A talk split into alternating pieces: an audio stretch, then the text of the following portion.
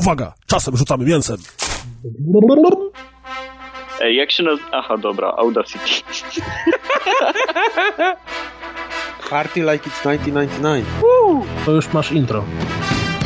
Dobra, dzisiaj robimy e, ten rzetelny odcinek, poważny, merytoryczny. Chińczyki, które pracują w CDP dostały podwyżkę? I znowu będzie Kuldan musiał udawać Kaza. Gdzie ten cooldown? I... Nagrywajmy bez niego, i tak go nikt nie lubi, nikt go nie rozpoznaje. Pozdrowicie Leszka Millera na podcaście? Dobra, czekaj, teraz poobgadujmy inne podcasty. Ale... Ja. Dlaczego mistrz D jest skierowany na symbol seksualnego zniewolenia? O Jezus. Kuldan ma odpowiadać, bo to człowiek mądry, a pytanie trudne. Co, co, co? O kurwa, Jakub i Żaba.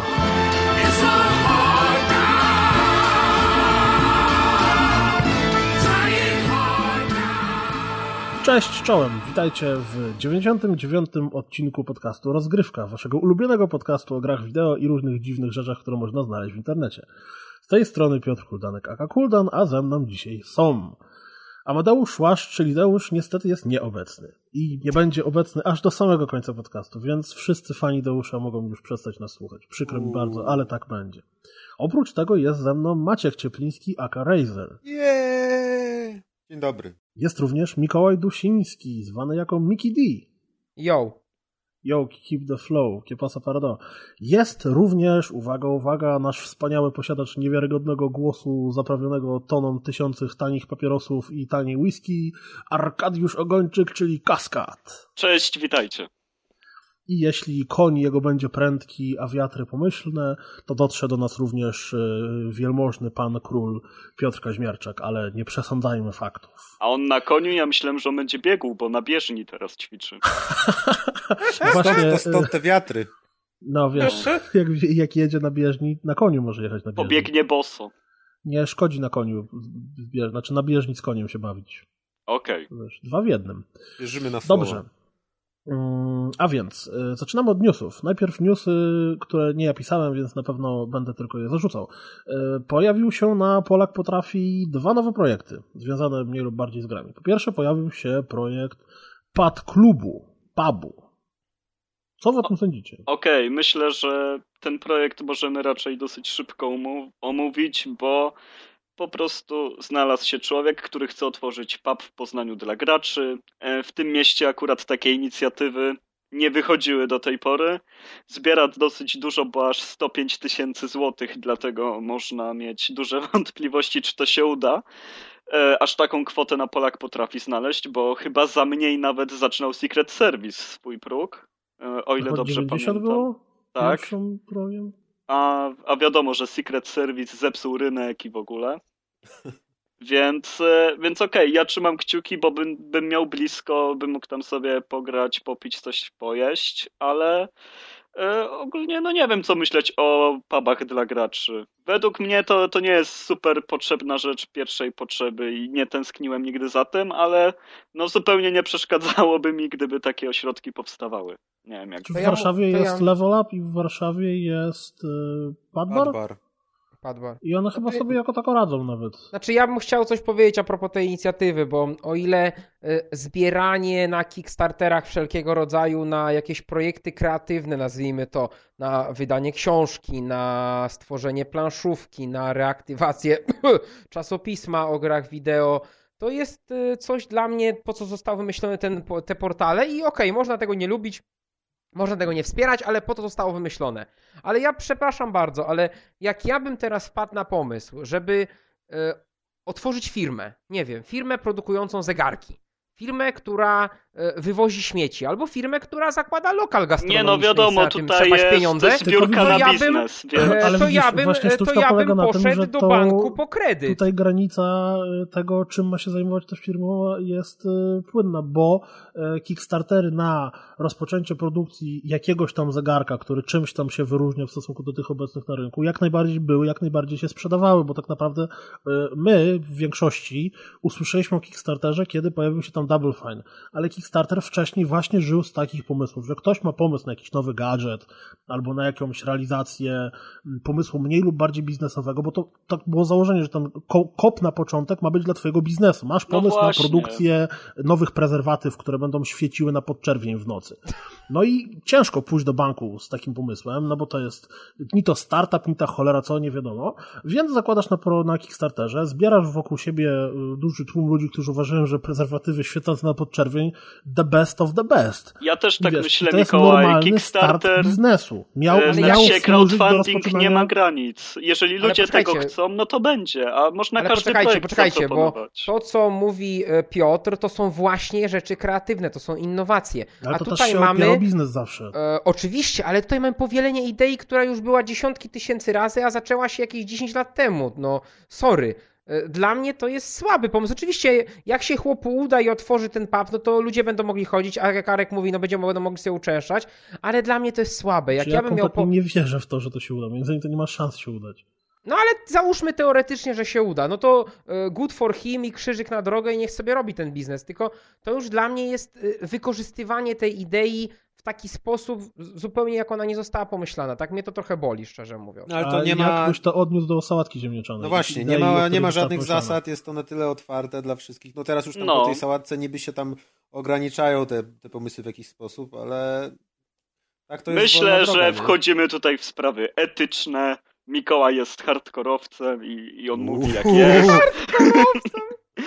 A, a dla nas to raczej po prostu, no powinni ludzie zadecydować i tyle. Tak samo jest z drugim projektem, którym będzie wideo o przemocy w grach. Czy on będzie miał szansę się przebić do szerszych mediów niż media growe?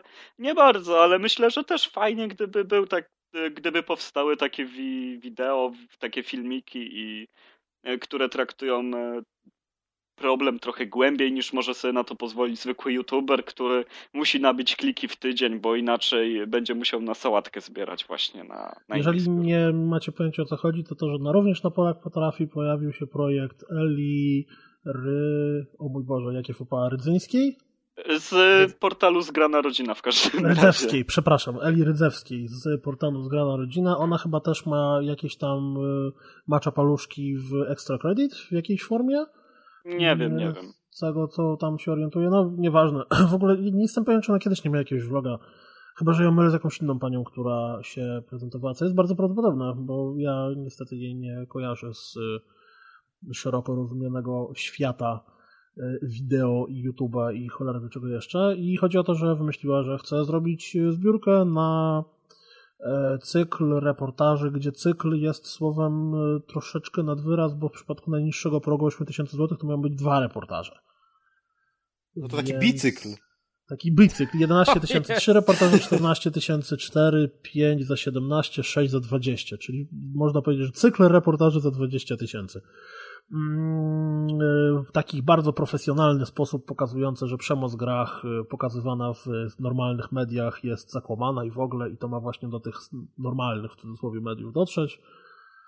No, projekt, jak się patrzy po internetach, jest odbierany dosyć ciepło w większości osób. Czy to tam była wielka dyskusja na, wśród y, redaktorów naczelnych popularnego serwisu o grach wideo w Polsce, i tam się dużo osób y, udzielało, niektórzy też wprost y, przedstawiają swoje poparcie, ale ja jakoś niestety obawiam się, że to, co świetnie się sprawdza w Stanach, gdzie nie wiem, Jim Starling, tylko no inna sprawa, że jak bardzo jest znany Jim Starling, a jak bardzo jest znana pani Ela. Ale ja myślę, że tutaj nie ma jedno z drugim się nie łączy, bo kwota jest mała. Tutaj są zbierane 8 tysięcy złotych.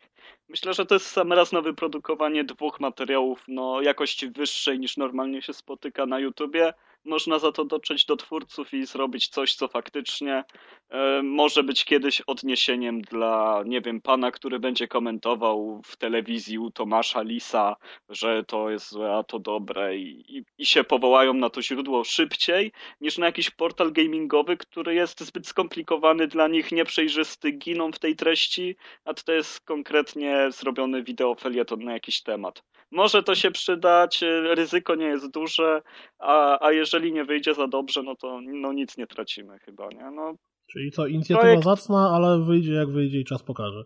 Nie no, inicjatywa zacna, ale trudno przewidywać, czy to będzie sukces, czy nie. No, możemy albo dać szansę jej, albo nie i, i, i tylko się przyglądać. A jak, a jak nie wyjdzie, to pewnie wszyscy, którzy mówili, że nie wyjdzie, będą mieli satysfakcję. No, no i brawo mówić, dla nich. mówiłem. Oj, to jest tak, tak bardzo polskie, że już się bardziej nie da. No. Tak, tak, tak nie mówmy. Zobaczyłem, no ale tak jedną... będzie, no jeżeli nie wyjdzie, to się grupa ludzi i tak będzie cieszyć, bo napisze, a nie mówiłem.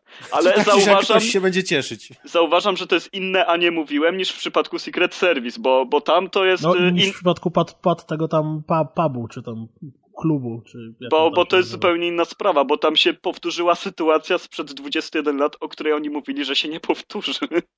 znaczy się, no. znaczy się przesadzam, krócej było, nie od zamknięcia serwisa czy od upadku, ale powtórzyło się coś, co oni gwarantowali, że się nie powtórzy, więc tutaj, a nie mówiłem, jest jak najbardziej na miejscu. Hmm. Swoją a, drogą, jak Pixel a... wam się podoba? Słucham? Jak Pixel wam się podoba?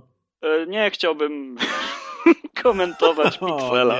no ja, ja tylko powiem, że no bo przez to, że wspierałem Secret Service, to dostałem pierwszy numer Pixela za darmo. No ja tak Wszyscy samo. Wszyscy dostaliście. Że gdyby e, tak wyglądał pierwszy numer Secret Service po reaktywacji, to trzech czwartych gównoburzy, która była wtedy kręcona, by nie było. To czasopismo teraz wygląda tak, jak moim zdaniem powinno wyglądać od samego początku i byłbym w stanie powiedzieć, że jeżeli materiały, które tam się znajdują, komuś podejdą, czyli totalne wymieszanie z pomieszaniem, bo recenzje gier z Atari obok recenzji nowości trochę interesującej nawet yy, publicystyki, to gdyby nie cała wielka gównoburza i po prostu śmiech, żałość i żal.pl związane z tym, co się dzieje z Secret Service'em, to Pixel mógł być fajną gazetą. Inna sprawa, że Pixel nigdy jako Pixel nigdy by nie zebrał 300 tysięcy złotych no na tak. potrafi. I pytanie, czy znalazłyby się pieniądze na rozkręcenie biznesu. Jeżeli się znalazły teraz po wielkiej aferze Secret Service, nie wiem, nie mi to oceniać, ale no jest to strasznie słodko-gorzkie. No, ja, ja mam trochę gorszą opinię. No, według mnie tam jest dalej za mało treści w treści i, i magazyn papierowy, no, powinien być jednak czymś więcej. A tutaj znowu wychodzi, że jeżeli coś jest konkretnego, to jest o bardzo starych rzeczach. To, to jest coś, co może każdy wykopać gdzieś, a, a takiej twardej opinii, gdzieś włożenia kija w mrowisko, no, no rzeczy, które są prawdziwą w cudzysłowie taką publicystyką, którą się czyta na papierze i potem się przeżywa i odnosi. No, no brakuje, tym powinna się prasa odznaczać według mnie, więc y, dla mnie to, to nie jest na razie pismo, które będę dalej kupował. Może jak kiedy... strony ani, ani CD Action, ani Extreme się tym nie odznaczają jako pisma. Znaczy nie, no, Według poczekaj, mnie poczekaj, Extreme bo... ma bardzo fajne te swoje cykle, gdzie jedną stronę dają różnym redaktorom, gdzie tam właśnie Koso i Mielu mogą sobie no, ale to są takie, wiesz, lu luźne felietony, a nie twarda publicystyka, ale, ale tam są jakimiś, e, wiesz, wywiadami i tak dalej. No. Według mnie mają one większą wartość niż to, co widać w Pixelu. Te, te kilka stron, ale spoko. Znaczy, ja chciałem tylko powiedzieć, poprzeć tutaj Arka, bo dokładnie to samo chciałem powiedzieć, że ja ostatnio zorientowałem się, że z trzech ostatnich numerów Secret Service, e, Boże, Secret Service, PSX Extreme, to przeczytałem e, dział retro, który był w dwóch z tych numerów, bo lubię tematy retro i lubię Rogera, jak pisze o starych rzeczach bo nie jest, Roger nie jest na tyle dużo starszy ode mnie, żeby miał różną wrażliwość, bo on jest dosłownie tam ze 3 4 lata ode mnie starszy. No i właśnie te, te 10 stron felietonów e, tych e, jednostrońcowych. I to było tyle. Na resztę materiałów no, tak naprawdę przewertowałem i pojechałem dalej. Czekaj, czekaj, bo... ale ja nie deprecyzuję tego, że te felietony są fajne, bo ja też je zawsze z przyjemnością czytam, tylko chodzi mi o to, że one nie są czymś... Yy wybitnie głębszym, jeśli chodzi o publicystykę, aniżeli jakieś tam przekrojowe teksty, które były w Pixelu. no według mnie mają mocniejsze stwierdzenia, wyraźniej pokazane stanowisko w jakichś e, sytuacjach i, i więcej mimo wszystko tekstu, bo mi się wydaje, że każdy z, z tamtej strony Extrema e, by zajęło dwie strony w Pixelu, to tyle tam jest tekstu, tak mało. Takie mam wrażenie. Okej, okay, bardzo możliwe. No, no, no więc... Nie porów... Y- będę musiał w kiblu, bo nie wszystkie czasopisma trzymam w kiblu, dokonać do oceny wielkości czcionek. Ale w jednym kawałku jeszcze. Słucham? Jeszcze w jednym kawałku w kiblu jest. Tak, jest w jednym kawałku. Nie, nie, nie musiałem drzeć jeszcze, żeby się ratować brakiem papieru. E, dobra, nie to, że niby, że, że insynuujemy, że czasopisma o grach nadają się tylko jako zastępnik papieru, bo ten papier się nie nadaje do tego, więc żeby nie było. Nie, one dobra, dostępują e... takiego, wiesz, zaszczytu bycia w najlepszym miejscu trzymanym. w jedynym miejscu, gdzie się sprawdzają. Dobra, idziemy dalej. E, a teraz się mało sprawdzają, o czym przejdziemy później. W dziale grach, czemu w kiblu mi się gazety mniej przydają. W każdym razie e, Shadow Realms, czyli nie wiem, czy pamiętacie, mówiliśmy o tym na podcaście e, dawno, dawno temu, czyli jakieś pół roku mniej więcej, BioWare rozsyłało BioWare rozsyłało maile, że zostałeś wybrany i był jakiś taki filmik, że koleś szedł i mu się pioruny z włosów strzelały i w ogóle ludzie zaczęli myśleć, o mój Boże, nowy Mass Effect, o mój Boże, jakiś wielki RPG, o, zaraz się spuszczę, będzie zajebiście. Miała to być Shadow Realms, czyli remake jakiejś e, starej gry RPG. No i padła informacja, że zostało skasowane. No, to znaczy... bardzo szkoda. Jedźmy dalej. Znaczy to było, e, to było tak. Ja byłem e, trochę nakręcony na ten temat, chociaż już te filmiki były e, takie bardzo mocno sugerowały, że to będzie jakieś tam o nastolatkach i takie generalnie jechanie na popularności Twilightów i, po, i po, pokrewnych rzeczy. No ale dobra, są jakieś jakaś tam tajemnica, specjalne moce. A potem się dowiedziałem, że to jest gra multiplayerowa na PC. -ta. I w tym momencie. To 4-1, 4 versus 1 jeszcze. O Jezu. E, I jak teraz się zobaczyłem te newsy parę dni temu o skasowaniu, to wiecie, powiem wam, że mnie, jak zobaczyłem tytuł, mnie to nic nie mówiło. Ja musiałem doczytać, co to było, żeby sobie przypomnieć, że a tamto z tymi fajnymi filmikami, to się nazywało tak, a tak i to to skasowali. Także to był ten poziom nikogo, mam wrażenie. E, a, a propos 4.1, e, który miał być w mm, tym Shadow Realms, to Evolve wyszło e, dzisiaj chyba, czy jutro? No, generalnie dzisiaj, w tym dzisiaj. tygodniu. Dzisiaj. No i okazało się na poligonie... Wczoraj! No to dzisiaj, dziesiątego.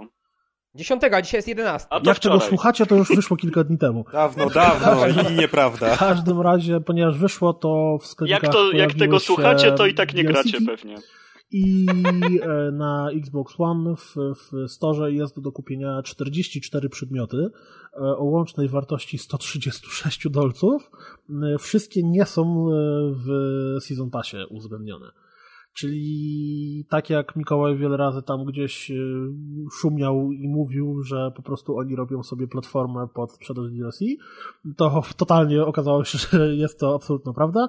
Ja nie rozumiem, czemu Evolve nie jest free to playem, bo w momencie, w którym wydają to jako normalna gra w pudełku za tam te 269 zł teoretyczne, nie, nie, poczekaj, czekaj. Arku, e, ile jest cyfrowa wersja, przypomnij, na PlayStation Store? 299 zł. Jest a, zwykła digital, wersja. A Digital Exclusive Edition z Season Passem? 359 zł, Mikołaju. Yeah! Jak, jak za darmo właściwie. Jak za darmo. Aż żal nie brać. Aż, aż no sobie jak... obiadu odmówię, żeby kupić. Jak... Ja, ja biorę dwie.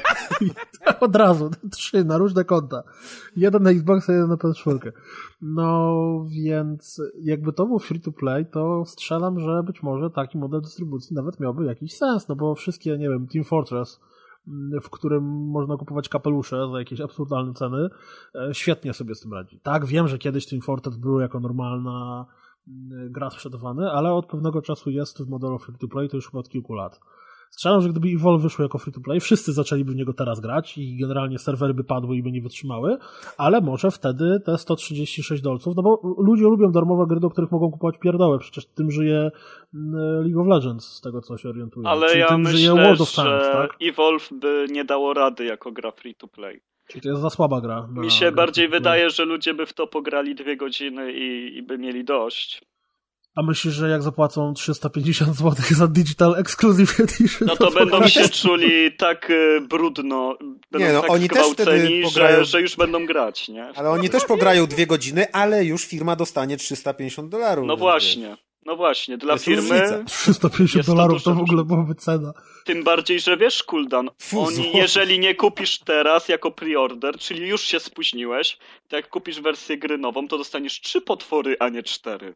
No, to jest dopiero... Bo im później kupisz, tym mniej będzie potworów. Ci, co kupią za dwa lata, roku? będą mieli bez potwora grę. No. Okaże się, że jak używka kupisz, to chcesz jednego potwora. Więc należy się śpieszyć, to jest dobra okazja tak naprawdę. No, 350 zł, kurde, jak za darmo, to aż, aż żal nie wziąć. Wiesz co, to jest jedna z niewielu gier, które nawet się nie opłacają, żeby nabyć jak ktoś z kimś współdzieli konto, bo to wciąż wychodzi horrendalna cena. To jest jedna z niewielu gier, które nawet jak proponują ci promkę, to je nie chcesz. o ale nie przesądzajmy faktów. A, super. Za darmo to nawet opowieści z Borderlandsów wezmę. to właśnie. ale myślę, że przy opowieściach z Borderlandsów bawiłem się lepiej niż bawiłbym się z Evolve na komputerze. I też dwie godziny. Przepraszam, czy ktoś w ogóle, czy ktoś w ogóle z was odpalił betę? Nie. Nie. nie, ja nawet nie starałem się o kod. A to były jakieś kody? Znaczy, ja, ja, ja nigdy się nie staram o kod do bety, żeby nie było, że tutaj mówię źle o Evolve, bo ogólnie gry, które mają betę mnie nie obchodzą. Czyli nie Nawet, porozmawiamy ale czekaj, czekaj, czekaj. Eee, ale, ale Bloodborne też cię nie obchodzi? A tam była beta taka? Oczy, oczywiście, że była beta. beta. Już były dwie. Były dwie. A no to doprecyzuję. Gry mówić, multiplayerowe, które mają betę mnie nie obchodzą. Może być? A, to sorry. Okej, okay, fajnie. Ale Bloodborne ma multiplayer, dobra, mniejsza z tym. No właśnie. Sam se strzelił w stopę shotgunem. Okej, okay. VG24 Ale ja już się umówiłem z kolegą, że ja będę biegał tym białym z młotem, a on czarnym. Myślałem, że, że w Evolve będziecie grali. Nie, nie, jedźmy dalej. Cascade i Memphis grają w Evolve. Oglądałbym. Jakbyście, jakby, jakby nie było widać tego, w co, jak gracie, znaczy inaczej, jakby nie było pokazany e, e, ekran monitor, tylko A, bo to nikogo nie interesuje, nie? tak za, za telewizora i za komputera. Jeszcze, jakby, jakby Memphis grał na PC, a ty jakbyś grał na PS4, gralibyście razem. No, to, no to możemy, nie ma problemu. Hit YouTube'a. Nie ma problemu. Możemy ja to nawet środku... bez kopii gry zrobić. o, o, o, Chyba wymyśliłeś nowy gatunek let's playów. Bez Rzetel, grania. Rzetelna recenzja. Let's don't play. No. Don't play na YouTube. Let's watch trailer together. Kurda, nie, to jest coś. Seria Ale Don't, don't... Playów. Już, już liczę pieniądze. Ej, kręcimy takie coś, ja Szybko, nie mogę. Przed, przed nie, wypuszczeniem nie. podcastu trzeba to opatentować. Szybko, ja szybko, bo nam ten rok weźmie i roją. Oni już to wiesz. Don't Oni poczuli play. zaburzenie mocy. już poczuli, no, że coś się Tysiące dzieje. Tysiące czy tam jak to się nazywało. Gdzieś, już, gdzieś są już suby, Google tylko nie wiem gdzie. umowy. Już Google Gdzieś zmienia słychać tysiące krzyczących subów. Tak. A wiecie, co jest najlepsze? Że gdyby Don't Play'e zaczęli kręcić deweloperzy z Don't Not tego studia. o, don't, o. don't Play. Jejku. VG247 wypuściło notkę o tym, jaki to Tomb Raider będzie. Ten, to wyjdzie ekskluzywnie na początku, na, czyli Rise of the Tomb Raider i będzie wspaniały i w ogóle i mamy obrazek, gdzie Lara walczy czekanem z niedźwiedziem, bo zabiła tylu ludzi czekanem, że teraz zabrała się za zabijanie Tylko niedźwiedzie jej zostały już. Mikołaj, Ale co o tym sądzisz? Co tam wyczytałeś ciekawego? Ja? No ty. No, a to nie ty wrzuciłeś? Nie. To ja wrzuciłem, ale Mikołaja a. możemy spytać. A ja nie wiem, ja tego nie czytałem. No więc ja ci Mikołaj powiem. Nowa Lara. Opowiadaj, dawaj. Ona będzie bardziej survival i będzie bardziej crafting a będzie też parkour bardziej? Bo to popularne słowo ostatnio. Nie, będzie bardziej open world. I, I będą dwie lokacje w tej grze. Dwie. Jedna to będzie Rosja, a druga nie wiadomo gdzie. No, Startowa i końcowa. Będą dwie lokacje i będzie Rosja. Przepraszam, muszę Ej. zmienić spodnie. I będą e, bardzo to, duże, no. To jak Dying Light, że jest crafting, że jest survival, że są dwie lokacje i że jest parkour. I że jest tak, Rosja. Tak. No to już mniej. Destiny była Rosja. No co ty? Przecież pierwsza lokacja to była Nie w Destiny, tylko w Dying Light. No właśnie. Kuldan. No, Kuldan? Ja o Destiny. Kuldan, odleciałeś. Jak, jak mogłeś dlaczego, myśleć ale... o Destiny w ogóle? Co, ty, co się dzieje z tobą? No bo jak patrzę na to obrazki z Tomb Raidera, to to wygląda jak ta Rosja z Destiny. Nie, nie, on po prostu dlatego pomyślał o Destiny, bo to gra roku Arka, nie? Ej, ale ja przeczytałem, że w tym Tomb Raiderze będzie się można wspinać po drzewach. Mam nadzieję, że to będzie fajniej zrobione niż w Asasynach na przykład. Ja też, się. To było ja najfajniejsze wspinanie się po drzewach wszędzie. Nawet jak, jak dzieciak wspinał się po drzewach, to to znaczy- było, nie było tak fajne jak w No w sumie tak, w sumie tak. Znaczy nie, żebym narzekał, ale chciałbym, żeby to, bo pomyślałem, o, będzie się można wspinać po drzewach, super, a potem pomyślałem, hmm, w Asasynie już się można było wspinać po drzewach i tak, hmm, coś by mogli fajniejszego wymyślić. Mniej super. Znaczy ja wierzę, że oni coś wymyślą. Ja się w ogóle nie naparam na tą grę, bo w sumie nie było jeszcze, jeszcze chyba potwierdzenia, czy na PC w ogóle wyjdzie. Ale dla, nie dlatego będzie. się nie napalam, tylko tak będę sobie dozować powoli ten, bo wierzę, że oni tego nie zepsują i w głębi duszy mam, wierzę, że to będzie kolejna super, super zaskoczenie, takie jak poprzedni był. No, ja myślę, że w momencie, kiedy pokażą więcej tej gry, to, to jednak dużo osób zapragnie mieć Xboxa. Mimo, iż to e... będzie tylko czasowy X. Czyli ja jestem tak zwanym wyprzedzającym przyszłość człowiekiem. Ty, Właśnie, newsy, kupiłem Xboxa. No. no właśnie, ale zaraz, przecież E, dlaczego w rubryce recenzji nie ma recenzji Xboxa? No. To jest ciężka sprawa, bo generalnie yy, nigdy Fajny nie miałem do czynienia... Fajny? Tak, jest fajny, jest fajną konsolą. Jest duży, jest ciepły. duży i ma ogromny zasilacz y, i tak y, jak Kinect na mnie patrzy, to jak w gaciach chodzę po pokoju, zastanawiam się, czy ci biedni agenci NSA właśnie wymiotują. Specjalnie macham brzuchem wtedy przed ekranem, żeby mieli fajniej. Mm, ale y, tak jak opowiadałem jakiś czas temu, że miałem ten moment y, tak zwany uderzenie next genu, kiedy to w Drive Clubie słońce zaszło, e, to y, autentycznie przy zabawie z, z Xboxem, kiedy to w Kinect Sports Rivals yy, kamerka mnie zeskanowała wszech i wzdłuż i wiem, że to zawsze, zawsze to, to nigdy nie działało. Nigdy. Po prostu w każdej grze, w której to było, czasów pojawiały się jakieś kosmici, nie? I potem wiesz, tworzyło ciebie i wyglądałaś jak 72-letnia kobieta po y, o chemioterapii i tak Teraz tak dalej. działa. Po czym, wow, wiesz, klęczysz przed kamerką, kamera mówi i to w ogóle moment, który mnie totalnie rozwalił, bo najpierw ona skanuje twoją sylwetkę, Odpowiadasz, czy jesteś mężczyzną, czy kobietą, widać, nie rozpoznaje. Bo... E... technologia. Trzeba, trzeba majtki wziąć. A ja myślałem, że to e, nago trzeba stanąć. Nie, ona po prostu zobaczyła twoje cycki. Dla pewności, da, jesteś mężczyzną możliwe. czy kobietą? Jest to bardzo możliwe, ale to drugie pytanie, czemu pytał, czy jestem dzieckiem, czy dorosłym? Taki wyrośnięty dzieciak. W każdym razie głowę skierowałem, musiałem skierować bliżej kamerki, i w tym momencie telewizor do mnie przemówił: Słuchaj, zdejmij okulary, bo to nam trochę utrudni, ale spokojnie, wszystko będę ci tłumaczył, nie będziesz musiał nic czytać, po sprawie założę się ponownie. I tam teraz mam... w Microsoftie na drukarce 3D Kuldana drukują, zeskanowanego. Taki Hindus zatrudniony tam za dolara dziennie, musi go wymodelować szybko i, i, i mają taką armię swoich użytkowników, jak, jak w Chinach wy, wykopali kiedyś takie figurki. Armia te, ceramiczna. No. W każdym razie później y, gra porobiła swoją magię z jakimiś czerstwymi żartami pod tytułem o daj tym pikselom chwilę, są strasznie zaganiane. No i nagle pojawiłem się ja. I autentycznie wyglądałem bardzo podobnie, nawet mimo, że kazał mi zdjąć okulary, to nawet podobne okulary mi, mi dobrał do mojej postaci. Zresztą wrzucałem tam zdjęcie. I autentycznie był to moment takiego wow. To pierwszy raz w życiu, odkąd bawiłem się grami, działało. Więc Ale powiedz mi, Kulda, najważniejszą rzecz. Xbox Live, system, dashboard, życie. Jak tam? Właśnie to jest mój problem, bo ja nigdy w życiu nie miałem do czynienia z żadnym Xboxem. Nie miałem pierwszego, nie miałem 360, nie miałem do tej pory One, one i mimo, że w pracy używam siódemki, a w domu używam ósemki, która te tam kafelki staw, to mam ogromny problem z poruszaniem się po dashboardzie.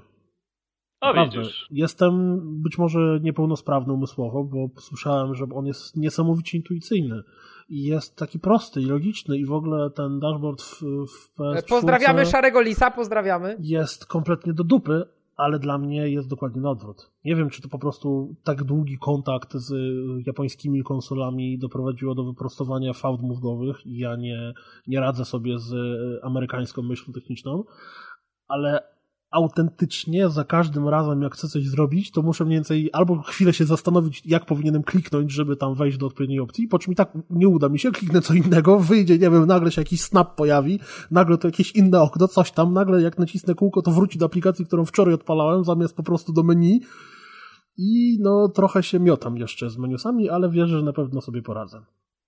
I wierzę, że na pewno ta niesamowita intuicyjność i wspaniałe działanie do mnie dotrze już niedługo. Ale poza tym, no słuchajcie, no bardzo fajna konsola. I tyle. No, tak A pancik?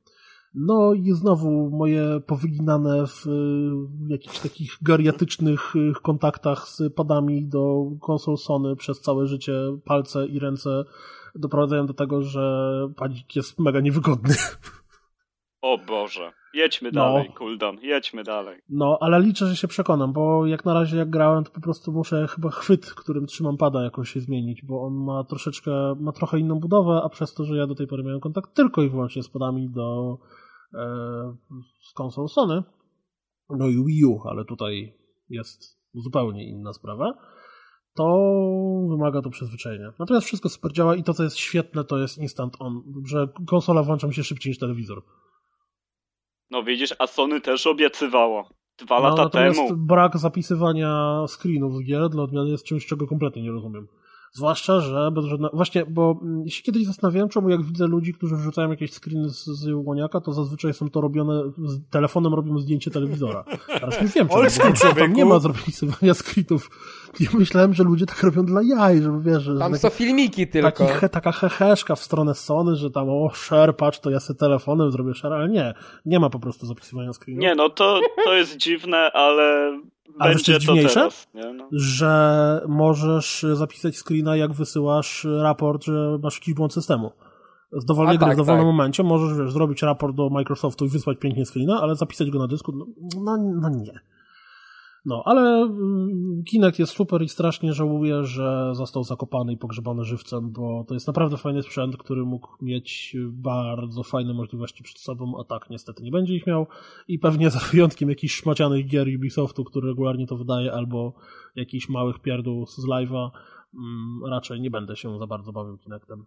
No ale whatever. Kupiłem go dla córki i dla żony, żeby sobie skakała i się dobrze bawiła i w tym się spełnia jak najbardziej, bo faktycznie Dance Central, z którym nigdy nie miałem kontaktu, jest mega strasznie fajny, strasznie się skacze, a Zoot Icon z tam, nie wiem, hmm. myciem słoni i karmieniem żyraf z ręki jabłkami też jest rewelacyjny. A wiadomo, masz po... dużo miejsca przed, przed tym urządzeniem? Tak, tak. Ja mam dosyć dużo, znaczy, wiesz, ja nie mam willi, natomiast pokój ten taki w angielska living room to pomiędzy telewizorem a kanapą mam jakieś, no Maciek, Mikołaj, byliście, wiecie, ile to no właśnie, jest? wiesz co, 6 2,5 Wiesz co, właśnie to jest tak, będzie ze 2,5, 3, ty nie masz właśnie wielkiego Zaraz wam salonu. powiem. Y, kafelek ma 33 cm. Raz, dwa, trzy, cztery, pięć, sześć, siedem, osiem, dziewięć, dziesięć. Czyli od telewizora metry, do no. kanapy są 3,5 metra. metry. A na szerokość, no, dwa razy tyle. No tak, no to, to jest nie, no to ty masz taką przestrzeń, która jest zalecana, tak? To, to jest taka, która powinno dobrze działać, w związku z czym nie jest dziwne, że ci działa. Tak, Udan jak budował zasadzie. dom, to przeczytał specyfikację Kinecta dwójki i sobie salon co do centymetra, co do płytkami wykładał i wymierzał. 10 płytek, nie, dobra. On, on 10 lat temu zadzwonił do Billa i zapytał, Billu, słuchaj, w 2015 będę kupował wreszcie twojego Xboxa, jak będzie działał ten drugi Kinect? No i on Billu mu tam powiedział, Kuldan zanotował na kartce, bo to jeszcze, jeszcze nie ten, nie miał komputera pod ręką, e, komórka stara, to sobie zapisał na kartce i potem tak zrobił, nie? No. Proste. Więc e, tak to właśnie wygląda. No, słuchajcie, dla każdego z nas kupno nowej zabawki jest mega, mega fajne, a ponieważ e, będą tam jakieś eksy, które wyjdą pewnie na Xboxa tylko, to sobie w nie zagram. No właśnie chciałem powiedzieć, że tutaj wszyscy Xbox One'em się jarają Forza, Ryzen i, i, i, i jakimiś tam tymi tam innymi znaczy Sunseta. A ty, kup... I Sunsetem, a ty kupiłeś i grasz w zoo i w tańczenie przed telewizorem Facepalm. Znaczy, żeby tego, w Sunseta z przyjemnością zagram, jak go gdzieś sobie dopadnę po jakimś taniości, to od razu kupię i, i bardzo chętnie w niego pogram. Natomiast no, Forza mnie w ogóle nie interesuje. Rise, tam Dead Rising, gdybym chciał, to bym zagrał e, na PC w niego.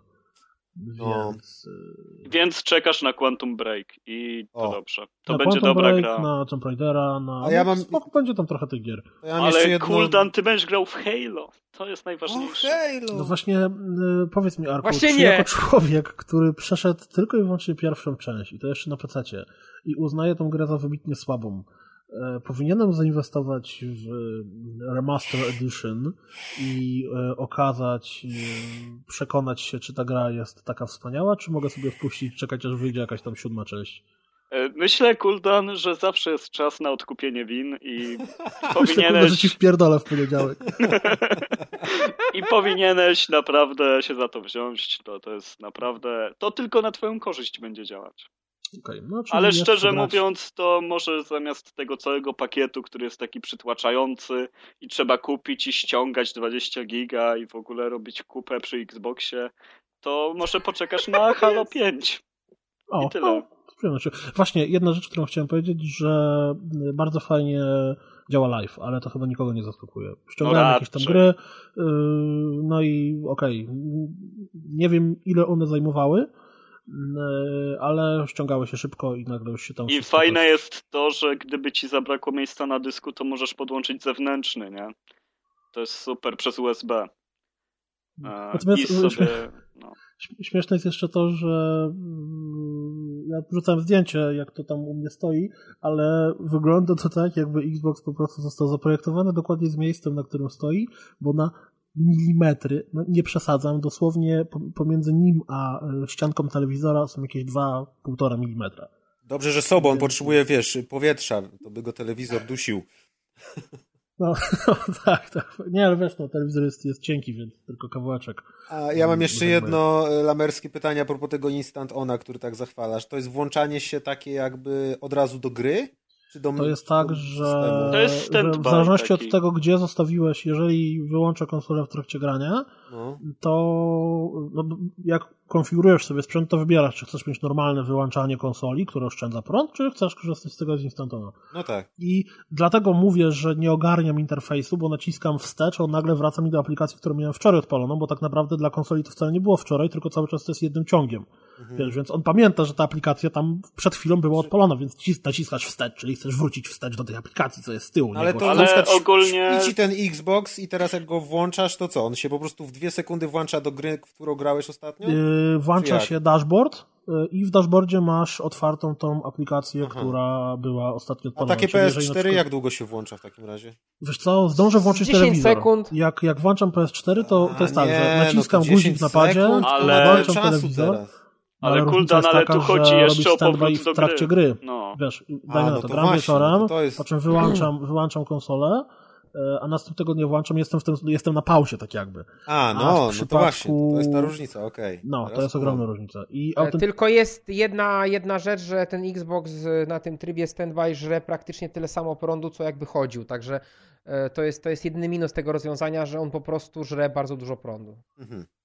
No, Dobra, generalnie... Xbox e, ogólnie... nie ma tak naprawdę prawdziwego wyłączenia, z tego co pamiętam. Tam jest taki ten light standby i ten taki hard, hard standby, że tak powiem. Znaczy nie, nie, nie dam głowy, ale z tego co pamiętam, jak czytałem sobie teksty, to było tak, że to, co, czym Kuldan mówi, to właśnie żere prądu praktycznie jak normalne działanie. Plus można zrobić takie jakby zgaszenie, które de facto owocuje takim dłuższym włączaniem i zresetowaniem się powiedzmy systemu, ale ono też na y, prądu żre więcej niż wyłączony sprzęt. Gadamy, facto... jak to mieć Xbox One w lutym 2015. Ej, no, pierwszy rozgrywkowy Xbox One się pojawił, no to trzeba no, obgadać, nie? O co chodzi? Za rok będzie urodziny podobno. obchodził. No, ale z drugiej strony, tak już kończąc wątek, powiem wam, że jest coś przyjemnego w posiadaniu wszystkich trzech konsol. No, Nigdy tego nie miałem ale to uczucie, że mogę sobie zagrać i na Wii U, i mogę sobie mm. zagrać na Xboxie, i mogę sobie zagrać na PS4, w zależności od mojego No wiesz, to tak jakbyś miał na przykład y, samochód wyścigowy, terenowy, kłada, motocykl, snowboard, y, skuter śnieżny i spadochron jeszcze na przykład. I parolot, parolot. No, też bym nie narzekał, no fajnie No jest, i Wii U, czyli Melexa, nie? I Melexa. Cieszę się, że, cieszę się, że kupiłem z Kinectem, bo dzięki temu wyraźnie widzę różnicę w tych konsolach, taką, taką wręcz namacalną, bo gdybym jednak wziął ten wariant bez Kinecta, to wtedy one byłyby bardzo zbliżone do siebie. A tak jednak jest to spora różnica. No Xbox bez Kinecta to jak Wii U bez padleta, no. no, jak Wii. Zwykle. Albo PS4 z niedziałającym PSN-em. Tak dla odmiany. E, dobra, wracając teraz do newsów. albo newsów nikogo, właśnie, bo e, nasza edycja konsol Next Genów zwana również jest e, e, Remaster Edition, czy też Remaster Generation. No i to się w pełni zgadza, bo okazało się, że remaster remake'a e, Resident Evil jest najlepszym debiutem Capcomu w cyfrowej dystrybucji. Tak jest, no jak widać nostalgia cały czas ma się grać Ale mocno, na ten plus... wynik chyba się złożyły też z PlayStation 3, Xboxa 360 i PC ta sprzedaż, a nie tylko z nowej generacji, prawda? Bo tak, jednak tak, ta gra oczywiście. wyszła na pięciu platformach, więc nie możemy zarzucać ten remaster tylko wyszedł PS4 na... i Xboxowi One, że, że to jest remaster. Ten remaster wyszedł na wszystko, ale wszędzie sprzedawał się doskonale, w, na większości tych platform, będąc w pierwszej trójce w ogóle rankingu w sprzedaży za miesiąc, który się pojawił, czyli za styczeń. Nie ma co się Także... dziwić, to jest świetna gra. Naprawdę znaczy... świetna znaczy... gra, którą wiele osób jest... przegapiło, więc. Znaczy, Super. to jest, bardzo do, to jest bardzo dobra gra, która, tak jak mówisz, wyszła tylko najpierw na E, na GameCube'a, którego mało kto miał. Później wyszła na Wii, ale wyszła w, w, tej wersji tak naprawdę niewiele, znaczy nic nie było zmienione, tylko tyle, że była przeportowana i zapakowana w nowe pudełko i na większej płytce. No ale na Wii to raczej ludzie kupowali tam e, e, symulator piłki wodnej, a nie Resident Evil, także to też jakby nie dotarło do masowego klienta. No teraz jest na wszystkim, na czym hardkorowcy grają, na wszystkich pięciu platformach. No i ja tak, jeśli ktoś to nie grał, to, to już teraz mogę zarekomendować, bo mimo tego, że tego remastera odpaliłem tylko na chwilę i mam nadzieję, że większą jakąś tam reckę zrobimy w, w którymś z późniejszych odcinków, no ale to co Arek mówisz, to jest po prostu świetna gra, która w 2000, nie pamiętam teraz, drugim chyba roku, w którym wyszła, no była, była doskonała, była prześliczna na tamte standardy. Dzisiaj wiadomo, że te prerenderowane tła już nie robią takiego wrażenia, ale na przykład takie drobne zmiany, jak fakt, że zrobiono nowe sterowanie, które jest dużo bardziej współczesne i dużo wygodniejsze, no też jest, też jest jakimś tam wartością dodaną. Także jak, jak w to nie graliście, to absolutnie wypada się z tym zapoznać, no bo to jest, to jest klasyka. Ale to jest właśnie no. niezłe, bo zobaczcie, to jest po pierwsze, ta seria może nie jest już w swoich latach świetności tak jak kiedyś obecnie, I jest to też remaster bardzo starej części, więc e, jakby... Remaster remake'a. No, no remaster remake'a, ale chodzi mi o to, że to jest stara część, czyli nie jakby, że na przykład Resident Evil 7 i się teraz wszyscy rzucają, tylko to jest taki tytuł, który na przykład wydaje mi się, że wśród młodych graczy w ogóle nie wywoła jakiegoś poruszenia i na niego się rzucają raczej po pierwsze fani serii, czyli już niewielki odsetek graczy wszystkich ogólnie, a po drugie jeszcze ci, którzy chcą też wrócić do tej starej części, a nie na przykład chcą nowych Ale Maciek, rezydenty jest... się świetnie sprzedają, nie możesz mówić, że mało jest fanów serii. Dokładnie, tak? bo... Graczy, ona ma wybitnie wielkie wyniki finansowe. No dobra, ale to jest teraz e, powrót jakby do... Myślisz, że na przykład ci gracze, którzy nie grali jeszcze wtedy, kiedy nie mieli GameCube'a, nie mieli żadnej konsoli, kiedy ta seria wychodziła przy jedynce, dwójce i tak dalej, że teraz jakby się rzucają, żeby zagrać w tą starą część? Myślę, że jest to mała część i właśnie starzy fani nabili najlepsze wyniki. No, no właśnie, no właśnie, o to mi chodzi. Mówić, że to, że... To...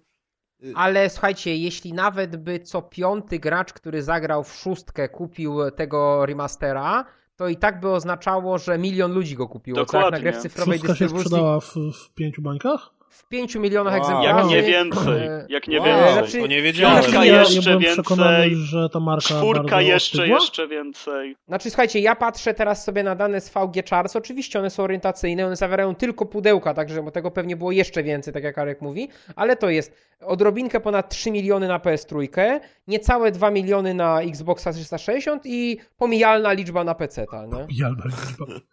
No tak, no bo tu jest 0,04 miliona, nie no to no, jest 4, Naprawdę to jest rezydent tysięcy. jest gigantyczny pod względem sprzedaży, to, to jest fenomen Capcomu, to jest większe niż Street Fighter i, i chyba, nie wiem, czy Monster, Monster Huntera też przebijano, bo Monster Hunter tylko nie, w Japonii no Monster Hunter to świat, dokładnie. Więc... Swoją drogą dzisiaj oglądałem e, rec recenzję tego Ultimate i strasznie się, się podkręciłem, także podejrzewam, że to będzie druga gra, którą kupię na Super na seria, super seria. Szkoda, że jest z konsolami Nintendo. I teraz, po, przepraszam, muszę zrobić hejt na Sony, po, ponieważ Sony mogło... Żeby to był pierwszy! Ponieważ Sony mogło mieć Monster Huntera na wyłączność na swoich platformach, ale zjebało. Sony miało w swojej historii też okazję kupić cały Capcom, ale zjebało. I, I teraz jest po prostu, siedzi w tym swoim gównie i nie wiadomo co promuje i sorry, nie? To jest naprawdę słabo, Ale bo możesz ta seria mogłaby screeny. ich ta seria mogłaby ich ciągnąć w Japonii na jeszcze wyższy poziom. Vita by się mogła sprzedawać, byłaby zupełnie inna dynamika rynku, a tak Exclusive jest na Vita. Znaczy, słuchajcie, teraz wam e, Serio? powiem ciek ciekawostkę. Otworzyłem sobie znowu VG Charts Monster Hunter 4 i tam mamy Monster Huntera 4 i tą wersję Ultimate, która wyszła w zeszłym roku na 3DS-a w Japonii, a teraz za chwilę wyjdzie na 3DS-a i tego New 3DS-a w Europie i w Stanach. I tak, bo oni, tak jak mówię, tam nie są pełne dane, tam też zaokrąglają w dół albo w górę, ale generalnie sprzedaż Monster Huntera czwartego podstawowego wygląda tak. North America 0,00, Europe 0,00 i Japonia 3,4 miliona. Ale to dlatego, że nie było chyba premiery. Nie, to jest czwórka, to jest ta z 2013 roku. Ale wiesz, ale przecież jak myślisz o Monster Hunterze, to widzisz Japończyków. No. Ale, ale dobra, ale to jest, sorry, to jest wina akurat promocji Capcomu, bo Capcom jest Capcom. I, I tak to już jest, że ta seria jest związana z Nintendo. To nie jest wina y, formy rozgrywki? Ja myślę, że skoro bo... Dark Soulsy się dały radę przebić, Dokładnie. to Monster Hunter tym bardziej powinien ale... dać radę. Ale... Naprawdę byś stawiał Dark Soulsy blisko Monster Huntera? Oczywiście, to, to są mechanicznie dosyć podobne gry, mają takie założenie poznawania świata, uczenia się mechaniki, walki, przewidywania tego, jak się zachowuje przeciwnik. Jest dużo hintów. Ta gra żyje społecznością, która sobie pomaga w tym, jak pokonywać konkretne bestie. Myślę, że jest tutaj masa gra... wspólnych cech. Masa. Kompletnie nie pamiętam nazwy. Też Capcomu, gdzie był system pionków. Mogłeś Dragon's Dogma. Dragon's Dogma. Dragon's Dogma. No. Mi się wydawało właśnie, że Dragon's Dogma bardziej to był taki... Co było takie Hunter Monster dla Hunter dla zachodu. No dokładnie. Ale, ale to wyszło bardzo dobrze, ale też e, ta gra zapłaciła wysoką cenę za to, że nie była tak. No, ona chyba nie była zbyt konkretnie zrobiona dla zachodniego odbiorcy mimo wszystko. Brakowało znaczy... tam tego scenariusza bardziej, ale te walki z potworami były tak świetne, tak można było to znowu zareklamować no. i, i znowu stracono szansę. No to... Znaczy też nie przesadzajmy, bo Dragon's Dogma prawie dobiła do 2 milionów globalnie, to nie jest Ale tragiczny wynik. Ale o której wersji, bo ona miała dwie wersje, bo najpierw no, to jest Dark Horizon potrzebowała dodatka, dodatek y, jako cała nowa gra, czyli podstawka z dodatkiem jako kolejna edycja, nie? Znaczy, z tego co kojarzę, to do, te dane, o których mówię, to dotyczyły sprzedaży jedynki. Czyli podstawki. Znaczy, jedynki, podstawki tej podstawowej wersji, że ona się na okay. tych trzech platformach sprzedała chyba 1,8 miliona, czy to, no, to, to, tego typu dane pamiętam z, pre, z prasówek, ale okazało się, że dla Capcomu to jest niewystarczające, bo oni tam postawili właśnie temu zespołowi deweloperskiemu jakby magiczne próg 2 milionów i powyżej 2 milionów wypracowywali kontynuację. Jako, że nie zrobili 2 milionów, nie no, wiesz, to pracują no... nad grą mobile, mo, tą online'ową, free-to-playową. Ta jedynka się sprzedała w trochę ponad milionie, więc... Y, Aha. No to może to było faktycznie z Dark Horizon. Dobra, słuchajcie, teraz nasi drodzy słuchacze witam w nowym cyklu, y, który będzie się absolutnie nieregularnie pojawiał pod szaloną nazwą y, Hejtujący Sceptyk i Zakochany Fan. W roli hejtującego sceptyka Arkadiusz Ogończyk aka Kaskad, w roli zakochanego fana e, Mikołaj Dosiński aka Mickey D.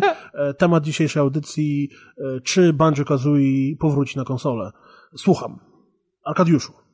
Ja bym chciał jednak poczekać na Mikołaja, zanim zacznę mu wy, wytykać znaczy, błędy jego Znaczy to teraz tak, e, ja się, ja popłynę, że, że takie fajne i WoW, a on potem mnie pościna, tak? No dobrze, niech tak będzie. Znaczy ja e, przeczytałem sobie o tym tak zwanym projekcie Ukelele, o, o którym za chwilę Ukelele, być... no, miliony lecą. E, ale to jest nazwa, to jest nazwa przecież y, projektowa, to nie jest finalna nazwa tej gry. No wiesz, nazwę projektową Wii to miało Revolution, a potem na Wii zmienili. No, a, a, a N64 miało e, Project Reality, a potem Project Dolphin, także no. wiesz, no.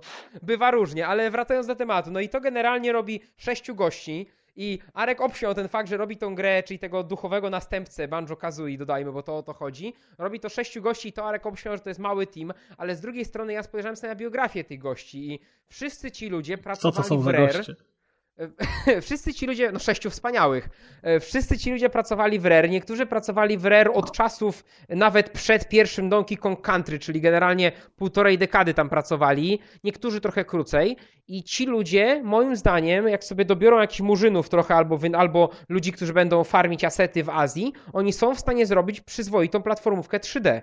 Bo oni umieją robić takie gry. Oni te gry robili, oni te gry obserwowali przy robieniu, oni uczestniczyli w tym procesie kreatywnym, także ja mam cicho nadzieję i z drugiej strony to nadzieję opieram na tym, że Edge jednak nie brałby ekskluzywa sobie, gdyby dziennikarz poszedł do studia i zobaczył, kurna chujoza, to po prostu by się redakcja wycofała Dobra, z takiego teraz i po by kolei. ich nie promowała. Dziennikarz nic nie widział, bo jeszcze nic nie mają. 3D e, gra to pewnie nie będzie, gdyż to będzie jakieś skakanie 2D z trójwymiarową postacią, żeby było taniej animować. E, bo to w końcu robi sześć osób i oni nie są w stanie w takiej liczbie stworzyć wielu światów trójwymiarowych jak z Jack and Dexter, a tego wymagamy od następcy Banjo-Kazooie. To nie będzie Banjo-Kazooie poza tym. E, no to wiadomo, że nie Ten będzie, materiał jest praw. w Edge'u jako jeden z wielu tak naprawdę, a jest też tam dlatego, ponieważ dla Amerykanów jest to marka kultowa. I to bardziej gra na ich nostalgii niż na tym, że to faktycznie może być projekt, który zmieni świat i ruszy góry i skały będą srały. A bo, nie no, aż tak to ja w to nie wierzę, bez przesady. E, bo serio, no nie no, może to być dobra gra 2D, ale myślę, że platformówek 2D już jest za dużo na tym świecie, na ten moment, przez zasyp indie rzeczy, które muszą być platformówkami 2D, bo nic innego nie są w stanie ludzie wymyślić, jeżeli chodzi o akcje, albo klony Metroidvanii. E, no, no i cóż, na pewno to są ludzie z talentem, nie mówię, że nie, ale żeby powstał projekt pokroju Banjo-Kazooie, trzeba było się tym jarać, to stanowczo nie. Na pewno nie. Nasi drodzy słuchacze, dziękujemy. Mam nadzieję, Możecie że wysyłać SMS-y tak, na możecie jeden, wysyłać SMS-y na 666 jeżeli popieracie stronę Arka, albo możecie wysyłać SMS-y na numer 69 69 69, jeżeli popieracie stronę Mikołaja. SMS o treści long. Dostałem właśnie, su, su, nie widzicie tego Państwa, chwytam się właśnie za słuchawkę. Przyleciał gołąb, który że obwieścił. na dachu naszego studia właśnie przybiegł złoty Pegas i z Pegasa siadł, zamachnął krótko ostrzyżoną grzywką, zdjął swoją świetlistą zbroję, król nasz wielki, wspaniały Piotr Kaźmierczak AKKS. Witamy Cię. Cześć, witajcie. Cześć Piotrek. Cześć, witajcie. Jak tam, Cześć. jak tam bieżnia? Po raz kolejny dołączam w trakcie normalnie Lubisz zabawy. Tak, co? Ale zostawiliśmy najlepsze dla ciebie. Lubię przerywać zabawę, wiesz. Kazie, potrzebujemy od ciebie natychmiastowej informacji, czy defilada Krasnali już się odbyła. E, defilada Krasnali jeszcze się nie odbyła, a jest w planach. No, musi, muszą być zdjęcia, wiesz. No, no, na vloga. Mam nadzieję, że będą, mam nadzieję, Vloga. że będą. Ale póki co jeszcze nie, nie mają klasnale po czym defilować, więc. Ach, jeszcze nie dotarła może jutro. Wspaniała no. bieżnia. No właśnie, tak. Dobrze, okay, ja to już, teraz... to widzę, już to widzę w, w, gazetach, czy tam, nie, nie w gazetach, przepraszam, na pudelku, że e, w małej miejscowości pod Poznaniem doszło do potwornego wypadku. Wszystko bieżnią za bardzo dużo wartości nowej konsoli, nowej generacji. Piotr K. zginął śmiercią tragiczną. Proszę pod nogi Krasnala. Go pobiło. Ale wiesz, wyobrażasz sobie na przykład zostawiłem Krasnala obok bieżni, zleciałem z bieżni i tak w oko prosto, wiesz. I wybite do mózgu, Conan, nie? Conan cię zabije, nie? I potem no wiesz zdjęcia co? No, Conan. figurka Konana. Ja tak sobie wyobrażam, jak ty będziesz trenować te krasnale, to się skończy, wiesz, jak w Rokim po plaży będziecie no, Ja właśnie nie jestem, w stanie, nie, nie, jestem w stanie nie wyobrazić sobie podkładu z Rokiego, jak Kaz będzie bieg na tym. Tu, tu, tu, Ale wiesz, on ma, ta, ta wieżnia ma głośniki. To ja tam, ja właśnie tak jak, jak biegam, to najczęściej mam. Ale będziesz miał identyczne działo. żółte spodenki. To, obcisły, ja tak, top. Ja myślę, że pępka. Ten... rozszerzamy się coraz bardziej z różnymi naszymi audycjami i pomysłami, to myślę, Kaz, że powinieneś założyć taką jakąś serię vlogów właśnie o treningach, o przygotowaniu się do walki z wielkim Rosjaninem. Siłka z królem. Siłka z królem, coś, coś w ten desen myślę. To bym, oglądałbym. Już no będzie, nie, nie wiesz, nie wiesz, już ustaliliśmy, że Arek y, będzie miał nową serię Rewolucja na YouTubie Don't Play tak. których nie będzie w gry. Więc liczymy na siłkę z królem. Ale to, jest, propos... ale to jest dobra seria, Don't Play, nie graj wy na przykład, wiesz. Tutaj... Nie, nie, to jest to, że będzie kamera za telewizora, że siedzę z padem i, i niby gram w coś, czego nie mam. Będziemy grać w nowego Duma, no, przed premierą, pierwszy gameplay z Ale ekskluzywnie łamiesz embargo, grasz w Dumę, ale wiesz, to, nie widział. Google no, wybuchną, jak będą indeksować. Dobra. To jest zajebisty pomysł. Zamiast nagrywać, wiesz, rozgrywkę, to nagrywać tego, który gra. No, no tak, no, nie, no, nie, nie, to się nazywa let's play, królu. nie, let's play to jest nie, jak ktoś robimy nagrywa, wiesz. Play. No, Czyli, w każdym razie. Czyli kamera siedzi na telewizorze i pokazuje Jak pamiętacie, gracze. jakiś czas temu wspaniały Piotruś Molinę E, stworzył kostkę, w którą się stukało, Curiosity, What's Inside the Box. No i jak się jakiś tam koleś z Anglii czy ze Szwecji... Nie, to wiesz, był 18-letni chłopak, który został wydymany przez Molinuxa, no nazywajmy rzeczy po imieniu. Tak strasznie uciąłeś. Generalnie dokopał się i miał zostać Bogiem w Godusie. Jeżeli e, nie pamiętacie, co mówiłem o Godusie jakiś czas temu na naszym podcaście, to przypomnę krótkimi słowami, że jest mega kurewsko chujowy. No i ten chłopak młody, 18-letni, jesteś pewien? E, wtedy miał 18 lat, kiedy okay. stuknął ostatnią kostkę w Curiosity, teraz ma 21. No, 21 lat ma? Teraz. No i powiedział, że został wydymany przez Molina. Powiedział oficjalnie grze. Eurogamerowi. Tak, Taka jest Eurogamer, informacja. Dokładnie. Chuj wydymał mnie na siano. Się, Obiecał mi złote powiedział, góry. Że obiecał mi kasę, że będę, tak sobie wymyśliłem, że będę miał 10 tysięcy funtów, albo kto wie, może nawet 500 tysięcy, jak gra się sprzeda, ale póki co nie dostałem ani pensa. Nie no, on miał no mieć i... 1% od zysków gry w czasie, kiedy on jej króluje. Tak jest. No i on sobie wymyślił, że to będzie od 10 do 500 tysięcy funtów. A, a, że król jest tylko jeden, to... Oczywiście, to Peter Molino przekonał się, że nie może nikogo ustawić królem, e, ale generalnie cały dowcip polega na tym, że on miał e, być w tej grze, nadzorować tak jakby fragmenty, których najprawdopodobniej w ogóle nie będzie w finalnej No, części. ekonomię Miał być związany z multiplayerem, znaczy nie tylko ekonomię, miał być związany z multiplayerem, miał być związany z PvP. A na razie Molineo zaczął się strasznie mocno wymigiwać od tego, czy w ogóle te elementy się znajdą w Nie no, Piotr, on bo... nie zaczął, on potwierdził, że ta gra nie będzie taka jak na Kickstarterze. On no już to właśnie, powiedział. Bo Wprost. większość pracowników już nie pracuje przy Godusie, tylko przy kolejnej grze 22 puszki. Więc z ciekawostek, y, szkoda właśnie, szkoda, że nie mamy jakichś takich y, tam pudelek y, growy, bo taki artykuł, to był nagłówek, który idealnie by się klikał, że Peter Molino wydymał 21-letniego chłopaka z tam Irlandii. Możemy sobie zrobić na stronie taki, wiesz, pudelek gamer. No, pudelek gamer. To trzeba jakąś dobrą nazwę na to wymyślić. Dupelek. Krasnalek.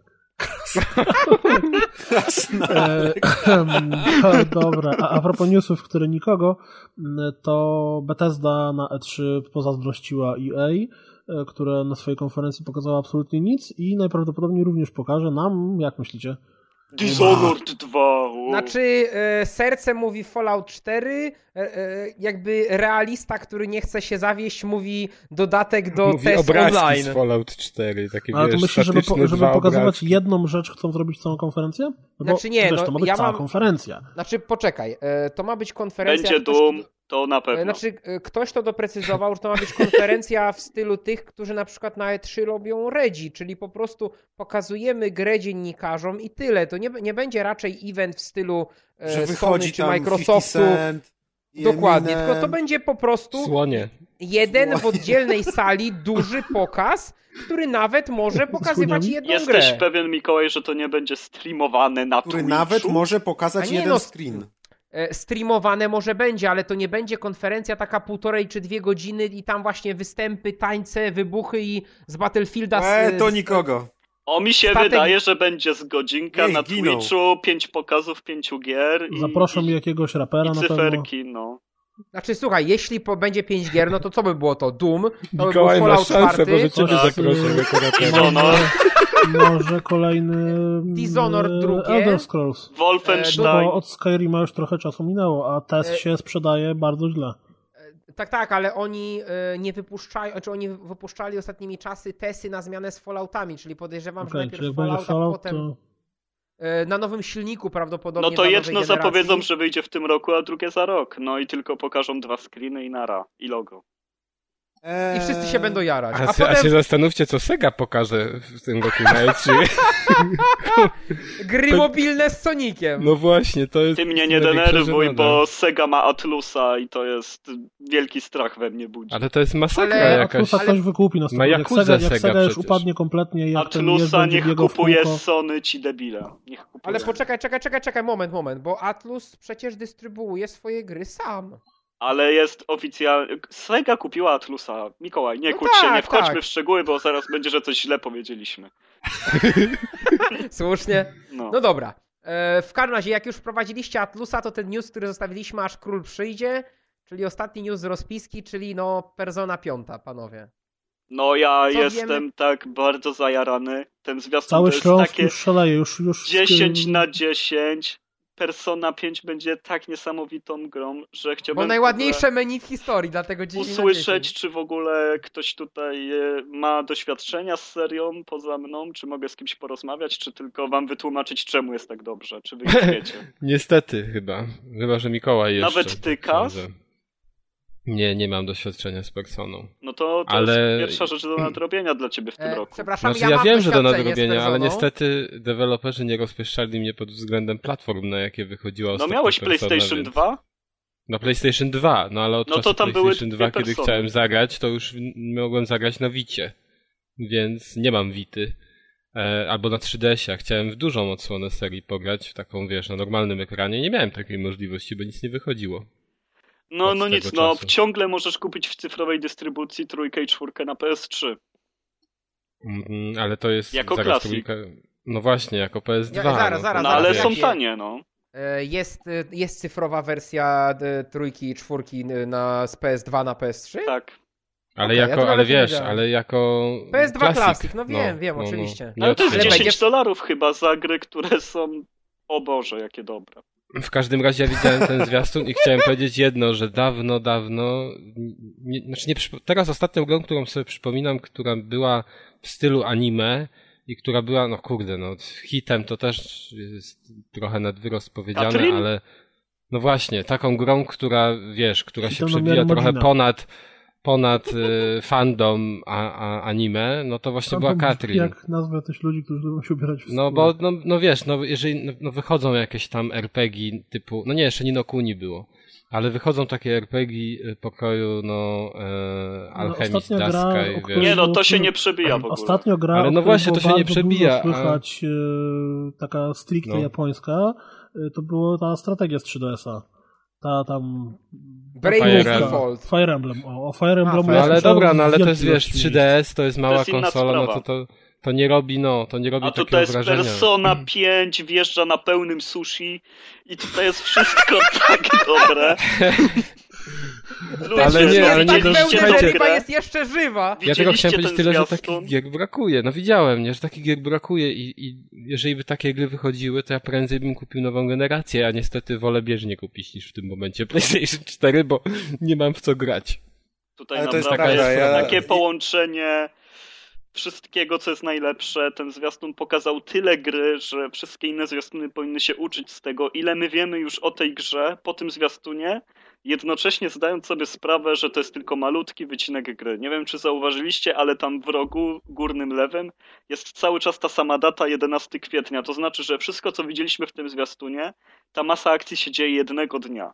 A tam będzie cały rok przynajmniej pokazany, bo taka jest też tradycja persony, że pokazuje rok szkolny bohaterów. I, I to, co się w ogóle wyprawiało, to jest z jednego dnia, więc aż mózg paruje na, na samą myśl o tym, co będzie dalej. A kiedy to w ogóle wychodzi? No, No. to ma w tym roku wyjść. Aha. Czyli Dodajmy przysz- w przyszły rok marzec. No, ale przecież to jest, przynajmniej jest na co czekać. W tym roku No będzie dobrze, Yakuza no. 5, będzie Metal Gear Tak. Solid 5, a potem Persona 5, no przecież... A potem nic. A potem, potem już nic nie musi być, naprawdę, co za różnica. Nie, ale wiecie, ale, Takie jakie kombo wyjdzie. za dwa lata. ale je- jest nowy hint, że ma Fatal Frame wyjść na Wii U. Ten nowy, który wyszedł w Japonii już. Ale no bądźmy To poważni, Persona, informacja. Fatal Frame. No nie, ale to jest kolejna gra, na którą czekam, wiesz. Tutaj jest takie połączenie znaleźć. Stylu, designu. Zobaczcie, że tutaj jak się odpala to intro, to tam jest napisane, kto robi muzykę, kto jest reżyserem, kto designerem. E, To, to jest y, pięknie skrojone, to jest tak, jakby ci ludzie pokazują, jesteśmy dumni z tego, co zrobiliśmy. Patrzcie, szczęki w dół. I lecą. Ja, ja, ja Czerwień, tak, czerń, demony, Tokio. Nie grałem w żadną personę, ale ta persona, ten trailer wygląda tak, że chciałbym w to bardzo zagrać, bo wygląda jak połączenie Katrin, jeśli chodzi o ten styl anime i całą resztę, czyli właściwie żywe anime z intrygującym RPG, bo to wszystkie menusy, przejścia, jakieś tam łamania kolorów, to wygląda mega kosmicznie. Poza tym to jest to, tak że postaci... Znaczy jest strasznie fajnie yy, drobiazg, kompletnie absurdalnie nieznaczący, który moim zdaniem jest mega, czyli jak jest scena z walki, to ikonki z postaciami, e, tabliczkę z HP one w rękach trzymają i to widać, że ona faktycznie trzyma tabliczkę. To są drobiazgi, które nie mają znaczenia, ale strasznie fajnie podkręcają klimat gry, ja to uwielbiam. Dokładnie, że tam jest kot, który z nimi chodzi i prawdopodobnie tylko przy nich przyjmuje formę jakiegoś stwora. Dla innych Kota ludzi jest anime. widziany jako zwykły kot. E, oni są jakimiś złodziejami. Teraz jest zmiana w ogóle e, tonu gry. W poprzednich częściach byliśmy nastolatkami, którzy walczą ze złem w małym miasteczku, a tu jesteśmy w centrum metropolii, opracujemy jakiś plan, musimy coś wykraść, włamać się. Bohater działa w masce, jest w ogóle przypomina Taxido z Sailor Moona, jeszcze z tym kotem wyskakuje. No jest tak stylowo, jest tyle drobnych elementów, które się składają na to, że ta gra nie wygląda jak tytuł robiony z taśmy. Nie ma kolejnego takiego samego zestawu broni, takich samych bohaterów, który jest e, wysokim, białym mężczyzną z ciemnymi włosami jak Drake i Boberek go podłoży ładnie, no. No Jedno co martwi to, że na razie nie wiadomo, czy to w ogóle wyjdzie w Europie. nie, wyjdzie, wyjdzie. Znaczy się na pewno w ja USA, więc będzie można. W newsach widziałem, że nie wiadomo, czy wyjdzie w Europie. USA na 100%, więc już No w USA Europy. tak, w Japonii, w Stanach, ale mówię o Europie. No ale Wiesz, to wiadomo, można co? sobie ściągać potem, ale... Nie, no już wątpię, żeby żeby Nie, no, akurat gra to na Personę bank 5 wyjdzie, e, no. cofali. Słuchajcie, e, Nawet te remake, areny wychodziły e, no. remake czwórki na Vita i areny wyszły, to piątka bez, w ogóle bez wątpliwości wyjdzie, tylko na pewno z opóźnieniem. A tak w ogóle to może przejdźmy do recenzji, bo chyba Maciek tam już albo umarł, albo zasnął. Nie, ja bardzo słucham, bo Persona co prawda mnie w ogóle nie interesuje, ale wiem, że to jest ważna seria i ten trailer wyglądał całkiem fajnie i rzeczywiście, tak jak Arek mówi, no to jest taki rodzaj gry, którego już od wielu, wielu lat, a nawet może od dwóch generacji niedużo jest. Niedużo się Tak pokazuje. a propos właśnie japońskich gier, których niedużo się ukazuje, to no bo jeśli chodzi o recenzję, już przechodzimy, tak na pewno już Arek chcesz coś dodać jako Ja bym chciał bardzo dużo dodać, tylko nie wiem o czym. Zobaczcie, jak fantastycznie on się A to jak skrada. my wszyscy! Jak on się tam skrada. Oni mają znowu pistolety, oni w maskach walczą. Ten bohater na końcu zwiastuna się sam przemienia w demona, czyli w personę, czego też nie było ostatnio. One były przyzywane, a tutaj mamy jakby zaburzenie jego świadomości. Ma te żółte oczy demoniczne. No, no jest tona rzeczy małych, które można tak wywnioskować z tego zwiastuna. Tam jest scena z Velvet Roomu tak zwanego, gdzie jest jakby więzienie, gdzie on jest w takich pasach czarno-białych i, i w łańcuchach. O, o co chodzi w ogóle? No, e, mega dużo zagadek, mega dużo rzeczy, które można się jarać i najpiękniejsze menu ever. Wiem, że już to wspominaliście, ale powiedzcie, że te menusy są no wyjątkowo piękne. Nie powiecie? Tak, są No. wyjątkowo Piękne. piękne. Wyjątkowo piękne.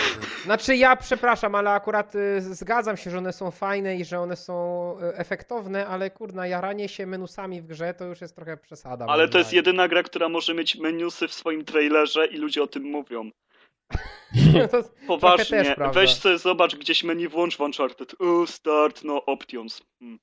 Okej, mogę jeszcze zrobić quit i ściszyć muzykę. No. Znaczy akurat źle trafiłeś, bo ekran tytułowy w Uncharted jest dlatego jest zajebisty, bo ma zajebisty motyw muzyczny. Ale no. Ale, motyw Ale to nie wpływa w ogóle na to, jak on wygląda. Nie, tylko mówię, że on jakby experience z menu Uncharted jest klasa, bo main theme Uncharted jest klasa.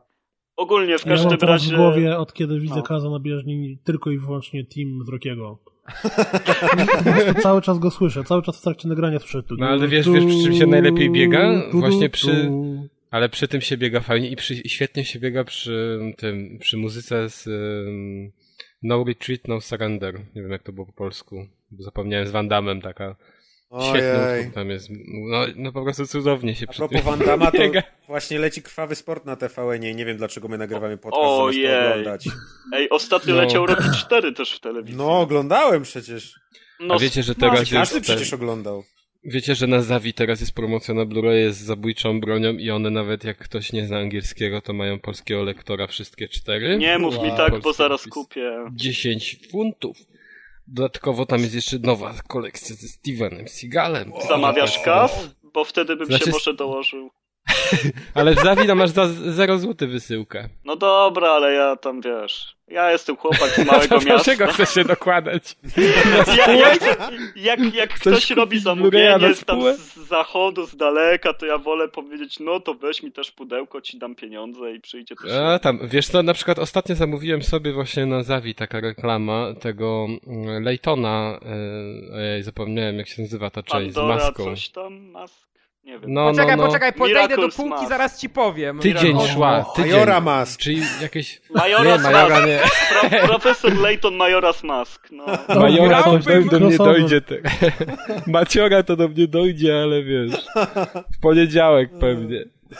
E, No, ale ten, e, właśnie niecały tydzień, chyba 5 czy 6 dni, coś takiego. O, to w Poznaniu macie szybszy transport, bo do mnie szło, e, do mnie szło półtora tygodnia. O, no to do mnie krócej, a aż się zdziwiłem, że już jest ta macie do przesyłka. Niemiec, nie? No, właśnie. Lepsze, lepsze, wiesz, my mamy lepszy system kolei. Lepszy highway. tory. No. Dobra. A więc do recenzji. Przejdźmy do recenzji. Yy, Piotrze Kaźmierczaku, słyszałem, że grałeś w ostatnie okno e, sekret e, zachodniej Tak. pelerynki. Tak, a tak naprawdę po japońsku to się nazywa Last Window Mayonaka no Yakusoku. To jeszcze po angielsku przeczytałem. Last Window The Secret of Cape West. The Secret of Cape West. Sekret No, fajnie i- brzmi. Jak To Secret jest... Service. Ale powiem tak, to jest gra japońska. Jak sekret, no to źle brzmi w takim To jest świetna, piękna, tekstowa przygodówka, znaczy się przygodówka. O, Visual novel. To jest właśnie Visual japońska. No.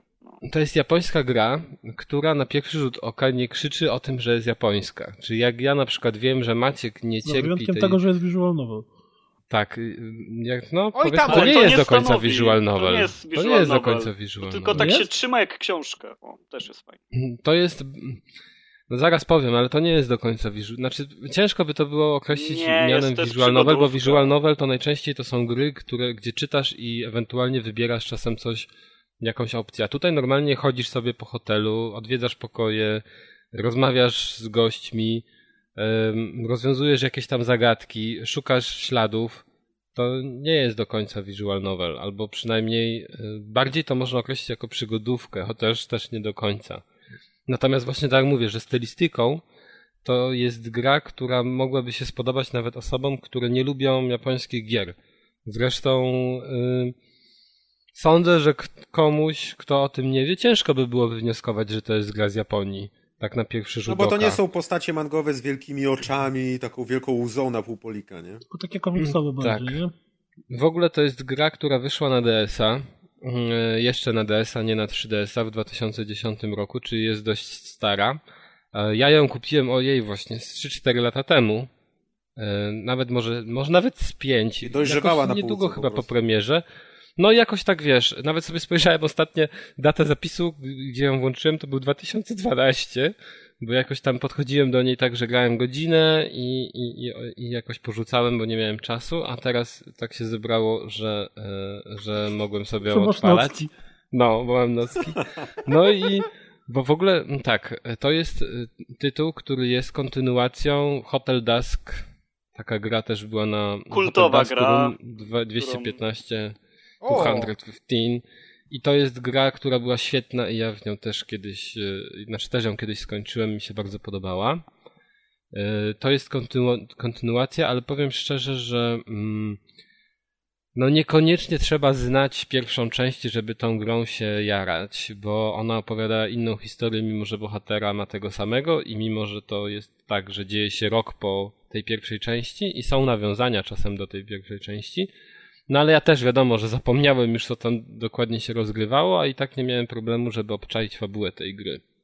Więc można ją kupić sobie nawet nie grając w Hotel Dusk, aczkolwiek Hotel Dusk też polecam, bo był super. A o co chodzi um, w niej a propos fabuły? To, to jeszcze tylko powiem tak, że um, zanim przejdę do fabuły, że to jest, jedna z niewielu, to jest jeden z niewielu tytułów, y, w którym Europejczycy mają lepiej a mianowicie ta gra wyszła w Japonii i w Europie, nie wyszła w Stanach. Co jest też, co mnie akurat bardzo dziwi, bo Hotel Dusk wyszedł też w Australii w Stanach, a Last Window tylko w Europie i w Japonii. Nie, nie wiem, czy Europejczycy są bardziej może elokwentni. to jest trudna gra. I, tak, że trzeba rozwiązywać zagadki. E, czy my mamy, nie wiem, jakiś inny warsztat emocjonalny, że do takich gier podchodzimy. Wiesz co, tam taką... chyba był problem z tym, że wydawca nie chciał, że tam Nintendo już chyba nie chciało tego wydawać, bo też wydawali w USA. Tak, tak, bo to, bo to publisherem jest, znaczy wydawcą jest Nintendo w Europie, przynajmniej no. nie wiem jak to było w Hotel Dusk, jeżeli chodzi o Stany.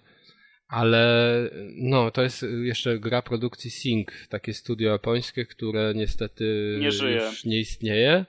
I oni robili wcześniej... świetne, już ci mówię, co oni robili? Another Code. Another Code. Jakie to była Nie grałem w to, a Little to wyszło, King wiem, Stories że... robili tak. oryginalne. Tak. W zasadzie wszystko, znaczy nie, tutaj widzę listę dokładną. Jedna rzecz była na PS2 i to się nazywało Glass Rose i to nie miało dobrych ocen, bo pamiętam, że sobie czytałem o tym trochę. To też była taka przygodówka, tylko że z elementami horroru.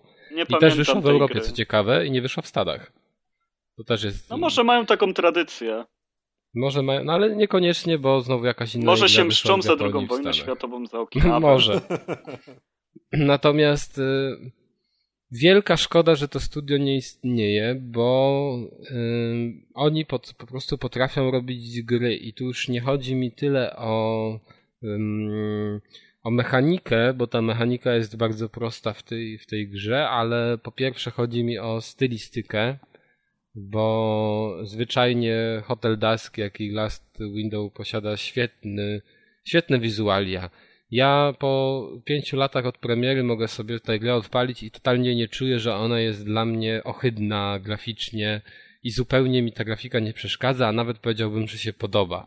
Wszystko tu wygląda, znaczy może nie wszystko, ale same postacie podczas dialogów, bo oczywiście wiecie, tu nie ma dialogów mówionych, tylko leci tekścik i trzeba czytać, ale te postacie to nie są postacie statyczne, to nie jest rysunek, który, pod którym lecą napisy. To, y, to są e, y, bohaterowie wyglądają jak jakbyście żywcem wzięli te postacie z teledysku Aha, Stake on Me. Czyli to jest taki jakby szkic narysowany na, białym, na białej kartce papieru. Jeszcze tak jakbyście wzięli sobie... To jest taka animacja ani... w jedna tak, klatka na sekundę. Tak, tak, taka klatka, że wiecie, jakbyście sobie narysowali kilka razy tę samą twarz i na przykład wzięli kartkę i tak zaczęli ją przewracać szybko i ta animacja by tak chodziła, nie? Trochę. I to tak właśnie wygląda, że masz ołówkiem narysowane szkice postaci i one się fajnie przenikają, że tam, no nie wiem, że emocje ukazują. Na przykład jak on jest wnerwiony, to on ma tę twarz inną. I to jest pokazane, jak jest to przejście tej naturalnej twarzy, takiej e, jakby mm, emocjonalnie nienacechowanej w żaden sposób negatywnie czy pozytywnie, do jakiejś pozytywnej emocji. I to super wygląda. Poza tym e, są też wstawki takie ala filmowe, że jak są przejścia między rozdziałami, to jak to masz taki efekt jakby śnieżenia, wiecie, grain, takie ziarno, jak w filmach. Yy, jak w Mass Effectie starych. mogłeś sobie włączyć i wyłączyć. tak, tu, tu nie możesz sobie włączyć i wyłączyć. Więc wizualnie poza tym jeszcze jest to w 3D, czyli yy, zwiedzamy sobie przestrzenie 3D. I tu też y, na świetny pomysł wpadli twórcy, bo konsoli nie trzymasz normalnie, powiedzmy, horyzontalnie, tak? poziomo, tylko pionowo, jakbyś książkę trzymał i y, na lewym ekranie widzisz to, co się dzieje y, w tym świecie gry, a na prawym masz mapkę i stylusem poruszasz postacią, czyli masz taką kropkę i strzałkę zaznaczoną na y, ekranie tym dotykowym, naciskasz stylusa i ta kropka ze strzałką tam idzie, a równocześnie na lewym ekranie widzisz ten obraz, który widzi ta twoja postać.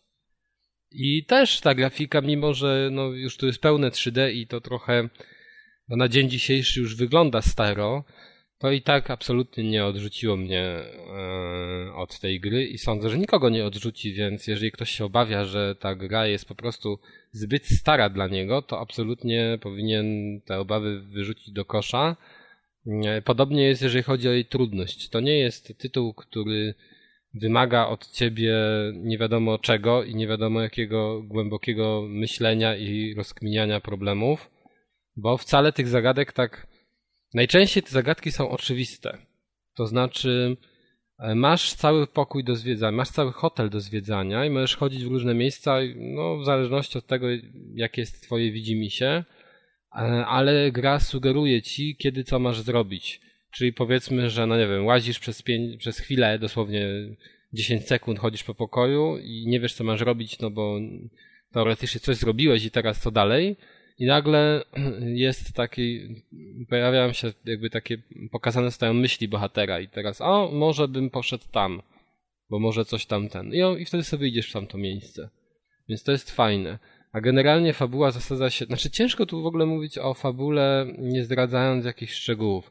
Mamy byłego detektywa, który teraz pracuje jako sprzedawca różnych rzeczy, taki można powiedzieć domokrążca I on mieszka w e, takim apartamentowcu, który kiedyś był zwyczajnym hotelem, a teraz został przerobiony na mieszkania.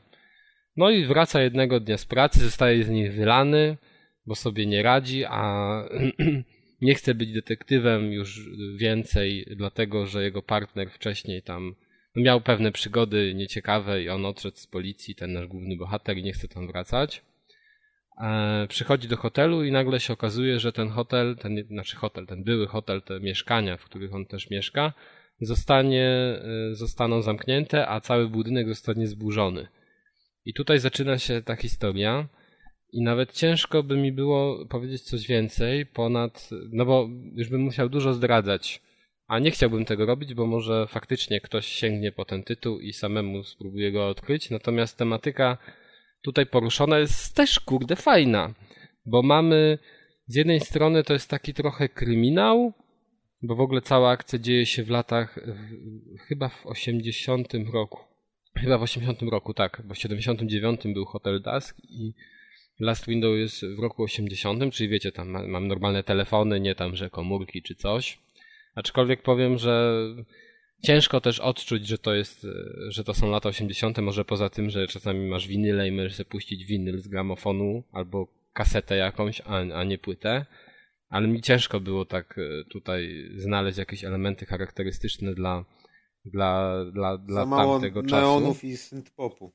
No bo, to, no, Za bo to są, jesteś. to jest, wiesz, to jest rok, rok 80 to jeszcze jest taki, to, to, to, to jeszcze może tego synthpopu nie, ale, ale tutaj wie, cała akcja praktycznie się dzieje w środku tego hotelu, który jest, y, który... mm, To już na architekta można zwalić winę, to wiesz. tak, tak, no ale który, wiesz, który jakby jest bardziej stylizowany na lata 60 O, no. niż na To jest, 80 Żeby gracz się tutaj- pogubił, bo nie wiesz, wiesz, nagle nie wiesz, która epoka, jaki dzisiaj jest dzień.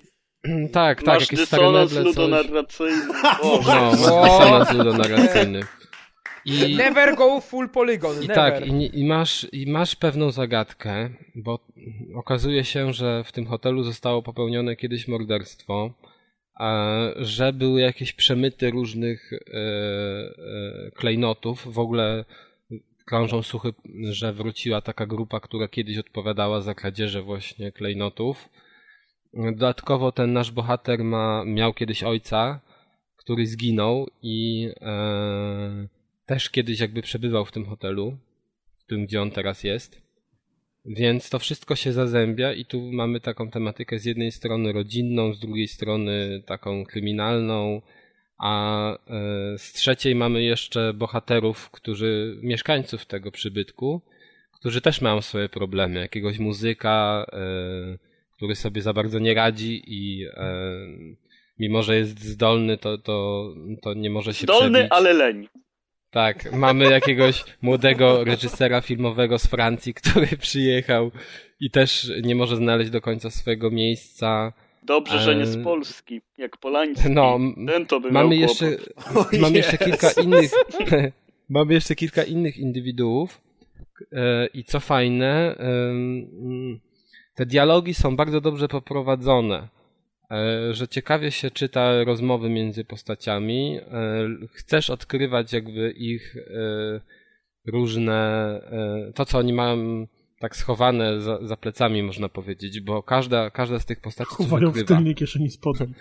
Każda z tych postaci coś Co i to masz? odkrywanie ich tajemnic jest po prostu super. I też ja, ja, nie, ja nie wiem jak to ja nie wiem jak to ci twórcy zrobili, ale zwyczajnie fabuła jest super.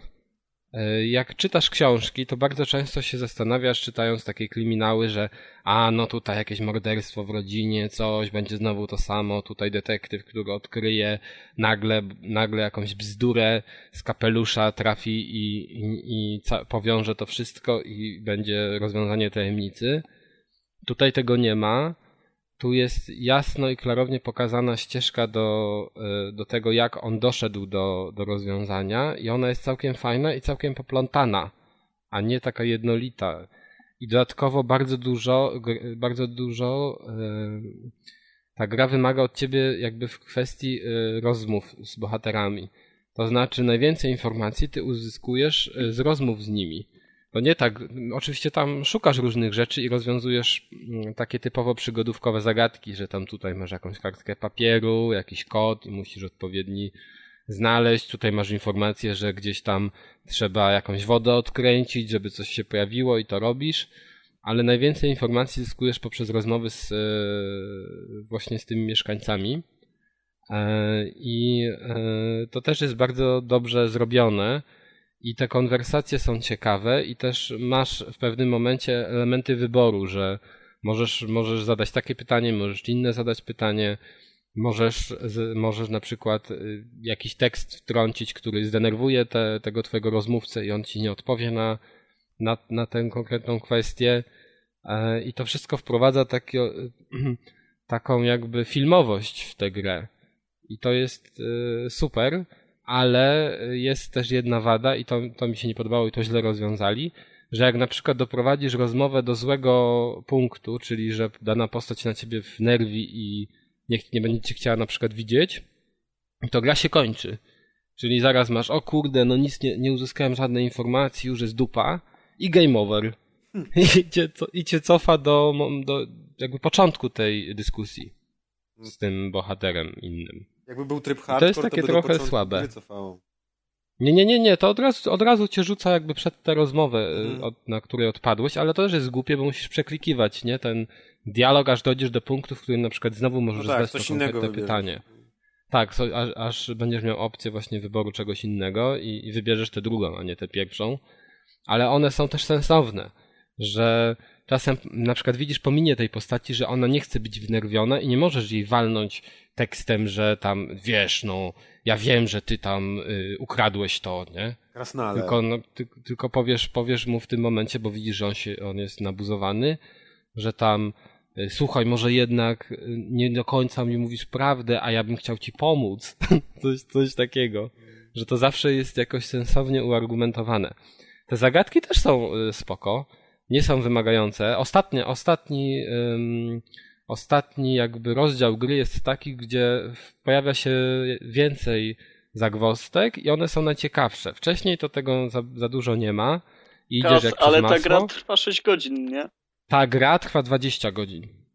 Co nie wiem, czemu mi się wydawało, że jest krótka. Nie, ta gra trwa... był krótki. Ja ją, ja ją no skończyłem, no ale ja ją skończyłem, nie, też nie był krótki. Ale nie, nie pamiętam dokładnie. Chuja się stać, też nie był krótki. To na bank jest na 20 godzin, bo zanim ty przeczytasz te wszystkie dialogi... A to i... zależy, bo to jest gra, w której y, how long to beat zależy od tego, jak szybko umiesz czytać.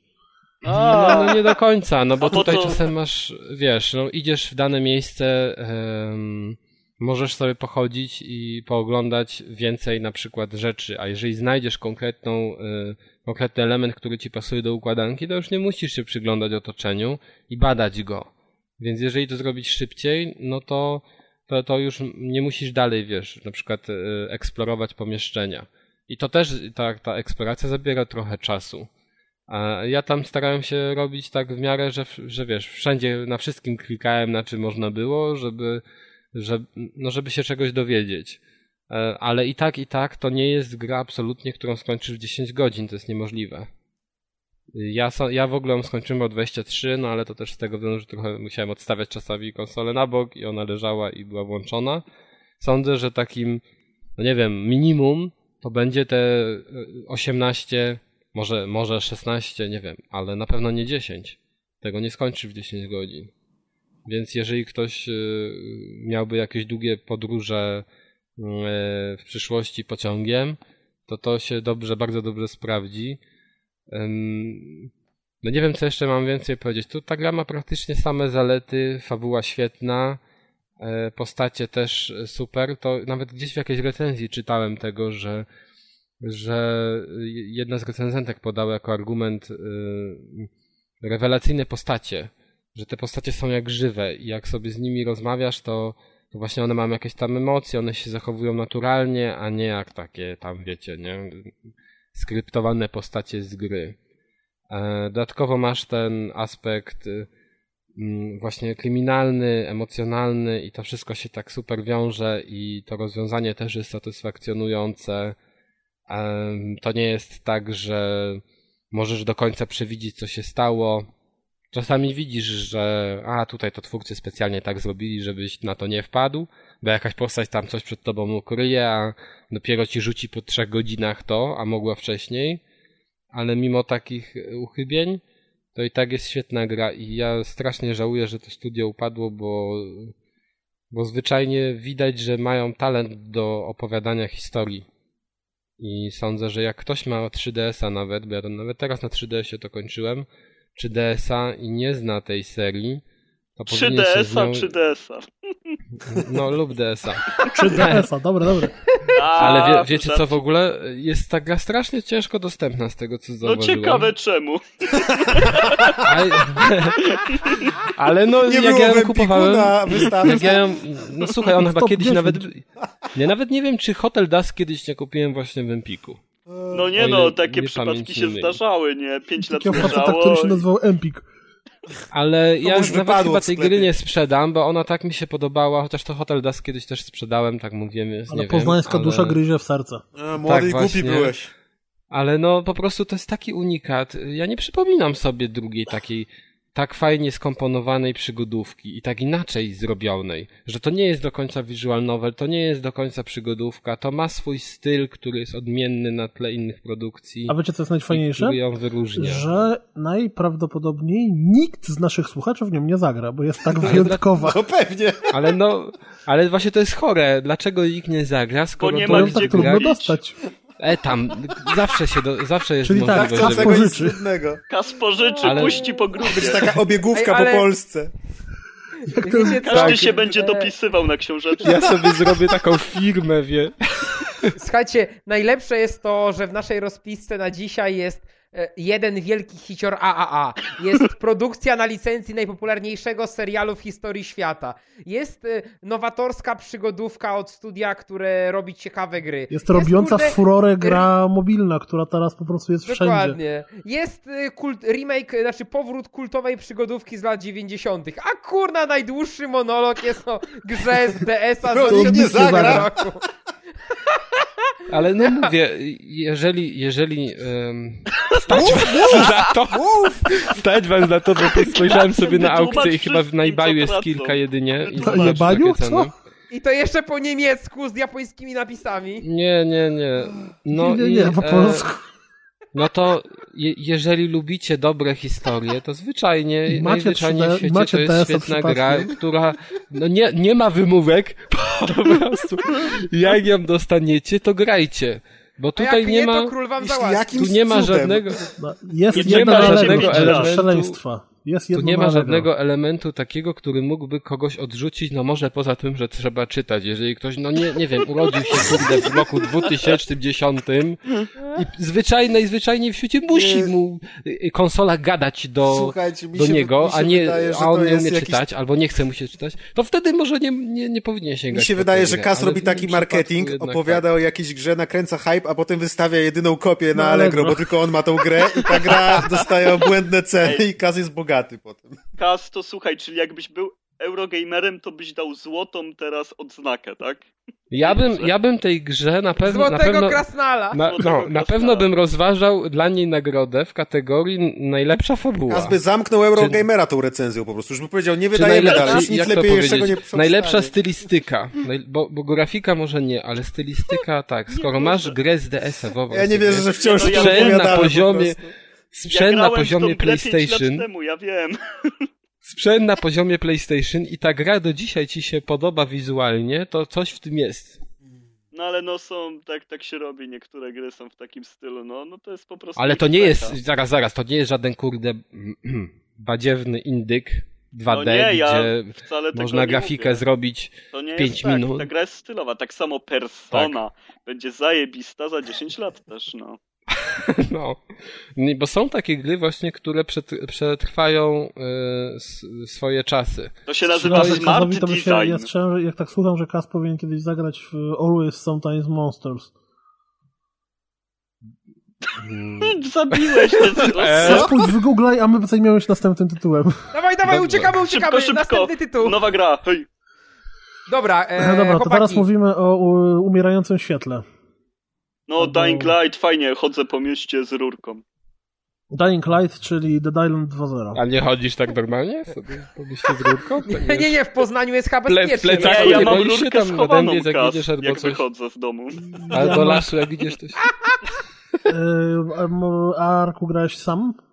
Grałem sam i grałem też w koopie w trzy osoby. Maćku, I grałem też sam? jako Bał się. Forever Alone. Grałeś Forever Alone. To Maćku, jak ci się podoba gra? Mi się podoba, bo ja w Dead Island też grałem Forever Alone. I to mi wcale nie przeszkadzało, bo ja w ogóle w wszystko prawie gram Forever Alone. Tylko w Bo ty w ogóle nie masz kolegów, nie? No przyznaj się. Nie, Maciek tak jednym czołgiem jeździ w kółko dookoła domu. Ale wyobraź sobie, on by grał w World of Tanks, nawet gdyby to nie było MMO. Tylko wiesz... Gdyby to była tekstowa Single. przygodówka w hotelu, to nie wiem. A, ale nie, dobra, już dość, stylem? bo Kaz znowu zacznie o tym mówić. Nie kuś losu, nie wywołuj Kaza Ja musiałem się posłuchać od The Last Window, The Secret of Light, West. czyli Maciek chce się półotwarty. Armagedon zombie z y, psującą się bronią pod tytułem siekiery, O, młoty, piły, coś unikatowego. jesteśmy w z, Turcji. z parkurem. Ja Pseudo- tego nie widziałem wcześniej. No parkuru nie widziałeś w takich Parkour w FPP bardzo. jest rozwinięciem tego, co jest w Far Cry'ach i jest, świetnie się sprawdza. Dokładnie, ale nie nazwałbym go tak naprawdę prawdziwym parkurem. To jest, idealnie powiedziałeś, to jest rozwinięcie tego, co jest w Far Cry'u. W Far Cry'u podchodzisz, naciskasz spację, koleś się podciąga. Tutaj wystarczy, że spojrzysz nad każdą dowolną krawędź. W Far Cry'u możesz wskoczyć z ziemi na dach, tylko i wyłącznie. Tutaj możesz chwycić się każdego wystającego okna, jakiegoś tam grzejnika, czy dziury w ścianie, czy innego cholerstwa i koleś elegancko podskakuje hop, hop, hop. Lepiej hop, się hop, łapie niż Assassin. Jesteś Spidermanem, bo masz linkę. Lepiej się, tak, jak masz linkę, to wtedy jesteś Batmanem bardziej. Tak. No, w sumie Albo dobra. Just Cause. mi Just się Cause'em przypomniało. Jesteś Just Cause, no. Jesteś Just Cause'em. Więc półotwarty świat, czy tam trochę otwarty Przepraszam, świat. ale wyobraziłem sobie stary filmik o tym gościu, co się w po papieronochronie się, wspie, się wspinał i właśnie jestem Just Cause'em. Z Hollywoodu. No dobra, jesteśmy w Turcji, jest epidemia zombie Tak, i nie musimy jest chodzić masce. tylko to jest. Polska. Nie, to nie jest. Ta znaczy, gra jest to jest, tak to jest, polska. No okej, tam masz pełno Polski, ale masz meczety. W Polsce jeszcze nie ma meczetów. Ale masz bloki z Lastryko z wielkiej Ale płyty, są no. maczety. Maczety są w Polsce. Maczety w To w. Krakowie, ta gra się w Krakowie. Ma, macie Tak. jakiś me, ma, meczet w Krakowie, to będzie Kraków totalnie. Znajdzie się. Nie, dobra, no y, Armageddon, zombie, półotwarty świat y, z bieganiem po ścianach, które jest całkiem spoko zrobione, z psującymi się brońmi, z kopaniem No i zombiaków, fajny z patent z nocą. postaci, bardzo fajny patent z nocą, który bardzo szybko się nudzi, bo pierwsza noc y, podbija ciśnienie kosmicznie niesamowicie i po No. prostu spierdalasz przed jakimś potworasem, który cię goni i masz serce w gardle, po czym mniej więcej później robisz wszystkie misje w ciągu dnia, bo gra w ogóle nie wymusza od ciebie tego, żebyś grał w nocy. Powiedzieć jak wam, jak sobie pierwszą noc zepsułem? Niektóre misje trzeba Poczekaj. robić w nocy, no. Nie no, ale tych jest bardzo mało. Ale zaraz, zaraz, to nie jest tak, że dostajesz dwa razy tyle expa. Dostajesz, ale Dostajesz dwa razy tyle Biegasz expa, dwa ale i razy tak więcej w dostajesz- dzień wtedy. Wiesz, po prostu i tak cały, jak, jak grasz w ciągu dnia, to i tak levelujesz mniej więcej na tyle dobrze, że w ogóle nie masz żadnej potrzeby grania w nocy. Mhm. Plus jest jeszcze tak, że na początku noc mega podnosi ciśnienie i za pierwszym razem, kiedy pokonałem tego wielkiego potworasa, to byłem mega ujarany, ale tak jak w końcu gra zmusza cię do tego, żebyś więcej w nocy pograł, to już jesteś na tyle wy, wy, wypakowanym mega masterem, że te stworasy, potworasy łapiesz na cztery strzały. Nawet nie trzeba ich łapać, tylko masz w plecak, w plecaku masz 300 flar, od których one uciekają i masz y, na, na, napitkę, po której widzisz w nocy i w ogóle można wtedy bez problemu sobie No właśnie, a propos widzenia w nocy. Pierwsza noc, ja nie wiedziałem jak włączyć latarkę, a w tej grze jest tak ciemno. No. tak, to jest prawda. Mega ciemno, więc weszłem do opcji i sobie gammę powiększyłem. O, ty cheaterze, ty. I tak biegałem, bo nie wiedziałem, że jest No latarka. nie, Na Całą strzałkę w zabawę zepsułeś. Ale ta noc jest właśnie... Pierwsza noc jest straszna, bo właśnie nic nie widać, włączasz latarkę, się okazuje, Ale że wszyscy na ciebie lecą, a potem... To jest super, że jest tak ciemno. No. No to No, ale jest, czekaj, to jest ale super, ale, włączasz, potem ale jak jak już masz włączasz ten... latarkę, to nie ma to żadnego znaczenia, bo zombiaki, wiesz, stoisz na dachu, świecisz kolesiowi po oczach, on cię nie widzi. Zombiaki nie reagują na latarkę.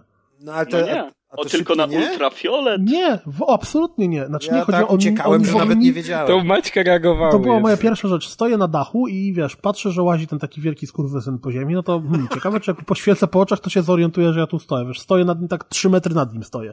Świecę mu, mrugam, nie wiem, nadaję mu SOS, y, y, tym światełkami i nic, zero akcji. Poszedł dalej. No, Okej, spoko. Czyli w nocy nie wyłączamy latarki, tylko robimy y, stealth action z latarką włączoną. Lepiej niż... No, ale w póki tym. jeszcze była właśnie ta noc Splinter taka czarna, że nic nie widać jak u Murzyna w piwnicy i w ogóle, to było fajnie. Ale ja odkąd właśnie znalazłem ten, ten, ten napitek potion na widzenie w nocy, to stało się to w ogóle Ej, prościzną. zaraz, zaraz, tam naprawdę jest potion na widzenie. Tak, Tak, Oczywiście, że questa tak. dla wiedźmy i wiedźma ci mówi, tu masz mega potion, dzięki któremu będą Ale jaka nie... wiedźma? To jest... Nie, ta to- wiedźma to jest od innego Wiesz. napitku. Ta Tak. wiedźma jest od innego. Wiedźma jest A, od innego, tego, żeby sorry. cię nie gonili w nocy. Tak. A, okej, żeby cię go generalnie nie gonili. Mhm. No, ci kutasiarze, ale- ci szybsi. Ale zaraz, to miała, być, e, to miała być gra, która się dzieje tak w takim świecie w miarę realnym. Nie, no ta gra się dzieje Nie no, realny tylko zombie, zombie. no. no główny bohater... czary, elfy Słuchaj, jesteś... Jak wychodzisz na Pragę w Polsce, Zostaje, jest sobie miasto, to... które zostało otoczone kwarantanną, wojskiem. Generalnie jak wygląda, to nie wiem czy wiecie, jak wygląda granica pomiędzy Turcją a Syrią. Jest tam takie dwukilometrowe wielkie pole minowe i stoją czołgi wycelowane, żeby Kurdowie przypadkiem nie przeszli. To tak wygląda według intra granice miasta Haran. No i e, wspaniała tajna organizacja, tajna, oficjalna, półrządowa, półprywatna, która zajmuje się tworzeniem jakiś tam biologicznego cholera wie co. Został wykradziony plik. Tajna Oni wysyłają swojego super tajnego, niesamowitego agenta do Haran, żeby dowiedział się, kto wykradł ten plik. Agent Kran. Co? Agent, mega po prostu, wiesz, no James Bond to powinien wysiadać. Koleś spadając z dachu prawie, że łamie sobie nogi od razu w wintrze, po czym dostaje w pierdol gaz rurką i gryzie go zombie. W pierwszej minucie gry. Super zajebisty o, agent. Jezus. Świetnych mają pracowników w tym. Z, do, do czynienia z zombie, no to jest nowy przypadek, nie wiedział jak sobie poradzić. No, czepiasz się. Ale dostał gaz rurką od ludzi, nie od zombie. Jakbyś dostał gaz rurką, to też byś leżał. No. Ty myślisz, że agenci nie dostają? Koleś, koleś, który skacze ze spadochrona, prawie, że łamie sobie nogi spadając z dachu. Więc spoko. Hiper mega agent. Dobra, walka e, w porównaniu z Dead Island jest dużo lepsza. I... Ale to nie znaczy, że jest jakaś dobra. Znaczy, ta gra, jak dla mnie, przez dopóki nie masz mega siekiery jakiejś albo mega maczaty i nie czujesz się jak w Krakowie, tylko dopóki grasz normalnie, to tak naprawdę unikasz walki. Przynajmniej ja unikałem walki. Ja po wtedy prostu była fajniejsza niż ta spierdalam. I wtedy to było bardzo fajne. Tak. Jak zombiaków starałem się w ogóle z nim nie walczyć, jak mnie nagle trzech gdzieś tam w korytarzu docisnęło, to faktycznie miałem problem, ledwo co się leczyłem apteczką, ucieczka. Jest parkour, jest ucieczka, jest fajnie im bardziej levelujesz i im masz mocniejsze bronie i zaczynasz mieć bronie, które mm, pod koniec gry generalnie wchodzisz na plac, gdzie stoi 100 zombiaków i po prostu przechodzisz przez nich jak przez masło. Mm. Dosłownie, machasz maczetą na lewo i na prawo i tylko odkrawasz im ręce, nogi, głowy, brzuchy, przekrawasz ich na pół, y, pojawia się nagle wielki skurwysyn z wielkim złotem, to trzy razy go uderzasz i wielki skurwysyn nie żyje, to wtedy ta gra przestaje mieć sens. A przy okazji jeszcze... na początku jest fajna. Gore level 11 długa, na 10. I według mnie jej główną zaletą, jeżeli gadamy o plusach, jest to, jak się postać rozwija, ponieważ z każdym nabytym nowym skillem gra się dla ciebie zmienia, ponieważ on dużo wnosi do rozgrywki. To Na prawda. początku masz to prawda za słabą postać, bo nie ma tak prostych rzeczy jak wślizg i trzeba go sobie kupić, co uważam za dosyć, no, mech. Ten agent też nie umiał się ślizgać, no. E, tak samo jak e, jakieś... Znaczy ten agent, ten chmielarzowy? Jaki agent chmielarzowy? Aha, he made a joke. Lololo. I, idę sobie już, przepraszam. Nie, to nie idź, bo ty słuchaj, bo ty się zastanawiałeś, czy w to grać. To my ci powiemy, że będziesz nie grał. E, Ale słuchaj. Generalnie... Ale wiesz co, Strasznie widziałem... się czepiamy i strasznie hejtujemy. Ale mi Ale się ta gra nie jest zła. nawet. Nie, to ja... jest... Bardzo... Przecież ta gra, ja się w ogóle, ja jako fan Dead Island byłem w miarę pozytywnie do niej nastawiony, ale raczej przed jej premierą to nie słyszałem zewsząd z zakątków internetu, że o, Dead Island już się nie możemy doczekać w tą grę od Techlandu. A teraz się okazuje, że była premiera i jest masa opinii i przeważająca większość jest bardzo pozytywnych. No bo tak, jest bo się czym jarać. Jest, ta gra jest naprawdę spoko. Dla mnie ta gra jest taką prawie, że jak weźmiemy encyklopedię, taką specjalną encyklopedię, gdzie jest dużo różnych dziwnych haseł i zobaczymy gra 7 na 10, to tam powinien być Dying Light. Eee. To jest typowa Dobrze, gra mówisz, 7 na 10. Ale to jest gra, która ma bardzo... wyciąga na 8. Według Bide zombie? E, tryb, granie w trójkę, w fabułę, ludzie dołączają A, kiedy chcą mogą do ciebie robić twoją grę, robić razem fabułę, znajdujecie Ja grałem rzeczy. na PC, więc u mnie to tak nie było. Jest... U mnie Aha, to no było widzisz. tak, że ja pograłem Gorsza wersja. kilka godzin pewnie w singlu. Nie, nie, ja miałem tak, że najpierw pograłem kilka godzin w singlu i to pewnie Windows 8 zawiódł. kolejną godzinę miałem ochotę tą grę wyłączyć. Po czym yy, zagadałem z prezem i graliśmy w koopie E, mega zajebiście się bawiąc. W kopie ta gra dostaje spokojnie jeden albo i półtora punktu do oceny, ale każda gra w kopie, ja w Dead Island w kopie się świetnie bawiłem, pamiętam jak Masz się rację, bawił ale to jest dalej gra, która ma koopa, no, no w którym cię. do twojej fabuły mogą ludzie wejść. To jest I masz na myśli, i to, i to jest ten świetny motyw, że to jest gra, która ma koopa i wtedy jest rozwinięcie historii fabularnej, bo okazuje się, że główny bohater cierpi na schizofrenię, bo widzi samego o. siebie, który stoi obok obok niego z gasrurką. A jak grasz w cztery osoby, to widzisz siebie razy trzy. Ale cooldown, no mniejsza z tym naprawdę, bo zabawa się zwiększa, dalej robisz fabułę i możesz nawet w cztery osoby ją robić. Gry, które można przechodzić fabułę w cztery osoby, nie ma ich dużo, tym bardziej, że to jest fabuła jump in, jump out. Ci ludzie nie muszą z tobą robić całej gry, oni wpadają na jedną misję, jest spoko. No. Tak, to prawda, że system, więc... system grania w kopie jest dobrze rozwiązany, eee... dlatego że każda misja, którą zrobi się wspólnie jest na profilu każdego gracza zapisywana jako ukończona. No, więc Tylko trzeba robić od początku do końca. To. to. To, tak, absolutnie. Nie no, wiesz, ja się świetnie, grając w koopie naprawdę bawiłem się rewelacyjnie. Grając w singlu bawiłem się ok. Natomiast problem mój polega na tym, że świetnie się bawiąc, e, co chwilę pojawiało się coś, co mnie wkurwiało. Dlatego moim zdaniem to nie jest rewelacyjna gra. To jest bardzo solidna, fajna gra, która ma trochę, a to może ja się czepiam, ale a to parkour nie do końca dla mnie jest parkurem, tylko jest po prostu rozwinięciem porusza... Pięknie Maciek powiedział, rozbudowanie tego, jak się poruszasz w Far Cry'u. No ale to jaka a gra to... jest dla ciebie parkurem? No, Mirror Search. No dobra, no wyłączmy Mirror Search, bo Mirror Search No jak? No ale nie ma innych gier o parkurze. No, to no właśnie, no to się czepiasz, że jest tylko jedna gra na świecie, która jest parkurem i Znaczy żadna nie, nie, inna... czekajcie, czekajcie. Mirror Search to nie jest gra o parkurze, tylko to jest y, symulator wyścigów na nogach, tak? Mikołaj, nie, nie mów źle o, da, o Mirror Search, błagam. Ja nie Mikołaj, mówię nie źle, mów. nie mówię źle. Teraz już się pakuje, pamiętaj, on teraz ma bieżnie, więc wiesz. Szybko Mówię dojdzie. tylko, e, że jakby definicja gatunkowa tej gry jest źle robiona. Gra o parkurze to jest, nie wiem, e, Assassin. Prince of Persia, Prince of Persia Piaski Czasu. Bardzo się z tobą Wiesz, nie zgadzam, to są wszystko gry o parkurze, ale Wy Mirror nie Search robi go w to najbardziej za dużo, albo dobrze. graliście w to bardzo mało, albo nie graliście w to wcale, ale dla mnie Dying Light sposobem poruszania się cały czas non-stop przypominał Titanfalla. Jest po prostu bardzo szybka forma poruszania No się trochę w tak, trochę tak. Szybko biegniesz, skaczesz, łapiesz się jednej krawędzi, łapiesz się Jedno drugiej okno, krawędzi. drugie, Jasne, w Titanfallu e. był double jump. To jest ta różnica, że w Titanfallu był double jump, tu nie ma double jumpa. Ale poza tym bardzo podobnie mi się grało Tak. w A w Destiny jest nawet triple jump. Mm. Destiny jak już ustaliśmy w newsach. Przepraszam, to jest twoja gra roku, sorry. Tak, dziękuję Na roku bardzo. nikogo.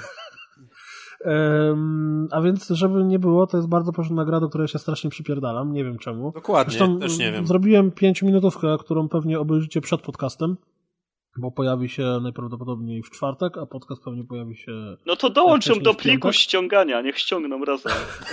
samo, samo audio. Taki bundle. Full HD. Rozgrywka bundle. Yy, I jeśli chodzi o fabułę, oj, oj, oj. Ja wiem, że znowu się czepiam, bo czego można się spodziewać o grze o zombie, No, tak, ale, no. ale tam jest tyle bzdur, tyle nieścisłości. Nie, nie gadajmy o Oj, fabule, oj, to no nie ma naprawdę. sensu. Jest zła, no. Dobra, Będziemy się poboczne. tylko pastwić. Są dobre, czasem ciekawe, no. Niektóre są fajne, Piątek niektóre... 13 to to nie jest, mówisz. Niektóre są ciekawe, niektóre są. Znaczy inaczej, większość jest takich sobie, ale Szkoda. jest kilka bardzo dobrych. No, dokładnie. Mm, system walki wam się podoba, czy nie? No ujdzie. No, nie wiem, czy to jest system walki, jak tylko jeden przycisk i, i macham bronią przed, przed oczami. Nie, no, ale tak jak powiedziałeś, ro, rozbudowywując postać, możesz zrobić, nie wiem, młynek, możesz y, zrobić jakieś tam straszliwe ciosy z wysokości, możesz się umazać flakami zombiego i wtedy cię nie atakują. Tam, Nie, no, są te postać, możliwości. Nie, nie tyle to jest system walki, co całej gry, według mnie, ale No. Jest, jest się- to fajne. No. Znaczy to jest, Dobrze jest wszystko zbudowane pod to właśnie, co mówiliśmy, że w tej grze tak naprawdę gracz, tak jak na przykład w Residentach albo coś, powinien się skapnąć w pewnym momencie, że nie powinien walczyć z tymi zombiakami, tylko lepiej je obiec. I przez I pewną mega. część, póki właśnie, póki właśnie jesteś na początku gry, gdzie bronie szybko się niszczą i są słabe, zadają słabe obrażenia, gracz zauważy, że o wiele bardziej mu się opłaca omijać to i wtedy to jest zupełnie inna gra niż typowa taka wyżynanka. I te wszystkie skille i system walki jest bardziej przystosowany nie właśnie do otwartej walki, tylko do takiej szybkiej wymiany i ucieczki. I dlatego Nie potem jak już że się to jest walczy, trochę do to... dupy? Co? Że to jest trochę do dupy? No wiesz, no bo na przykład strasznie nie lubię motywu takiego, gdzie muszę biec na pałę, bo na przykład y, działam powoli, staram się myśleć przy tym, co robię, a i tak na przykład mi nie starcza amunicji, czy no nie mam, nie mam szans, muszę biec masz broni, w kółko. Albo nawet, nawet nie tyle, co czasem wiesz, że nie mam broni, ale nie chce mi się rozkładać tych zombiaków. Tak na przykład było z tym Escape Date Island, że po prostu to nie chodziło o to, że wiesz, że ym, to nie miałem broni, tylko po prostu nie chciało mi się i wolałem na pałę biec. Ale ta gra właśnie, na, ta, mnie... gra, ta gra y, w Escape the Island to był y, błąd designerski, a tutaj jest to celowy zabieg designerski. Założenie. Gra została tak. zbudowana jak... pod to, żeby uciekać. Tak. I po to masz parkour, po to możesz się wspinać, no, no. po to możesz, y, nie wiem, robić wślizgi, czy później gości, biegniesz między zombiakami i się odpychasz rękami na boki, żeby z nim nie walczyć, tylko żeby spierdalać. No bo jakby była prawdziwa... Tu się nie ma co zastanawiać, to trzeba spierdalać. Jakby była prawdziwa inwazja zombie, to nie wyszedłbyś przez blok i jakbyś zobaczył stu zombiaków, to byś ich nie zaczął po kolei bić po głowie deską, Nie, no jasne, ale czy to, uciek czy to uciekanie jest fajne? Jest fajne, jest fajne. Jest fajne. To jest właśnie jest jedna fajniejsze niż walka. To jest jedna z niewielu gier, kiedy ja się naprawdę poczułem tak, jak były te, te y, filmy wszystkie tam, Dzień Żywych Trupów, Noc Żywych Trupów i tak dalej. Był, był jeden ten film, co oni się zamknęli na dachu supermarketu i tak sobie tam czekali na, na, na pomoc. E, kleryk sprzedawca. Słuchaj, tam masz nawet możliwość w tej grze jest normalnie... się od zombie, jak biegniesz. O głowy wyskoczyć wyżej. taki double jump. Taki double no. jump. Mnie z takich, mnie z takich gier to, o ile pamiętam, znaczy jeżeli chodzi o takie inne gry o zombie, albo o, o może FPS-y, to najbardziej zawsze ruszał ten um, Left 4 Dead. To było dla mnie świetne Left połączenie. 4 Dead to jest gra o zupełnie komedia się, taka. To, jest, to jest gra, gdzie masz zabić setki zombich od punktu no A do punktu B. A to jest gra, w której przychodzi koleś, mówi, jest stary, wiesz co, na drugim końcu miasta, na wieży jest antena i jakbyś ją włączył, to wtedy byśmy mogli rozmawiać przez radio. Byłoby zajebiście ja, rozmawiać przez radio, to weź tam takie... zapierdalaj. I ty wtedy wychodzisz od gościa, mówisz, hmm, okej, okay, to spierdalam się na dach się nie da i biegnę na wieżę. No to jest inna sprawa, ale i wiesz, i wtedy ty nie myślisz o tym, że ale teraz sobie pozabijam zombiaków, bo ty nie masz jako takiego no. systemu walki, który jest y, jakiś, tylko wiesz, omijasz małe grupki sobie, po Tylko omijasz małe grupki, wpieprzasz się na dach, zombiaka w większości na dachów nie masz i po prostu tak kombinujesz, żeby biec. To, co jest no strasznie okay. fajne. Yy, no dobrze, ale to, skoro to, że mówicie o tym, że to jest coś takiego, to dlaczego później pada argument, że no, prawdziwy parku to był Mirror's Edge? No to znaczy się, że te elementy on ja Nie, bo on jest uproszczony tutaj On jest bardzo prosty. Tu, Ej, ale jak się wszystko jednym jak guzikiem. Jak we flow, to całkiem fajnie to wygląda, kiedy właśnie odbijasz się od zobiaka, wpadasz przez okno, ślizgiem pod drzwiami przesuwasz się, gdzieś tam skręcasz, skaczesz mi to... Czyli to jest taka arcade'ówka, tak? tak Lecisz Maciej, na pałę i prawo, lewo, góra, dół, tak? Ale to są dwa przyciski, a w Mirror's Edge było pięć przycisków, nie? Tam było mega dużo kombinacji. A w, w Assassinie też jest jeden przycisk, no i co? No tak, no ale dobrze, ale tutaj ja jak się nauczy, jak się przyzwyczaisz do tego systemu, że musisz nacisnąć spację i trzymać ją, albo na przykład jak odbijasz się od krawędzi chcesz się nie, złapać... Nie, nie, ale to czy więcej przycisków sprawiłoby, że to by było lepsze? Bo mi się wydaje, że nie. Nie. Nie, nie, no... ten, system, ten system jest okej. Okay. No, no, to, no to on jest on jest, mówię, no... Oceniamy jego parkurowość. Ale powiem wam, że jak sobie, że jak sobie wyobraziłem na przykład Alana Wake'a, który polega na tym, żeby latać, le, lecieć na pały, omijać zombiaki, to całkiem to fajnie brzmi. I jeszcze z latareczką coś. No, ale słuchaj, my już chyba z sześć razy powiedzieliśmy, że to spierdalanie przed zombiakami jest Widzisz, oni mówią, że ta gra jest fajna, tylko że jest chujowa no, i ja nie mogę przypierdalają i że słabe. Bardziej, tego? że często musisz, Kas, często skarby w cudzysłowie, rzeczy, które są cenne w tej grze, są w miejscach, które są okrążone przez zombie i też masz wytrychy, którymi musisz szybko je otworzyć. No, jest dużo kombinowania, odciągania tych zombiaków. Na przykład to, to jest bardzo bronią. fajne. No, no jest Czyli tak robić. To, za 20 że... zł bym mógł kupić, tak? Nie, no, naprawdę. Przede wszystkim to jest tylko na względy, więc ty nie kupisz. To jak, jest... nie, jak nie kupię, bo co Nabieżnie jest To nie jest na PS3. Nabieżnie seku. A czyli to jest tylko... Będziesz parkour trenować. To jest tylko PS4, PC... No ja już trenuję Maciek, wiesz. No to... Na wszelki no, wypadek, jak double jumpa już? Zombiaki, to... Ta gra od początku stawia na, na, w pierwszej misji fabularnej, która się pojawia, w którymś momencie nagle wypada na ciebie z domku taki wielki bydlak. I w każdej grze normalnej, typowej, to byłby mini-boss, którego musiałbyś rozjebać. A tutaj po prostu musisz gościa ominąć i spierdolić. No. no a powiedz, Kulden, jak to wygląda w kwestii takiej, że ty na przykład jesteś osobą, która wszystkiego bojący się Kuldan. Ma w tym ja wiem, jako czego nazwisko. tu się bać, to jest, wiesz, to, znaczy inaczej. No, czyli to jest właśnie nocy, tak jak Left 4 no, Dead, tak? No, czyli jak wylatują pierwsza, te zombiaki, Pierwsza to noc śmiać. jest po prostu o mój Boże. No. Pierwsza noc jest taka, jak pokazywali na trailerach. Serce, serce w gardle, wszystkiego się boisz, jak, jak widział trailerę, no. Trailery. No. To straż po gaciach. No, ale jak na pierwszych gameplayach pokazywali, że właśnie pokazywali większość gameplayów w dzień, a no. potem pokazywali takie gameplaye w nocy i wszyscy wow, ta gra jest zupełnie inna w nocy. I nagle jest uciekanie, ucieczki, oglądanie się do tyłu, gdzie tam już cię goni, ty skaczesz w ślizgi, szukasz po umacku, no, Słuchaj, wiesz co, flary, coś tam. Powiem, powiem wam szczerze, ja nie widziałem żadnego traileru tej gry, ani żadnego gameplayu tej gry. Jedyne co widziałem to okładka. O Jezus. Muzyka jest fajna, muzyka jest super. Muzyka ma, motyw przewodów no nie jest fajny i są takie, takie, takie jakieś motywy, czasem takie trochę elektroniczne, takie z latami 80. mi się kojarzące, jakieś takie dziwne, których mi się nie spodziewał i się łapałem nagle, że ej, jaka fajna muzyka w ogóle. No, muzyka jest bardzo fajna. to znowu całkiem spoko, no kurczę. No ale, no. Kas, ja powtórzę jeszcze raz, to jest bardzo porządna gra, która ma trochę irytujących no jeszcze, albo nie do końca Jeszcze dwie rzeczy, easter eggi. Dawno w żadnej grze nie było takiego zasypu easter eggów i ja się w ogóle nie spodziewałem i nigdzie nie słyszałem, żeby Techland opowiadał, że w naszej grze będzie dużo easter eggów. W ogóle ten temat nie istniał. Nagle ludzie zaczęli grać i się okazało, że wow, tu jest to, tu jest to, a zobaczcie co ja znalazłem, a tu się coś tam takiego dzieje, więc... Jest nawet miecz z Legend of Zelda, Master Co więcej, te easter eggi nie hmm. są wymuszone i nie walą cię, easter, że tak nie powiem, takie nie, oczywiste nie walą cię każdej... jajem po oczach, bo... Trzeba je znaleźć samemu. Gram, gram sobie gram, biegnę gdzieś tam, gdzie jest e, mm, jakiś plac i nagle patrzę, że jest autobus turystyczny, który ma takie całą piękną serię wysypanych cebul narysowanych i jest Onion Tours, polskie linie autokarowe. Wiesz, w ogóle byś na tym przypadkiem nie zwrócił uwagi, a jak to zobaczysz, to sprawia to mega radość, że to znalazłeś. Czy tam jakieś, wiesz, kuchenki gazowe z, z Polski. No właśnie, właśnie, to druga rzecz, którą chciałem powiedzieć. Ta gra jest mega Polska. Ja w niej zauważam tyle rzeczy, które y, ci deweloperzy zrobili patrząc na jakieś swoje wspomnienia albo świat, który ich otacza. Przecież ta wieża, w której, która jest takim jakby hubem y, w pierwszym mieście, to jest normalnie polski perolowski blok z wielkiej płyty. W środku są korytarze z taką farbą do, do ramienia na zielono pomalowaną. Y, jest lastryko czarne na podłodze. Są te wszystkie szafki, kuchenki. No po prostu jakbym, jakbym grał w jakieś polskie GTA czy jakąś taką to. To jest niesamowite, ile tam jest takich akcentów, które sprawiały, że ja czułem, że wcale nie jestem w jakimś tam haranie czy gdzieś, tylko łażę sobie po jakimś tam osiedlu z wielkiej płyty. Dokładnie.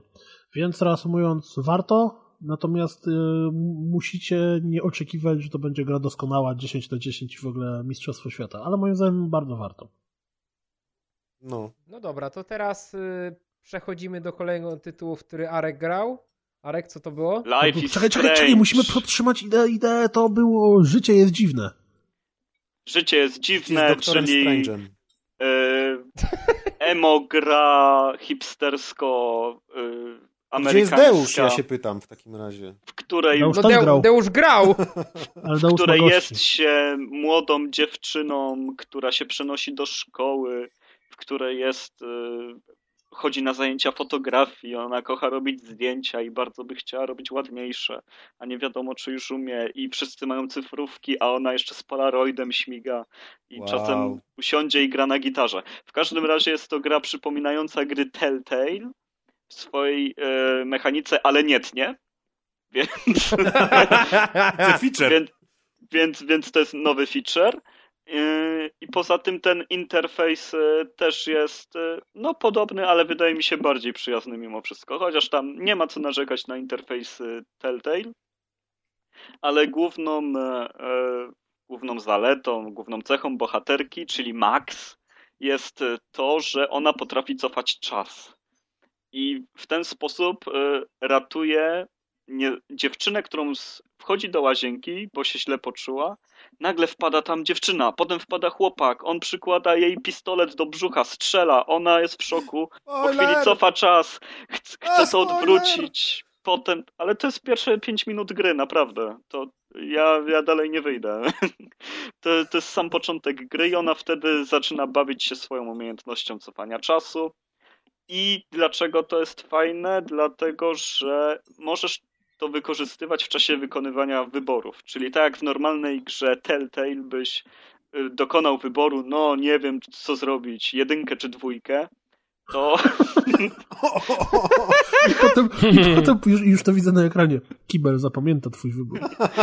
No właśnie. Cofnij I, i czas. Tak, i, I widzisz właśnie konsekwencje i możesz cofnąć czas wybrać tą drugą opcję, zobaczyć jej konsekwencje, potem jeszcze raz cofnąć. Jak Dwójka się... wlatuje z powrotem. O Jezus. I jak ci się podoba, to wtedy możesz w nieskończoność to oglądać. O Jezus. W każdym razie... na kiblu. E, czemu to jest dobry koncept? Ponieważ jest to przygodówka oparta na wyborach. Tam, tam nie ma nic innego do roboty poza wyborami moralnymi, e, które będą w mniejszym lub większym stopniu się przekładać na resztę gry. Tam na zakończenie jest oczywiście pokazane, że ile dokonało się wyborów ważnych dla fabuły i ile mniej ważnych. I ich jest bardzo dużo. One będą wpływać na szczegóły w dalszych epizodach, bo jest to gra podzielona na pięć części które Przynajmniej taką wychodzić... mamy nadzieję, nie? że to się nie skończy tak, tygodni. że na końcu w ostatniej części są tylko dwie możliwe, dwa możliwe zakończenia. E, no, taką, tak mam, taką mamy nadzieję, ale nawet jeśli to... Właśnie to jest to, że teraz, żeby poznać dwie ścieżki, nie trzeba dwa razy odpalać gry, nie trzeba jej dwa razy przychodzić na dwa różne sposoby. Po prostu sobie cofasz czas i dokonujesz innego wyboru, który ci bardziej pasuje ale, ale nie cofniesz go do początku z tego gry wynika, też, nie? Ale sekundka, czy z tego wynika, że te wybory są tylko i wyłącznie punktowe? To nie jest tak, że to się robi z tego sieć, czyli załóżmy w sytuacji... No, jest sieć. Trzymając się tego, czyli decydujesz, czy robisz jedynkę, czy dwójkę tak. i później, jeżeli zrobiłeś jedynkę, to za godzinę gry będzie cię bolał brzuch, bo nie zrobiłeś dwójki, a jeżeli zrobisz... i wtedy będziesz mógł na przykład albo na przykład, nie wiem, y, zasrać gacie, albo... Tak, tak jak y, mówisz, tak będzie się dłużej. No dobra, czyli tak naprawdę nie możesz się cofać do początku gry, bo jak Nie, nie, nie, lokację, możesz tylko ostatni wybór, powiedzmy. To... No właśnie, czyli tak naprawdę nie możesz hmm. poznać tego, czyli jeżeli możesz cofnąć no tak, ten część wybór, gry pozostaje dla ciebie tajemnicą, ale w momencie dokonywania wyboru e, możesz sobie przewidzieć konsekwencje, możesz zobaczyć, co konkretnie wybór tej linii będzie oznaczał, bo to w innych przygodówkach to nie jest tak często, że wybiorę coś, a potem się okazuje, ej, ja nie miałem tego na myśli. Albo w Mass Effectie tak było na przykład. No Tam tak. były te, te różne rodzaje odpowiedzi i nagle Shepard odpowiada jakąś kompletną głupotę. Albo glasowanie w, w, właśnie, w Wolfie, nie? W, w Wolfie.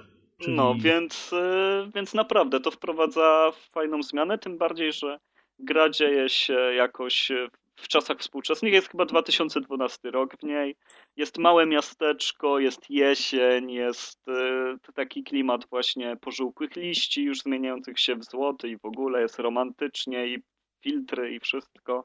A jak ci no, się no grało i... dziewczynką będąc? Jak się wczuwałeś? Znaczy się, wiesz co, no, no nie wiem, nie, nie odczuwałem dysonansu ludonarracyjnego. A, nie, to spoko. Czy macałeś nie, no ja, się?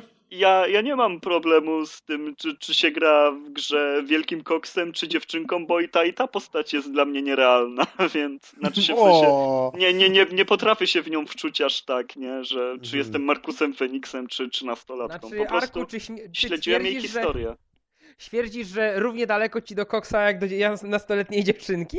E, nie, powiedziałem to tak, że po prostu skupiał się na śledzeniu ich historii, zamiast się wczuwać, że, że jestem nimi. No, ja, ja nie mam takiej wczówki w gry, że W każdej ja grze myślisz, postacią. że to ty grasz. Że to ty ja, ja jak bohaterem. słyszę, no to teraz będzie grał FPP, bo bardziej jesteś postacią, albo bohater będzie niemy, bo to jest gracz. Ja, ja tego nie lubię. Ja wolę obejrzeć czyjąś no. historię. Way of the Samurai. Aha. No, ale tak, no. tak siedzi jak taki What? troll jakiś. Siedział, siedział, już wymyślił. generacji. Ale Kas, ja, ja tam dalej jestem samurajem, ja nie jestem sobą. Jak to nie? No jestem samurajem, który wybiera, czy jest e, dobry, Kas, zły, ja czy nie, no. Kas, ja bym ci chciał wytłumaczyć, że ty niestety nie jesteś samurajem. Dlatego, Kas myśli, że jest samurajem, jak odpala Na Ale nie, no właśnie, ja, ja, ja, wiesz, hmm. ja, nigdy, ja nigdy swego bohatera nie nazywałem swoim imieniem, tylko to zawsze Ksywką. Był... go potężny Kazimierz. Zawsze był Rocky. Nie, to był Kazuja. No, Kazuja. Kazuja. No, więc e, w każdym razie, nawet jeśli jest to gra z taką ilością wyborów, jak mówisz, Way of the Samurai, to dalej wiem, że jestem samurajem w świecie samurajów, no to chcę obejrzeć historię samuraja dobrego, złego, czy, czy też jakiegoś pośredniego. I, i sobie do, do tej ścieżki dostosowuję, a nie, no ja bym zrobił tak, bo tej opcji, co ja bym zrobił, nie ma w grach najczęściej, więc e, to jest dla mnie tylko... Marek by chciał e... numer dwa na przykład, a tam nie ma. Więc e, nie wiem, co wam jeszcze powiedzieć o Life is Strange, poza tym, że pierwszy epizod trwa około dwie godziny. Jest, fajnie wprowadza w tą mechanikę, poznaje się dużo elementów tego miasta, dużo postaci, które w szyb, szybki sposób stają się dla was ważne. Bohaterka dostaje SMS-y, na które różnie odpisuje, prowadzi dziennik, który jest ciekawy, można czytać. Tam jest chyba dużo do czytania w ogóle w tej grze, nie? Tak, są bardzo fajne stawki i naprawdę te rzeczy, które możemy cofać czas, y, pozwalają wam być wścibskimi, ponieważ możecie wejść do pokoju jednej z dziewczyn, które mieszkają w akademiku. Bo tam O, się... zaczyna być ciekawie. I, I przeglądacie wszystkie jej rzeczy. Jej się to na przykład nie podoba, i w normalnej grze było, kurde, znowu za dużo grzebałem czy coś, a tutaj cofnąłem czas. Wiem już, co ona ukrywa, ale wiesz. Bez grzebania, Ale- że tak powiem, nie? Ale bez grzebania, że tak powiem. No. Bo, A, słuchaj, a to jest taki otwarty świat, że sobie można chodzić dowolnie, gdzie się chce, czy jednak misje cię rzucają w różne miejsca i jesteś ograniczony? mm, znaczy się gra rzuca cię w jakiś obszar, z którego nie możesz wyjść. To, to nie jest ściśle, że w tym pokoju musisz coś zrobić, ale no w tym budynku musisz coś Mhm, zrobić, albo w tej części szkoły musisz coś zrobić. To dalej Mhm. jest korytarz, jakieś tam pokoje, ale, ale nie jest tak, że możesz sobie zabłądzić e, gdziekolwiek. No i, i jest co robić. Więc e, fajnie się to poznaje, fajna jest zabawa i, i pokazuje, że ten mały szczegół e, zmienia podejście do przygodówek opartych na wyborach, więc warto. A to, że się jest nastoletnią dziewczyną, no to tylko na plus, no bo w końcu jest i kolejna jakaś gra, gdzie się jest w ogóle bohaterka, jest bohaterką i, i nie ma tego wielkiego, no jestem facetem i wszystko, nie? E, No ile można tych historii odgrywać. Więc fajnie się to obserwuje też. Ale to w ogóle nie jest też związane z, z jakimiś akcjami, nie wiem, związanymi mocno z jej płcią. To, to w ogóle nie, nie gra roli tak naprawdę. A ile, ile czasu przejście zajmuje? Jednego No wiem, dwie godziny. godziny około. Dwie godziny. A jej mówili, ile ma być epizodów? Sze- pięć. Pięć. Co matematyka tam idzie? No, ciężko, nie? Ale powiedzmy, że ogarniam. Długo, długo, y.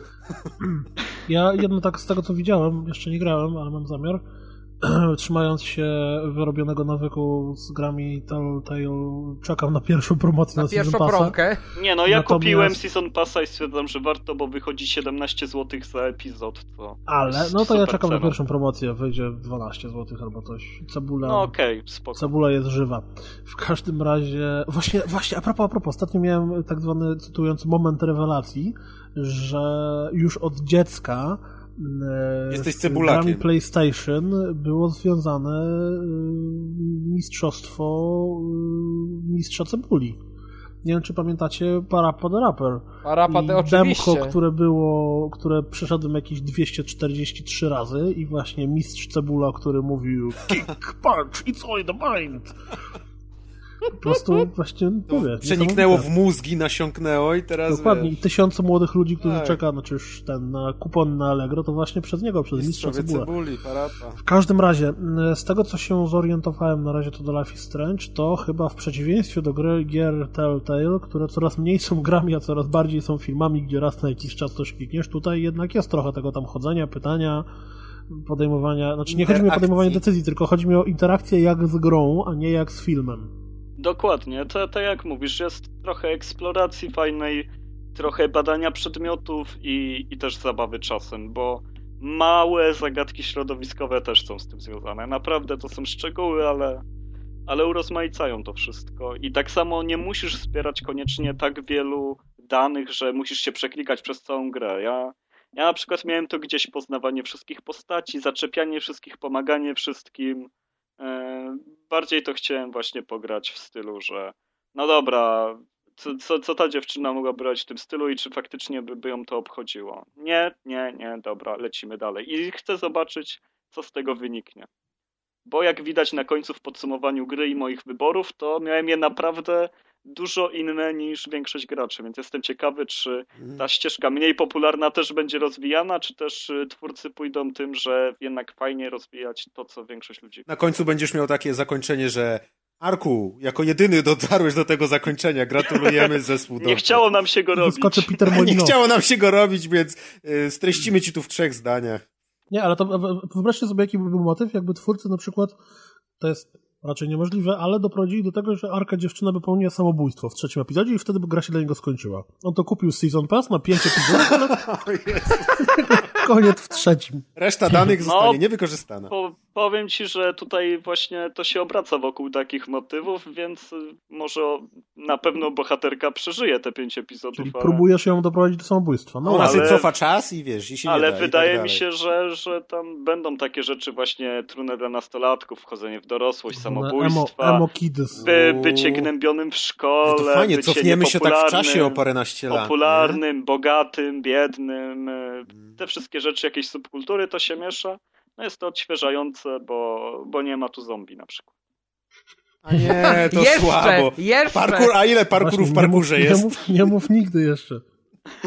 Dokładnie. Kto by się spodziewał, uwaga, uwaga, spoiler, e, kosmitów w Fahrenheicie, tak? W związku z Albo Mitów, roztoczy. Azteków i sztucznej inteligencji. Tam są roztocza jest. w biurze, nie? Tak, pamiętam. Roztocza w nie, biurze no, to był mój ale jeszcze, ro, jeszcze roztocza to były jakoś wytłumaczalne tą psychozą bohatera. Tak, ale tak, wytłumaczalne. O no. Boże. Ale kosmici to po prostu był taki strzał po prostu w jądra. Uff. Mi się wydaje, że to było żyje? powiązane z jakąś promocją w sklepie Mango, nie? W telezakupach, bo te roztocza były straszne. Królu. Mhm. Królu lecimy, nie? Lecimy. Idziecie na bieżnię? Krasnale A czeka. teraz w tym momencie wjeżdża muzyczka z Rokiego, uruchamiacie bieżnię i krasnale wiwatują. W każdym Ole. razie ja się w tym momencie muszę pożegnać. Dziękuję wszystkim, którzy ze mną nagrywali. Dziękuję słuchaczom. Cześć. Ja tak samo. Trzymajcie się i panowie tutaj dajcie rady. My nie również dupy, nie. dziękujemy za to, że byliście. Byliście z nami. Idźcie biegać Powodzenia. Róbcie formę. Tu, tu, tu, tu, Tu, tu. tu. Na razie, cześć, cześć, cześć. Cześć, cześć, cześć.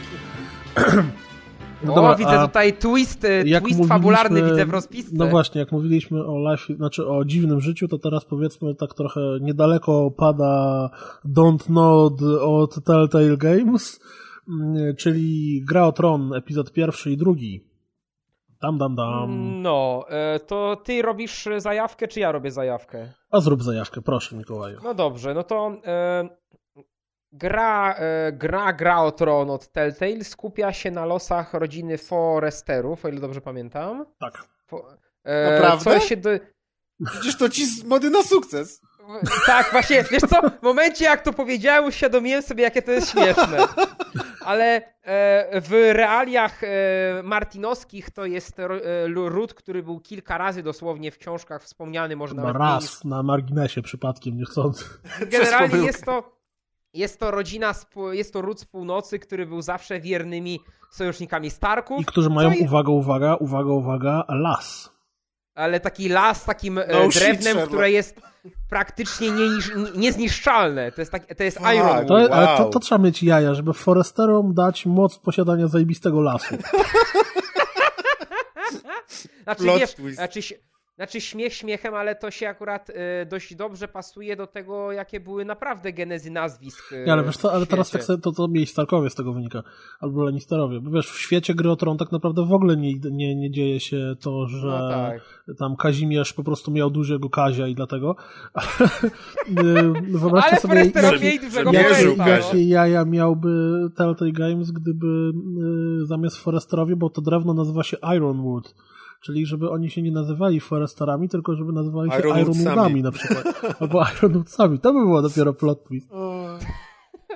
No w każdym razie, to jest rodzina właśnie, którzy byli wiernymi stronnikami Starków, co jeśli śledzicie serial albo czytaliście książki, no wiecie, że za dobrze to im się nie dzieje. Znaczy, istotny jest moment, w którym rozgrywa się gra, to znaczy, no bo nie Dokładnie. oszukujmy się, to nie jest gra, jeżeli ktoś nigdy w życiu nie oglądał serialu albo nie czytał książki, to może sobie w ogóle już odpuścić i zapomnieć o graniu w to, bo... Nie ma najmniejszego sensu, bo nie sensu. zrozumie połowy rzeczy, które się dzieją i Nie, dlaczego się przede wszystkim A dzieją. gra, czy też, e, znaczy to tak, a gra zaczyna się w momencie krwawego wesela. Czyli Oj, tak jest. Czyli e, sceny, która no, po prostu... wesele to komuś, Och. kto czytał książkę albo oglądał film, mówi bardzo Och. dużo, więc y, czasowo jest to tak umiejscowione. E, No i tak jak Mikołaj mówi, ona mm, y, dotyka rodziny Foresterów, wasali Starków, którzy teraz znajdują się w trochę gorszej sytuacji. No i e, naj, naj, najbardziej zabawne, a raczej nie wiem czy zabawne, smutne może trochę jest to, że scenarzyści poszli, jeśli chodzi o kreację bohaterów, poszli trochę po e, linii najmniejszego oporu, czyli stworzyli Starków Bis. Tak, takich kuzynów ubogich Starków, bo mamy dziewczynkę, która jest sobie w stolicy, która jest taką jakby Sansą, ale taką bardziej ogarniętą od no początku tak, tak, jednak. Tak, tak. Mamy mm, gościa, który nie dość, że wygląda i zachowuje się jak Jon Snow, to też y, już na początku pierwszego epizodu y, pada decyzja, że jedzie zostać Na mur. na mur jedzie strażnikiem. Potem ma scenę, ma uroczą scenę z Johnem Snowem, kiedy jest Jon Snow i e, Jon, Jon Snow Snow wannabe. Razem, na razem patrzący na mur w odda- I w od- oboje nie wiedzą nic. Dokładnie. E, oprócz tego jest sobie ktoś, kto mógłby być odpowiednikiem. e, Nie mówmy go dokładnie kto, bo to w sumie on się pojawia w drugim epizodzie. Kto mógłby być No tak. odpowiednikiem Roba Starka. E, I o. Jeśli chodzi o bohaterów. No generalnie dla fanów jest to must have. Natomiast ci, którzy już się zdecydują na zakupienie w Season Passa w promocji, tak jak to kupujemy gry Telltale, nigdy inaczej, e, Tak było. muszą wiedzieć, że ona jest kosmicznie brzydka. O Jezu, ale ona jest naprawdę Jest jak na, najbrzydszą, jak na nawet jak na standardy Tak, Telltale jest no. brzydka, jest najbrzydszą grą Telltale, w którą grałem i o E, tyle, o ile postaci jeszcze mogłyby ujść. Co prawda, niestety, ten komiksowy styl doprowadza do tego, że niektóre sceny nabierają nowego znaczenia komicznego przez mimikę postaci. Bo tak. e, gość coś mówi i ma wyrazić zdziwienie, ale on wyraża to zdziwienie po prostu zajebistym wybałużeniem oczu. Co wiesz, tu jakaś trudna sytuacja, podejmujemy decyzje, od których zależą losy rodziny, a koleś wy, gały. Hmm. Więc to trochę tej powagi odejmuje. W ogóle a propos postaci, to jeszcze zapomnieliśmy o takim awanturniku, który jest. No tam jest kilka postaci, tak? Więc jakby ktoś miał się czepiać, to faktycznie nie wspomnieliśmy o tym, który jest sąsiadem w cudzysłowie y, Kalesi. A, no tak, no ale on jest, y, on y, właśnie i do, widzisz, to dobrze wprowadziłeś wątek, bo to jest jedna z fajniejszych postaci w tych dwóch epizodach, a ona dostaje jeden y, Dziesięciominutowy fragment i drugą i jeden dwuminutowy. dwuminutowy fragment, który jest zupełnie z Dupy. tyłka za przeproszeniem, Tak. no bo on nic nie wprowadza do fabuły, tylko tyle, że sprawia, że pokazuje, że oni zmienili lokację z jednej na drugą, no super. Z tą tak? postacią zresztą jest związane coś, co mnie zirytowało po raz pierwszy w grach Telltale, czyli irytujące quick time eventy i to irytujące w ten sposób, że łatwo je przegrać. Mm, tak? Tak, no mi się zdarzyło tam właśnie w jego przypadku chyba dwa czy trzy razy niektóre powtarzać, bo tam trzeba nagle szybko machnąć gałką. Jakoś się nie wyrabiałem. A to wiesz co, to nie, to ja zginąłem raz i to dlatego, że telefon mi zadzwonił i po prostu się zdekoncentrowałem. Po prostu siedzę na, siedzę na kanapie, gram i nagle psz, zadzwonił mi telefon, no i właśnie wtedy, wtedy, wtedy zginąłem, bo dostałem tam. I to właśnie w tej scenie tego, ale to tylko dlatego. To jakoś nie odczułem, no to nie, żeby no to może, quick może, time'y. może miałem gorszy, gorszy moment odruchowy. Natomiast wracając do tego, jak ta gra jest potwornie brzydka, to o tyle, ile postaci za wyjątkiem wybałuszania oczu czy jakiejś dziwnej mimiki wyglądają jeszcze w miarę okej. Tam, nie wiem, pojawiająca się Cersei wygląda jak Cersei, Tyrion wygląda jak Tyrion, bo są postaci z serialu i są oczywiście odzorowane według aktorów. I są to- e, nagrywane przez aktorów, to też ważne, i są nagrywane dobrze. Tak, to i Tyrion okazało się, że jednak potrafi yy, podkładać dźwięk w grach wideo, a nie tylko O, właśnie mówić, że taki Wizard came Arka from the nie ma, moon. no. Natomiast y, tła to O jest Boże. jeden wielki, absolutnie brzydki kosmos. Bowiem sympatyczni państwo z Telltale Games wymyślili sobie, żeby z nieznanego mi powodu ich gra miała przywoływać na myśl obraz taki malowany pastelami, wiecie, brak ostrych krawędzi, lekko rozmazujące się kolorki, taki, no nie wiem, obrazy Moneta na przykład takie są. Czy Tam Moneta, dobrze mówię? Jak się wymawia tego malarza? Jest Monet, i jest, jest Monet i jest Manet. Chodziło mi chyba o Manet. Nieważne. No nieważne. No, e, nie Pastelowe za obrazy. ekspertów od od malarstwa, Tak jest, nie ja się na tym jesteśmy nie nimi. No. Pastelowe obrazy. No i w przypadku gry wideo osiągnęliśmy efekt, dzięki któremu wygląda to jak gry z czasów PSX-a. Albo jak Żyg. Albo jakby ktoś się wyżygał pikselami na ekran. Ojej. Mamy nierówne, ostre krawędzie, jakieś y, pojawiające się totalnie z dupy plamy Artefakty. kolorów, artefakty, które niby mają być właśnie tym takim wizualnym efektem obrazu, a wyglądają jak wizualny efekt wyżygania się pikselami. Więc y, no, tylko dla fanów po raz kolejny. Bo trzeba mieć jednak dużo samozaparcia, żeby nie zwracać uwagi. Na przykład w jednej scenie tam w tle płonie ognisko, które wygląda po prostu jakby ktoś tak na hama piksele malował, które się posuwają na lewo i na prawo.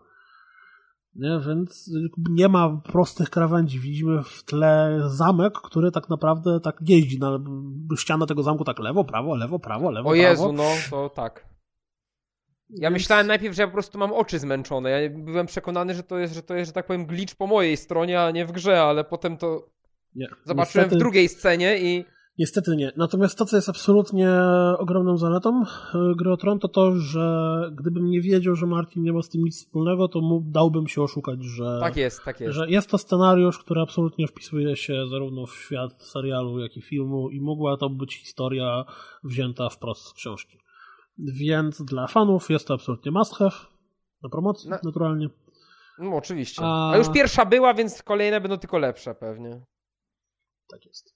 E, Wiesz co, ale jedno co tylko chciałbym na koniec dodać, to jest to, że po raz pierwszy w grze Telltale, ale znowu, ty mówiłeś, że nie miałeś tego problemu, w związku z czym może to po prostu było moje, że tak powiem, grotronowe zboczenie, ale po raz pierwszy w grze Telltale największy twist, jaki był w tych dwóch odcinkach, przewidziałem praktycznie w 100%. Tak jak w The Walking Dead ciągle byłem zaskakiwany, w Wilku też byłem praktycznie ciągle zaskakiwany, jak to śledztwo się rozwijało, tak tutaj, no, no kurczę, no to się musiało tak skończyć. Także mam nadzieję, że będzie więcej zaskoczeń, że będą jakieś momenty. Oczywiście wiadomo, że nie są w stanie e, uśmiercić bohaterów, którzy się pojawiają w książkach i w serialu, bo to jest powiedziane, że to jest kanoniczne, że tak powiem. Czyli to, je, to, to, to, to się wydarzyło w świecie, w świecie książkowo-serialowym.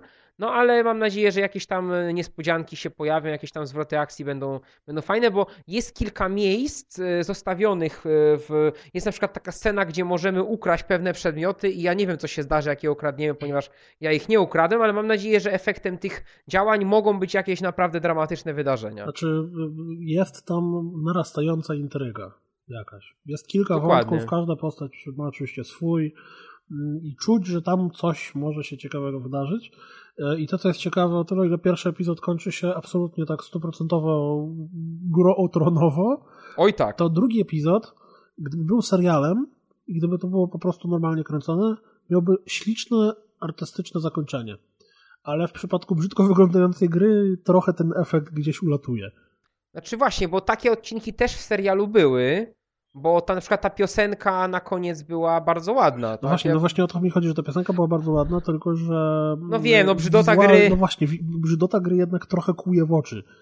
I wiesz, i w E- momencie, w którym oni chcą tutaj pokazać jakąś artystyczną scenę, w której coś się dzieje i ma to zrobić na tobie wrażenie, a widzisz po prostu obrzydliwe, y, obrzydliwą grafikę, to ciężko, żeby to do ciebie trafiło.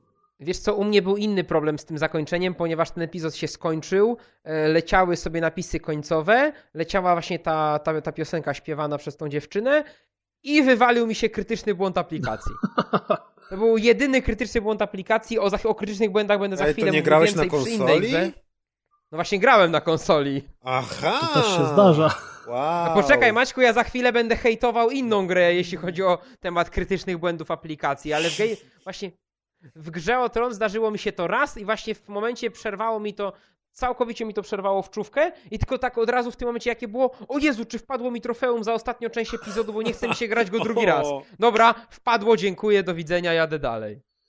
Tak, natomiast y, zauważyłem, że nie wiem z czego to wynika. Po pierwsze, mam ogromną nadzieję, że Telltale Games nie zrobi tak, jak zrobiła w przypadku Wilka, czyli przerwa pomiędzy drugim a trzecim epizodem, chyba czy tam pierwszym a drugim było pół roku. Mm, Jeżeli gra o Tron będzie pojawiała się co miesiąc, to z największą przyjemnością będę w nią grał e, te dwie godzinki co miesiąc. Nie, Tak, nie tak. miałbym ochoty grać w to 10 godzin ciągiem.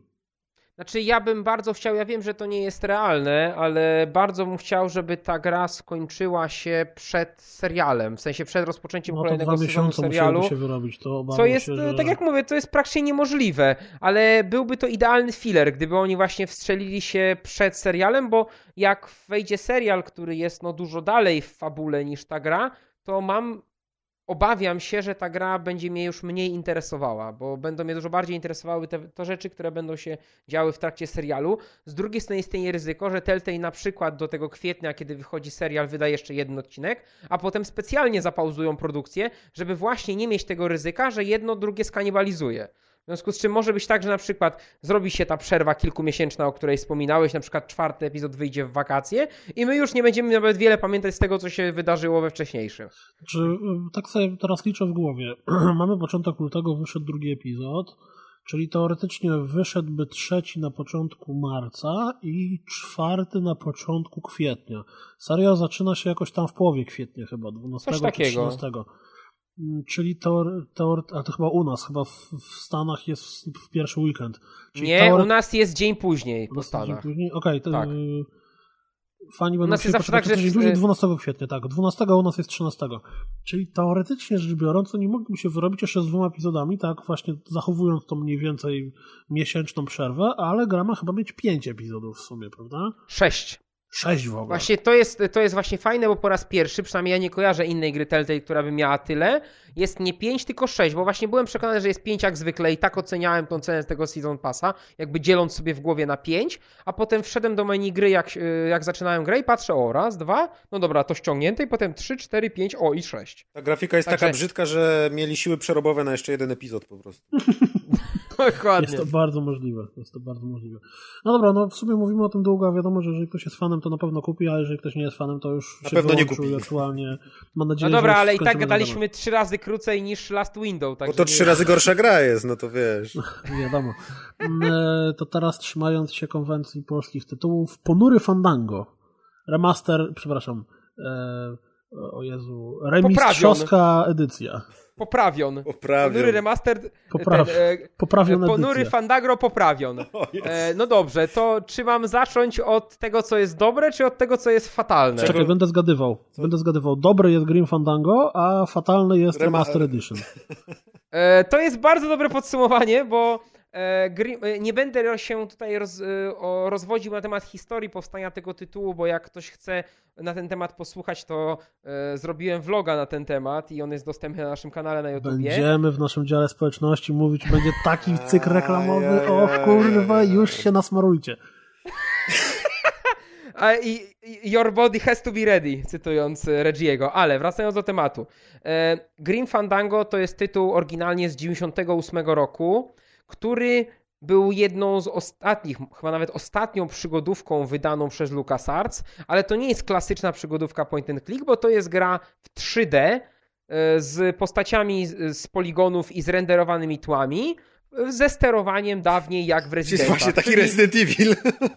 Czyli to jest Resident Evil bez zombiaków, bez walki. Ale no, z ale z trupami. Trupy są. Z czy?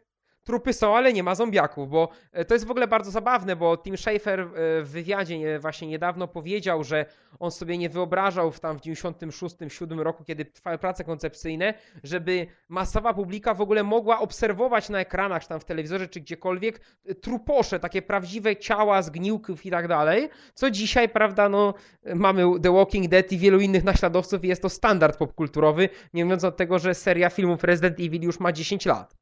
E, No ale wtedy było to zupełnie niedopuszczalne, dlatego te laleczki specjalne, e, te meksykańskie, postanowili przyjąć jako bohaterów, dlatego Manny e, Calavera, czyli nasz główny bohater, wygląda tak jak wygląda. I dokładnie tak jak powiedzieliście, ta warstwa przygodówkowa jest bardzo dobra. Dialogi w tej grze są absolutnym mistrzostwem świata. One do dzisiaj się idealnie bronią, one są świetnie nagrane. One są przede wszystkim świetnie napisane, a później są świetnie nagrane przez aktorów.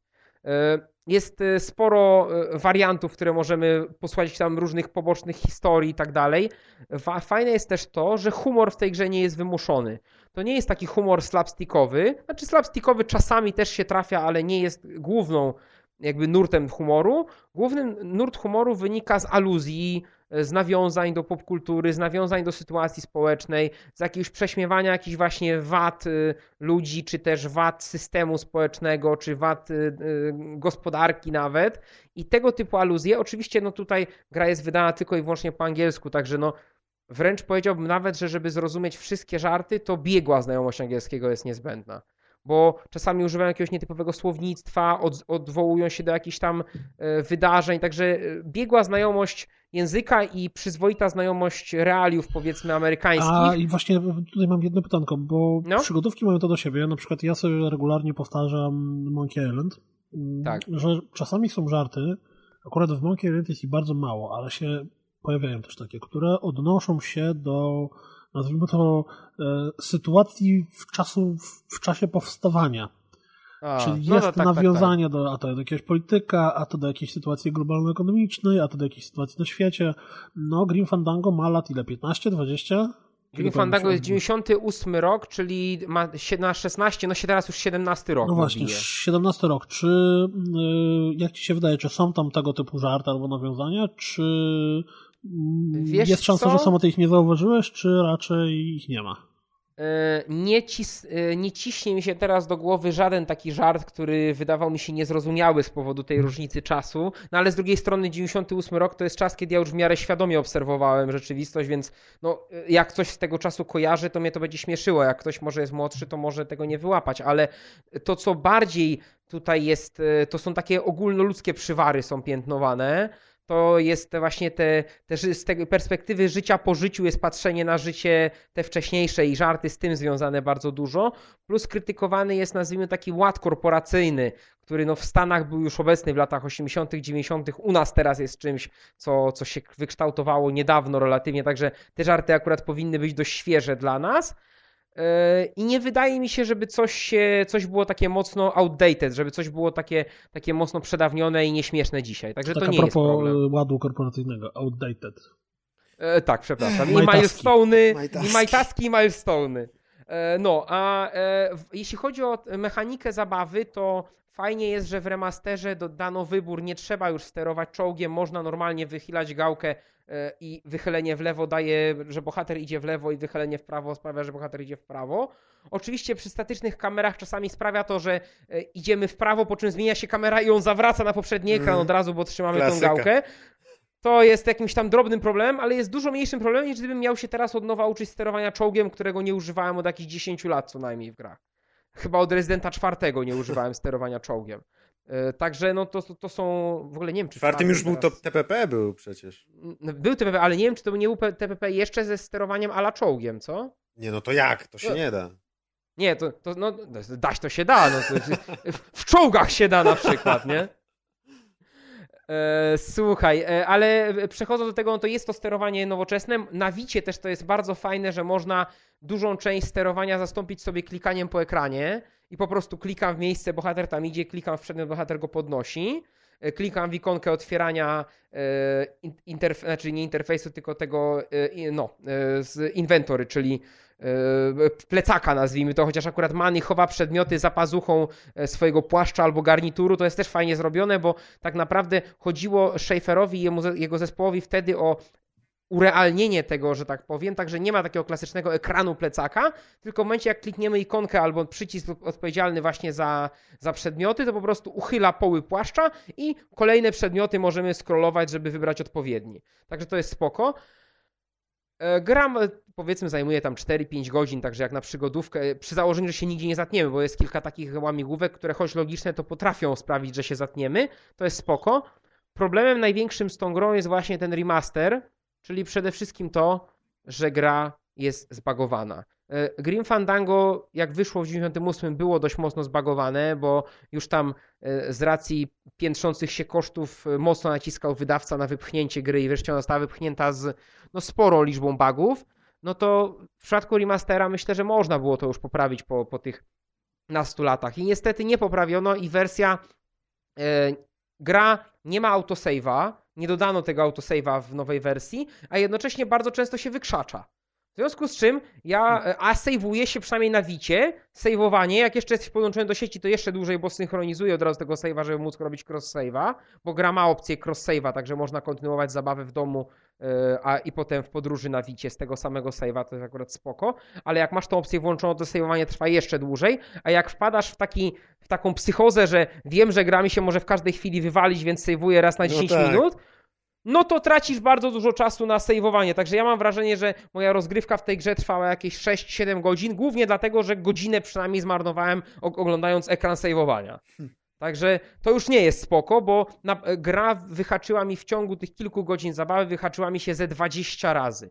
I to były albo, podkreślam, grałem w wersję konsolową, to nie był Early Access, to nie była wersja PC-owa, to była wersja na PlayStation Vita podejrzewam, że wersja na PS4 ma te same problemy, bo to jest dokładnie ten sam kod, tylko... Ja będę, ja będę grał na PS4, to powiem potem. To się wypowiesz, dokładnie. I to były dwa rodzaje błędów. To były błędy takie e, już kompletne, kiedy właśnie aplikacja została wstrzymana, zgłoś błąd do Sony, albo jeszcze gorsze błędy, czyli niby mogę dalej grać i postać chodzi po ekranie, ale na przykład nie zmienia mi się kamera i nie mogę przejść dalej. A to jest Albo... kosmos. Ja nigdy w życiu na Wicie nie widziałem tego błędu. To jest, nie to widziałem, jest... że on się wyświetla na Wicie. Yy, tak, ten błąd się jak najbardziej na się wyświetla i też można dołączyć screenshota i wysłać do, do Sony. Yy, ale mówię, gorszy jest ten drugi, kiedy nie wiesz, że ci się wykrzaczyło, tylko dopiero przekonujesz się po wykonaniu kilku czynności, że na przykład możesz przeglądać inwe, swoje przedmioty, możesz wybrać przedmiot, ale już nie możesz wejść w interakcję z rzeczą, którą wiesz, że ten przedmiot możesz użyć. Także znowu czekacie ładowanie save'a, i, i, i jazda dalej. Także no to jest karygodne, tak? Jak już robimy remaster, który swoją drogą jest żadnym remasterem, bo dodano parę, parę shaderów i parę efektów i koniec i nawet nie zrobiono porządnego trybu 16 na 9, bo po, po prostu jest to rozciągnięcie i przybliżenie, czyli to, to samo co w Resident tym, e, którego dzisiaj na początku wspominaliśmy nie można tak, no jak już się od ludzi wyciąga pieniądze, a to jest ponad 60 zł kosztuje na PSN-ie, to naprawdę warto było wziąć jakichś testerów, nawet w tym Mozambiku, z którego się kiedyś śmialiśmy, zatrudnić czterech gości, którzy będą siedzieć, to testować, tak, po, po kosztach, naprawdę, no to, to, to nie jest aż takie duże wyzwanie, żeby tego nie zrobić. Także e, generalnie grze samej należą się same brawa i pochwały, a e, Schaeferowi i Timowi, który odpowiadał za, za port, za ten remaster, należy się karny kutas w zeszycie, no. Mm. Co za czasy. Smutaczek. Mm. Smutaczek. No teraz wszystko musi być zepsute, jak się okazuje. O, Tylko nasz podcast jaki... się opiera tej... Tylko nasz podcast jest coraz lepszy. Ach. Dokładnie. Ho, ho, ho, ho. Ho, ho, ho, ho, ho, ho, ho. Ej, chłopaki, ale jeszcze nie jest dział pozdrowień. Poczekajcie, jeszcze. okay, okay. Trzymajmy poziom. Dobra, to teraz uwaga, uwaga, World Premiere. E, to będzie recenzja wstępna, raczej taki quick look, czyli e, ucieczkowicz bowiem e, grałem w The Escapist na Xboxie. To najlepsza gra jest... na Xbox One podobno teraz już. To jest tak, ona jest dostępna od dłuższego czasu w Early Accessie na PC-cie. A ale... właśnie, przepraszam, e, Piotrze, e, chcielibyśmy podziękować studiu, któremu przed chwilą wystawiłem karnego kutasa za przekazanie nam kodu recenzenckiego. A, no tak, tak, oczywiście, oczywiście. To właśnie, przy okazji też chciałem podziękować Team 17 za przekazanie kodu na Escapista. No, a więc, to jest gra, z którą mam znowu, dzisiaj to będę popularne moje stwierdzenie, duży problem. Bowiem, gdyby to zostało wykonane w nowoczesnej grafice, gdybyśmy mieli grę nawet zrobioną na jakimś, nie wiem, Unity albo na Unrealu starym, z, nawet na poziomie graficznym y, PS3, to ta gra byłaby rewelacyjna. Grałem w nią jakieś 3-4 y, godzinki nie udało mi się nawet ukończyć pierwszego etapu. O co chodzi w grze? A więc musimy uciec z więzienia. Więzień w sumie jest chyba tam 4 czy 5 czy 6 nawet. Mm, każde jest inne, bo to pierwsze, z którego musimy uciec, jest przedstawione jako raj dla więźniów, w ogóle trawka, telewizory plazmowe w każdej celi. Aż się nie chce uciekać. Tak, właśnie komentarz jest po cholerę chcesz stąd uciekać. Mm, no i y, gra jest połączeniem mm, RPGa z przygodówką. To znaczy, to, co jest największą wadą, to jest jej wygląd, bo ona wygląda jak zrobiona w jakimś pseudo-pixelartowym RPG Makerze, czy, czy coś w tym stylu. Ta gra wygląda jak, nie wiem, jak ojejku, Paint Power, dziura no. w mózgu, nie płakałem na To The Moon. Ta gra wygląda jak to, to The Moon. Ej, nie, no, nie, no To The Moon jest... wygląda trochę gorzej. No lepszy o wiele. Taki Prison no. Architect, no. nie? No no, Prison Architect jest chyba bardziej rozbudowany, bo ma kilka różnych poziomów e, graficznych, a tu masz po hmm. prostu no, starego RPGa japońskiego. No tak. No i gra polega na tym, że jak to w więzieniu, każdy więzień, e, jego dzień składa się z rytuałów, czyli najpierw jest zbiórka na placu apelowym, gdzie... Potem jest prysznic. Potem jest śniadanie. Ktoś już nie może potem doczekać. po śniadaniu jest czas wolny, potem po czasie wolnym jest e, lunch, czy tam obiad, później jest znowu czas pracy, potem jest e, czas e, na siłowni, czas na siłowni jest prysznic, po prysznicu, generalnie mhm. każdy dzień składa się z powtarzalnych po sobie serii rytuałów.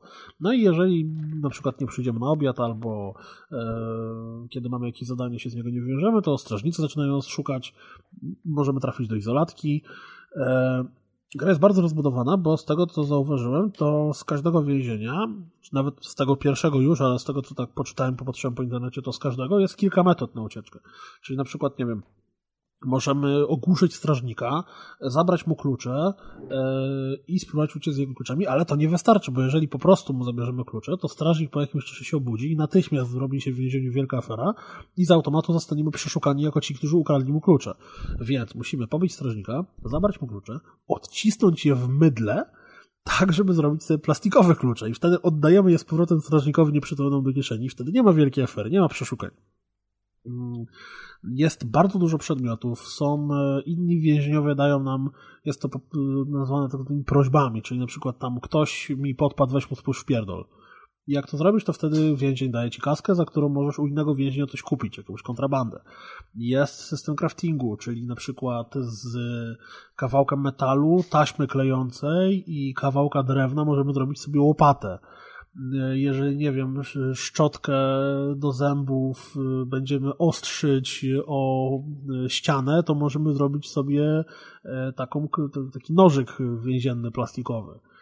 Nie wiem, można y, właśnie kombinować z zrobieniem broni. Na, na przykład kostka mydła twarda, dużo kostka mydła włożona do skarpety jest bronią. Więc ta gra jest bardzo rozbudowana w tej kwestii. W więzieniu żeby kombinować z tą ucieczką, na przykład możemy próbować się przebrać ze strażnika. Jak się przebrać ze strażnika? No albo możemy spróbować pobić strażnika i się za niego przebrać, ale jest to dość ryzykowne i generalnie ciężko pobić strażnika, który jest strażnikiem, a ty jesteś więźniem. Prawda? No raczej. Ale możemy na przykład wybłagać u naczelnika więzienia to, żebyśmy dostali robotę w pralni, no ale robota w pralni jest jedna. Co jeżeli ktoś pracuje w tej pralni? No na przykład możemy go otruć, albo możemy go pobić tak, żeby on nie poszedł do pracy. Jeżeli on nie pójdzie do pracy, to wyleci z tej roboty. Wtedy możemy wybłagać naczelnika, żebyśmy my dostali tę robotę i w momencie, w którym mamy robotę w pralni, to pierzemy ubrania, ale również pierzemy tam mundury, więc jeżeli dobrze się sprawimy w pralni, to możemy jeden z tych mundurów spróbować zapieprzyć. To jest normalnie prison break, kurde. No dokładnie tak, więc to jest bardzo rozbudowana gra, gdzie jest bardzo dużo fajnych motywów. Właśnie, no mówię, grałem cały wieczór i nie wymyśliłem jeszcze metody na to, jak z tego więzienia uciec. Ale to widzisz, to no, jest syndrom takiej gry robionej przez jednego geniusza, bo tu widzę, że to jest gra z Kickstartera, która została ufundowana 29 listopada 2013 roku i robił ją według Kickstartera jeden koleś. Czyli to jest... A potem Team 17 się tym zainteresowało i postanowili to wydać. Aha, ale robił to prawdopodobnie cały czas sam. Tak, znaczy może on Można tak założyć. I, I, dlatego ta gra wygląda jak wygląda, a jest, człowiekiem, no właśnie, ale ona wygląda jak wygląda, a ma tyle mechaniki ile ma, bo wiesz, koleś umiał wymyślić mechanikę i zrobił trudną mechanikę, a opakował ją tylko w, po prostu w to, co umiał zrobić, czyli w takiego potworka. Tam, wiesz, masz mechanikę pod tytułem y, na przykład widzisz to, co widzisz, ale jeżeli weźmiesz y, stołek i postawisz stołek w innym miejscu swojej celi, to możesz wejść na ten stołek, przez to dostać się do kanałów wentylacyjnych, a jak skombinujesz sobie śrubokręt, to możesz odkręcić tą kratkę wentylacyjną i poruszać się po więzieniu tymi kratkami wentylacyjnymi. No, to jest Generalnie... lepszy sandbox niż wszystkie sandboxy razem razem wzięte, no. Autentycznie, to, ja w ogóle, ale to w ogóle się tego nie spodziewałem, jak, jak zaczynałem w to grać, bo ta gra wygląda no po prostu odrzucająco wręcz. Mm. Jest, jest tak uproszczona ta grafika, ale cholernie wciąga przez tę swój niezwykle rozbudowaną mechanikę. I ona też na PC weszła, na PC ona już tam wychodzi od dawna w Early Accessie, jak popatrzyłem z innych etapów, jak ludzie grali, że tam w którymś momencie wręcz jest gułak, z którego trzeba uciec, gdzie są sami wkurwieni wielkie bydlaki łyse, którzy za wszelką cenę chcą wszystkich pobić. Jest też tak, że jak zaczynamy mm, etap, czyli tą próby ucieczki, to możemy sobie ponazywać więźniów tak, żeby łatwiej ich potem rozpoznawać, czyli oczywiście możemy mieć Atka, możemy mieć Kaza i tak, i tak dalej. Y, więc y, oprócz napadzie gra się bardzo przyjemnie, bo często takie gry mają problem z interfejsem na konsolach, ale, ale napadzie gra się bezproblemowo. Y, jest wszystko ładnie, ładnie przełożone i za pomocą guziczków sobie świetnie radzimy i z craftingiem, i z tam z podejmowaniem zadań, i z chodzeniem. Też mówiłem, że jest trochę RPGowo, bo oprócz tego rozbudowanego craftingu i zadań, to też idziemy na siłownię i na siłowni sobie podnosimy sztangi, dzięki któremu wzrasta nasza siła i żywotność. Nie wiem, jak biegamy na bieżni, a propos, to... Już wiem, co dzisiaj będziesz robić w Escapiście. Weźmiesz kaza i każesz biegać na bieżni. Ej, ale to jest jak w GTA San Andreas no. po prostu. No tak, to wtedy rośnie twoja szybkość. Jest tak, że jak e, z innymi więźniami łączą nas różne relacje, czyli na przykład może być koleś, który zajmuje się sprzedażą e, różnego nielegalnego towaru, ale jeżeli jest na nas zły, to nie będzie chciał z nami handlować ja na przykład dostałem, jeden mnie poprosił, żebym drugiemu spuścił łomot, spuściłem mu łomot i później on za każdym razem, jak mnie widział, rzucał się na mnie. Co doprowadzało do tego, że na przykład jak rzucił się na mnie pod prysznicami, to strażnicy wpad, wpadli i zrobili połowanie. Później, jak był wieczorny apel, to zarządzili u niego w celi przeszukania. Bo też y, możemy zdobywać dużo różnych przedmiotów. Przy sobie możemy nosić tam chyba tylko 4 czy 5, ale możemy je chować w celi. No ale jeżeli schowamy w celi nożyk albo ten przysłowiowy odcisk y, klucza w mydle, y, a zrobią nam przejrzenie celi, to nie dość, że nam je wszystkie zabiorą, to jeszcze wylądujemy w izolatce na jeden dzień. Więc jest to bardzo rozbudowana gra, bardzo fajną mechaniką. W gra się to bardzo fajnie, bo, bo, bo jest bardzo rozbudowana, a z drugiej strony jest bardzo prosta, no bo mamy po prostu prostą chodzenie Prosta w obsłudze jakby, akcji, tak? tak, jest bardzo prosta w obsłudze. Mm, tam na przykład, żeby bardziej rozbudowane rzeczy craftingować, to musimy inteligencję sobie podnieść, czytając książki. Nie? Więc y, bardzo się o, zaskoczyłem. To jak w Falloutie. Dokładnie, więc ja osobiście bardzo się tym zaskoczyłem i jeżeli ktoś miałby okazję to kupić gdzieś tam na PC, to, to czy właśnie na Xboxie, to polecam. Nie mam pojęcia, ile ono będzie kosztować. Eee, Teraz na PC chyba... jest za 13 euro na Steamie. No to za 13 euro, jeżeli kogoś nie odrzuca ta grafika tak przepotwornie, strasznie, to moim zdaniem spokojnie. Wow, ta gra dostała 40... Gamescom UK, UK Game of the Show 2014. No właśnie. Wow. Więc jeżeli kogoś ta grafika, bo wiem, że dla niektórych to będzie rzecz nie do przeskoczenia. Tak bardzo umowna grafika będzie absolutnie nie do, na przykład dla mojej żony, ona generalnie pukała się w głowę, czy ma w to gram. Znaczy, do tej gry powinny wyjść mody, tak jak do Dwarf Fortress wychodziły jakieś tam mody, to, to jakby, to, jakby do tego były mody i ktoś by zrobił w Unreal Engine 4 grafikę, fotoreal i w ogóle, to by była miazga. No, jak ja na pewno w to pogram więcej i pewnie na następnym podcaście albo jeszcze później, może pięciominutówkę w ogóle z tego zrobię. Kuldan kupił Xbox One i gra w The Escapist. Właśnie, właśnie to komentowała moja Forza 2 płacze po prostu. Horizon. Sunset Overdrive zjechał z tej rury i wpadł Aj. do morza po prostu. O jest. No, więc... Y, więc próbuję zobaczyć, ile ono kosztuje w, w sklepiku Xboxowym, ale nie umiem. User-friendly interface. O, było dobre. Czekaj, może wpiszę Marketplace? nie, nie próbuj nawet. Nie, podskakują, podskoczyła mi reklama. To jest w ogóle śmieszne, jak się szuka informacji o tej grze, bo jest y, Escapist, jest magazyn. No tak. Mm, prawda, więc Escapist właściwie. Więc trochę. I właśnie wyskoczył mi artykuł o Evolve na Xbox One. A to mnie to samo, tak, to ten sam wpisałem. No, więc to tyle, jeśli chodzi o ucieczkowicze. Teraz. U, Maciek, nie wiem czy wiesz, ale słyszałem, że Miki grał w Ło, Dave. Ło, co ty powiesz? Ło, ale akcja. Ło, ale Miki, opowiadaj, co to zagrało? Gówniana. Naprawdę, to jest. Y, znaczy, ta gra jest słaba, ale ona nie jest słaba dlatego, że ona wygląda jak kupa i wygląda jak 8 bitów. Na pewno nie bo... wygląda gorzej niż Escapist. Ona wygląda gorzej jak niż Escapist. Sprawdzić. Ta gra wygląda jak pierwszy Donkey Kong na automaty i na NESa. Mniej więcej. No troszkę lepsze ma może efekty, które się dzieją, ale jakby podstawowa część grafiki to mam wrażenie, że na NESie by poszła. O, no a tak, głęboki Pegasus rzeczywiście jakby to się pojawiło na SNESie, to by ludzie sarkali, że nie warto na to, na to wydawać 50 dolarów. Lepiej w Duck Hunta pograć. nie, no słuchaj, e, wiesz, no na SNESie pojawiły się takie tytuły jak Star Fox czy Donkey Kong Country, także to w ogóle e, to jest inna liga, ale nieważne. E, wow Dave to jest bardzo prosta gra, która polega na tym, że jesteśmy sobie takim stworem, nawet nie wiem, to jest kaczka, co Dave'em. Dave jest takie coś, No tak, ale ten Dave wygląda jak kaczka dla mnie z tych pikseli. I te, e, rolą tego Dave'a, e, ten Dave jest na takiej planszy, która składa się z kilku linii, po których można skakać. No znowu skojarzenie z jakimś właśnie Donkey Kongiem i grami z tej epoki jest jak najbardziej wskazane.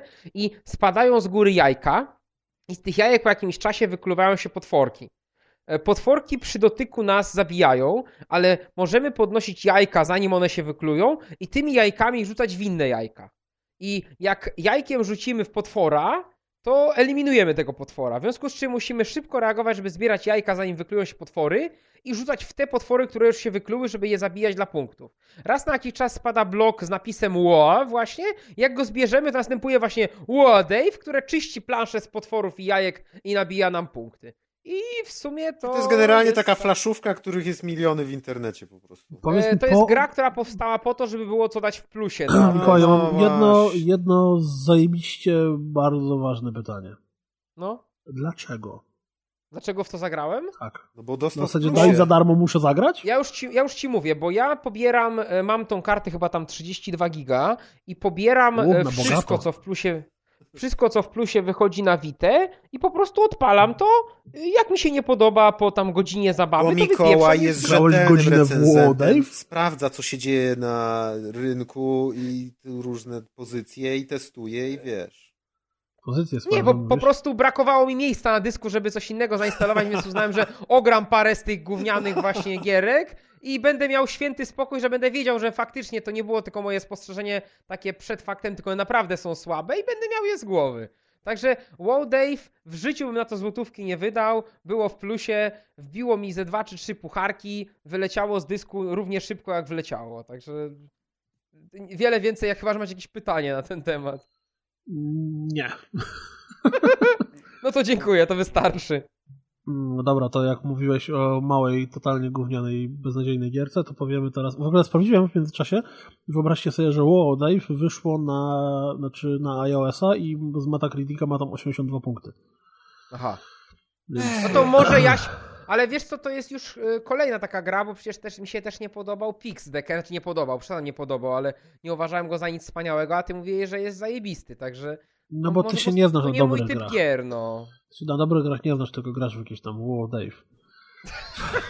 w każdym razie, e, a propos małych gier, które ostatnio robią furorę i które serdecznie polecam, foka polecania już na starcie.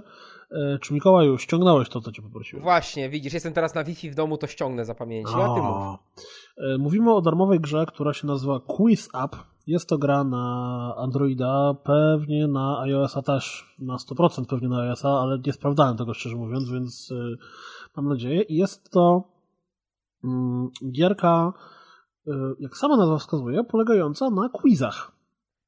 Zakładamy sobie tam konto, logujemy się y, i wybieramy kategorię. Jedną z kategorii jest na przykład gaming in general. Jest również na przykład kategoria Zelda albo Metal Gear Solid albo League of Legends, albo Nature, albo Animals, albo Horses, albo Snakes, albo nie wiem, malarstwo. Tych kategorii, tych kategorii jest e, mm, kategorii jest e, pierdyliard. Na czym polega gra? A więc wybieramy sobie jakąś kategorię, weźmy na przykład Games General, odpalamy ją i zostajemy połączeni z jakimś innym użytkownikiem quiz appa, że tak powiem, od razu. Czyli połączymy się live z jakimś innym użytkownikiem tej gry. No i pojawia nam się PvP. pytanie. Tak, PvP stuprocentowe, peer-to-peer PvP w ogóle. Pozdrawiamy. PvP. Tak, pojawia się pytanie na przykład, y, jakiego rodzaju bohaterem jest John Marstow z Red Dead Redemption? I mamy do wyboru szpiegiem, kowbojem, superbohaterem, piratem. Mamy 10 sekund na odpowiedź. Im szybciej odpowiemy, tym więcej punktów. Potem pojawia się kolejne pytanie. Y, która, w której z tych gier jest Batman? Arkham Horror, Arkham City, Gotham Central, Arkham Circus. No, klikamy Arkham City. Później pojawia się kolejne pytanie. Mm, uwaga. Wymień, jak się nazywała mm, y, fictional female British archaeologist in Tomb Raider series. Lara Croft. Mamy jeszcze Lara Ryder, Brian Lara i coś jeszcze. Kolejne Lara pytanie. Ryder. What arcade game was based on a Japanese folk character with bottomless appetite? Pac-Man. Zgadłem. Ty się teraz, ty masz przed sobą komórkę, jak to mówisz, ja właśnie gram. z pamięci. Ja właśnie gram A. w tą grę. No właśnie wygrywa, gnoi kogoś What tam World przez internet. Player famously charged into battle running the game for others? Leroy Jenkins? Tak jest, Leroy Jenkins. Yy, To nie jest tak, że ja bez sensu teraz coś robię, bo chcę coś pokazać. Who is the creator of Final Fantasy franchise? Nie wiem, kto jest twórcą franczyzy Final Fantasy? Mam A jakieś jakie cztery masz- japońskie nazwiska. Jakiś- no to Sakugochi, Yukari, Eastman i Uentasu. E, Sakugochi, chyba. Tak, Sakugochi. Zdążyłem. Jej! I Wygraliście. ostatnia runda, w której jest podwójność punktów. In Fantasy World Dizzy, what was Dizzy? Egg, to wiem. Dam, dam, dam. I właśnie skończyłem jedną rundę. What Mamy- was Disney? Pegasus. Siedem pytań. E, Na każdą mamy 10 sekund, czyli jedna runda trwa maksymalnie minutę i 10 sekund, więc jest to super szybkie. Przez to jest cholernie uzależniające, bo gramy sobie, skończyliśmy rundę, wygraliśmy albo przegraliśmy na żywo, bo widzimy oprócz tego, że widzimy, czy dobrze odpowiedzieliśmy, czy źle, to również na żywo widzimy odpowiedzi naszego przeciwnika. Więc automatu wiemy, e, czy nam e, poszło dobrze, czy nam poszło źle. E, I nie do końca rozumiem czemu, ale to tak cholernie wciąga. Ja nie gram na telefonie w ogóle. Jedynie jak kiedyś próbowałem z jakimiś grami, to oczywiście na kiblu, no bo jak żeby gdzie inaczej. No i teraz to tak potwornie wciąga, że wiesz, rozegrasz jedną porcję, dobra, no to jeszcze raz, no a no to jeszcze raz. Po czym ktoś z tobą wygra, no to klikasz rematch. Więc pojawiają się kolejne pytania z tej samej dziedziny z tą samą osobą. Znowu z tobą wygrał, no to jeszcze raz musisz zrobić rematch. Co więcej, zawsze wiemy z kim gramy, bo na przykład, bo pojawia się skąd jest ten gracz, czyli czy jest z Stanów, czy z Polski, czy z, Sosnowca. czy z, z Sosnowca, czy z Niemiec, co też podnosi nam e, ambicje, żeby udowodnić e, Tak, tym są, głupim są awatary, albo są tym... jakieś tutaj poziomy. Tak, widzę. tak, tak, tak, tak, tak, tak, tak. E, Im więcej gramy w daną, w daną kategorię, tym większy poziom w tej kategorii tak jakby dostajemy. Pytania, jak słyszeliście, są zarówno banalne, jak i takie nie do końca oczywiste. No bo pytanie, jak się nazywa główny bohater Tomb Raidera, każdy wie, ale na przykład pytanie o... Lara Tomb. Mm, tak, Lara Ryder. Ale pytanie o twórcę franszyzy Final Fantasy już niekoniecznie. Jak wchodzimy w ogóle do kategorii poświęconych konkretnym grom, na przykład trochę grałem w, MGS-a, e, to pojawiają się pytania, które dotyczą jakichś takich szczegółów, że bardzo Nanomaszyny, mocno nanomaszyny. zagiąć. tak, więc oczywiście gra jest darmowa, co jest jeszcze większą zaletą i ja naprawdę bardzo mocno polecam. Kategorii jest chyba 700 w sumie, więc można znaleźć dużo różnych, które się wam spodobają. Oczywiście jest dużo gamingowych, co tym bardziej nam się powinno podobać. I jak ktoś czuje się przekonany, to niech sprawdzi za darmo. Ciekawe, Może czy można własne wejść. kategorie tworzyć. Byśmy stworzyli kategorię rozgrywka. Rozgrywka, o, panie. rozgrywki dawali. płatne DLC. E, Można generalnie, jak ktoś się przekonał i chce sprawdzić, to może sobie później i mu się spodoba, to tam jest zakładka Friends. W zakładce Friends można wyszukać cooldown.pl, dodać mnie do Friendsów i będziemy sobie nawzajem wysyłać challenge. Więc e, zapraszam, polecam i możecie udowodnić temu cooldownowi, że wcale nie jest taki mądry i wcale tak dużo rzeczy o grach nie wie. Tak, a grę w ogóle polecił mi nasz słuchacz też swoją drogą Tomek, którego serdecznie pozdrawiam, korzystając z okazji. Tomek, to Mm. będzie, Poczekaj, poczekaj, to jeszcze... będzie twoja wina, jak teraz się wszyscy uzależnimy, bo ja właśnie instaluję u siebie. Ja Warto. już mam zainstalowane, bo e, e, jednak internet, e, znaczy komu, e, sieć e, Google Play działa lepiej niż PSN i gra zdążyła się już trzy razy zainstalować w trakcie naszej audycji.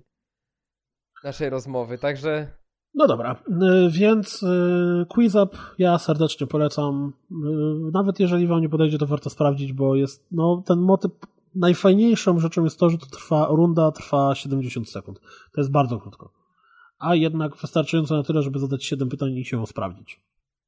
Teraz powiem o jeszcze jednej grze z kategorii tak zwanych powtóreczek.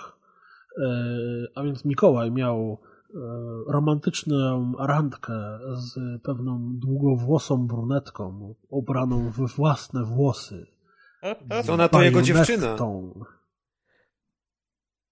Wyjechała, to wiesz, to Mikołaj teraz może tam sobie A, szaleć. nie, dobra, to spoko. e, no, a Bajoneta przechodząc te- część pierwsza. Króciutko, tak, bo jako, że z Bajonetą drugą jest na w wersji na Wii U w tej edycji, którą mam dołączona jedynka, no to uznałem, że przygodę zacznę od jedynki.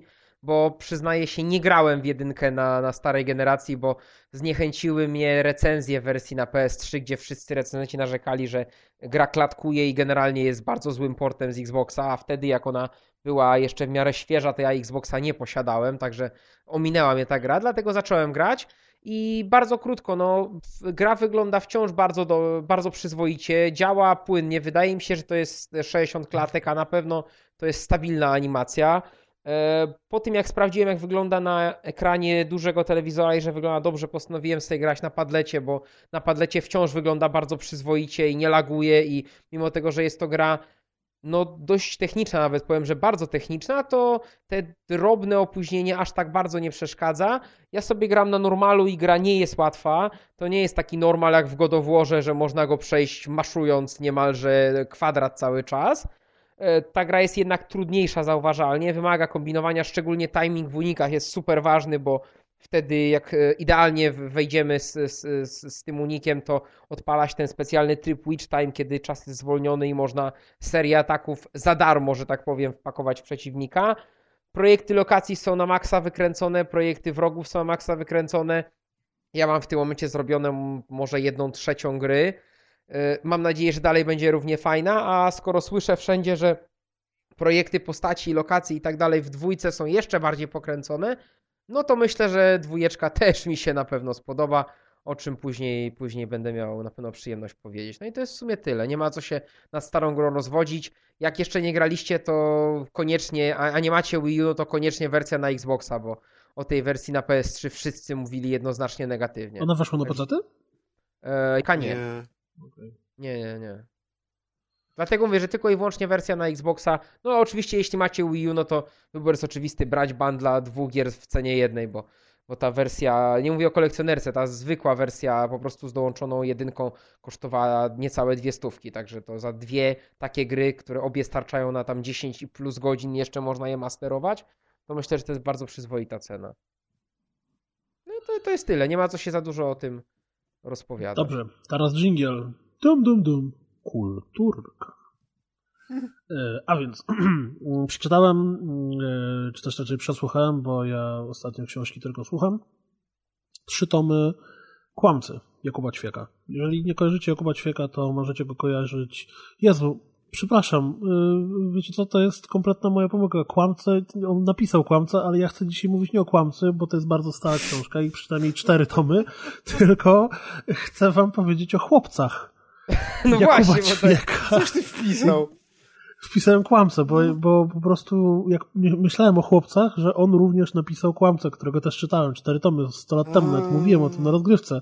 Nie, tak, chłopcy. Jakub Ćwiek Chłopcy. Trzy tomy do tej pory się ukazały, trzeci pojawił się jakieś pół roku temu, pojawi się czwarty. Mm, jest to książka, e, pierwszy tom jest luźnym zbiorem opowiadań, która ma wspólnych bohaterów. Jest to, no można powiedzieć, gang motocyklowy, zagubieni chłopcy. E, tylko wyjątkowością tego gangu motocyklowego jest to, że szefową jest e, dziewczyna, mm, która nazywa się Dzwoneczek i uciekła od Piotrusia Pana z Nibilandii mm. po zakończeniu książki i opowieści o Piotrusiu Panie, a chłopcy to są jej chłopcy, którzy uciekli razem z nią. No i mamy tutaj jakiegoś wielkiego, rudowłosego olbrzyma, który jest po prostu siłaczem i, i tak ze sposobu obycia bardzo by pasował do wizerunku typowego motocyklisty. Mamy bliźniaków, mamy e, albinosa, który ma czerwone włosy, no i oni wszyscy się elegancko słuchają swojej, w cudzysłowie, mamusi, która jest e, z wyglądu dwudziestokilkuletnią filigrantową laską, no ale przez to, że jest wróżką, to tak wygląda, czy też była wróżką. E, super fajnie się to czyta. E, na początku są to po prostu luźne opowiadania, które nas wprowadzają w świat, wprowadzają w reguły w to, że istnieje pojęcie skrótu, czyli bohaterowie mogą używać w jakiś sposób magii. Mamy proszek, e, który wciągają, dzięki któremu latają, tak jak to było w Piotrusiu Panie. Ciągle się pojawiają jakieś nawiązania do, do, do tekstu oryginalnego. Jest kwestia cienia Piotrusia Pana. E, a same w sobie opowiadania są połączeniem książki przygodowej i komedii osadzonej w naszych realiach, bo wszystko się dzieje w jakimś polskim miasteczku. Mamy tam na przykład w tym miasteczku właśnie sklep Grażynka spożywczy i wprowadzenie do sklepu Grażynka jest piękną historią o tym, jak to tam pan Zdzisław, który był właścicielem tego sklepu, zawsze się zarzekał, że jak będzie miał córkę, to nigdy nie nazwie jej Grażynka i dlatego sklep nazwał Grażynka, bo tam coś tam. Mm, bardzo fajna książka, bardzo przyjemnie się to czyta, ale jeżeli znacie książki Jakuba Ćwieka, właśnie jeżeli znacie Kłamcę, to w przypadku Kłamcy mieliśmy najpierw dwa tomy luźnych opowiadań, które przedstawiały nam historię Kłamcy, a później dwóch ksiąg składających się na jedną długą opowieść. W przypadku Chłopców mamy tak samo. To znaczy, pierwsze dwa tomy to są luźne opowiadania, trzeci tom to jest jedna historia, która zaczyna się ostatnim opowiadaniem w drugim tomie. No i ponieważ jeszcze nie ma czwartego tomu, to musimy sobie poczekać na zakończenie tej historii. Ale niezależnie od tego uważam, że warto się z książką zapoznać, bo jest lekka, na początku przynajmniej, bo później jest troszeczkę inaczej. Jest e, bardzo dużo zabawnych motywów. Jest po prostu fajną książką przygodową o przygodach takich awanturnikach. Mówię, to im historia dalej się toczy, tym y, przedstawia pewne poważniejsze wątki, czy może nie, nie wszystko nie uchodzi im na sucho tak jak e, na samym początku.